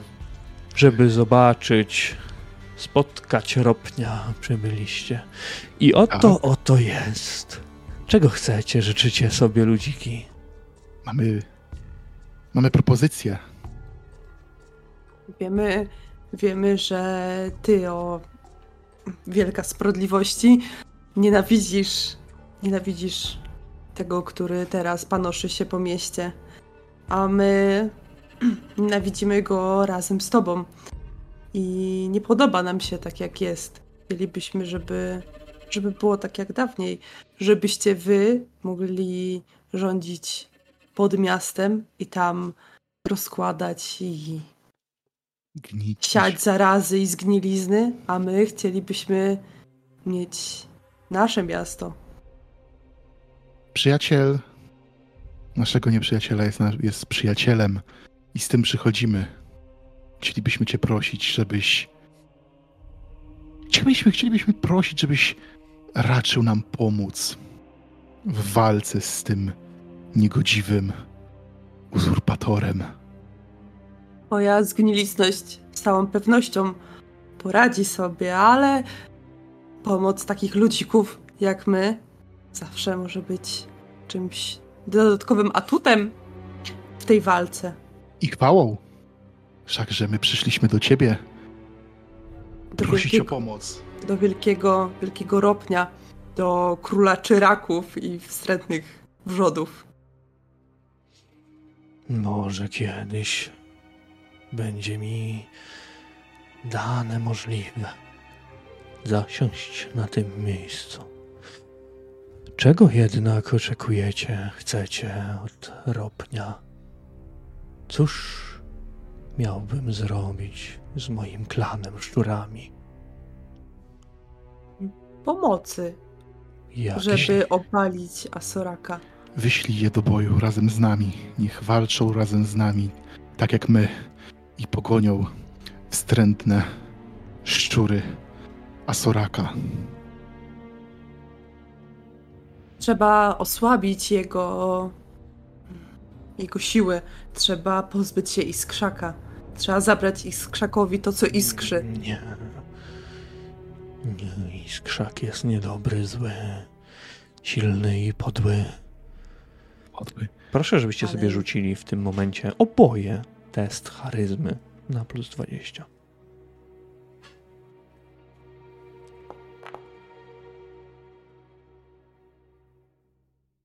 Już rzucam. Wiesz co, ale ja mam sukces, ale ja mam jeden, jeden punkt sukcesu. Tak. Ale to jest ważny moment. Pamiętaj, Ja że możesz, możesz przerzucić, a możesz na przykład punktem szczęścia dodać sobie punkt sukcesu. Jeden. Ale mi zależy na tutaj bardzo krytycznej, krytycznym sukcesie, więc mogę spróbować przerzucić, aczkolwiek zależałoby mi. Chciałabym też w razie czego spalić punkt bohatera. jeśli Możesz, ale jak się nie uda, to będzie gorzej, nie? No, Bo przerzucasz teraz jakby udany test w tym momencie. tak. Ale czy jak go przerzucę, to mogę mimo wszystko spalić punkt bohatera? Tak, oczywiście. Dobra, to tak chcę zrobić.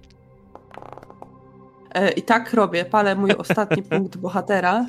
E, Chyba jest to ostatni, tak. Dobrze, w porządku. E, I chcę sobie ustawić krytyczny sukces, tam chyba dziesiątka na przykład. Jedenastka. Jedenastka. o. To dublet.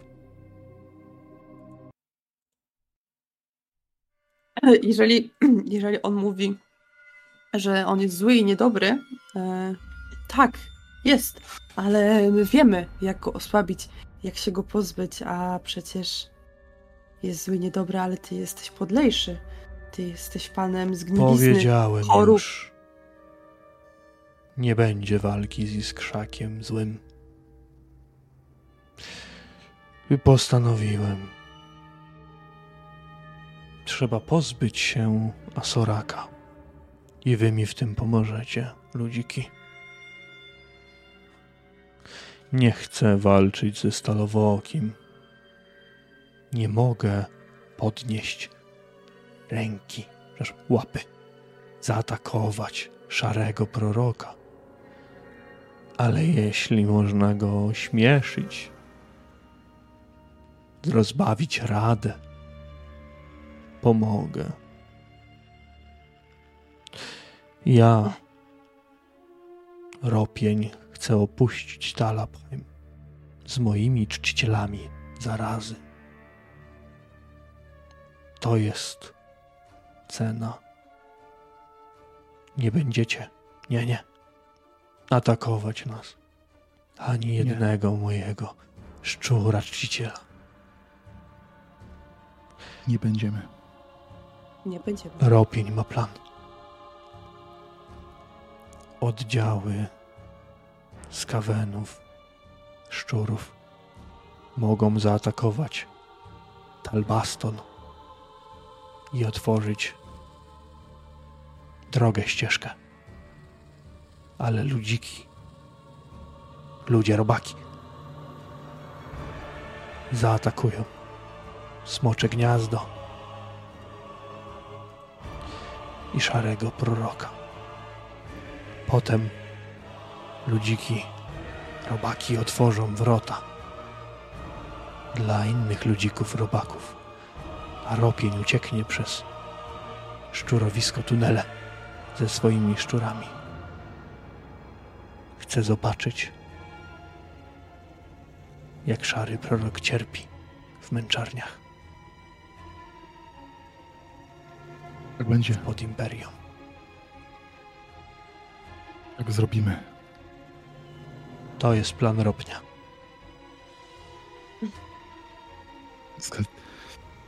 Zaiste wspaniały. Kiedy? Kiedy szczury ropnia zaatakują? Kiedy my mamy zaatakować smocze gniazdo?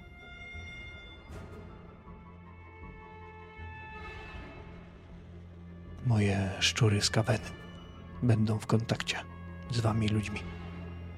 Dobrze, Dobrze. Znajdziemy najlepszy moment, czas, gdy dobrze. Morsliw Zielony na niebo wejdzie. O tak. O tak. Dobrze. A teraz, teraz, może chcielibyście. I on wskazuje pazurem na te dwa kielichy. Mogę wam pomóc. Pijcie, pijcie. Jeśli chcecie.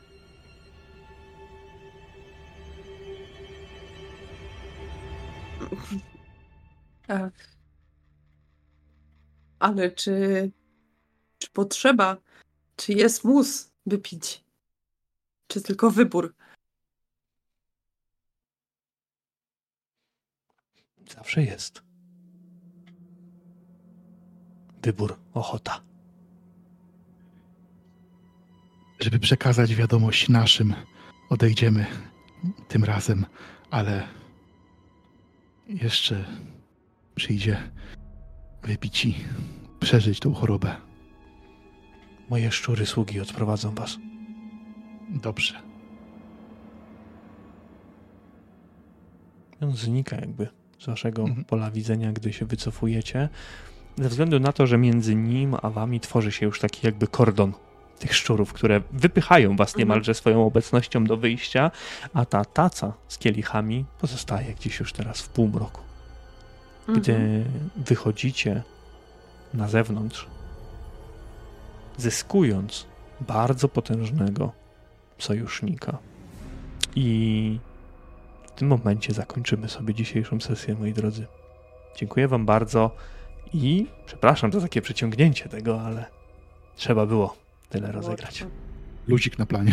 Dzięki. Dziękujemy. Dziękujemy.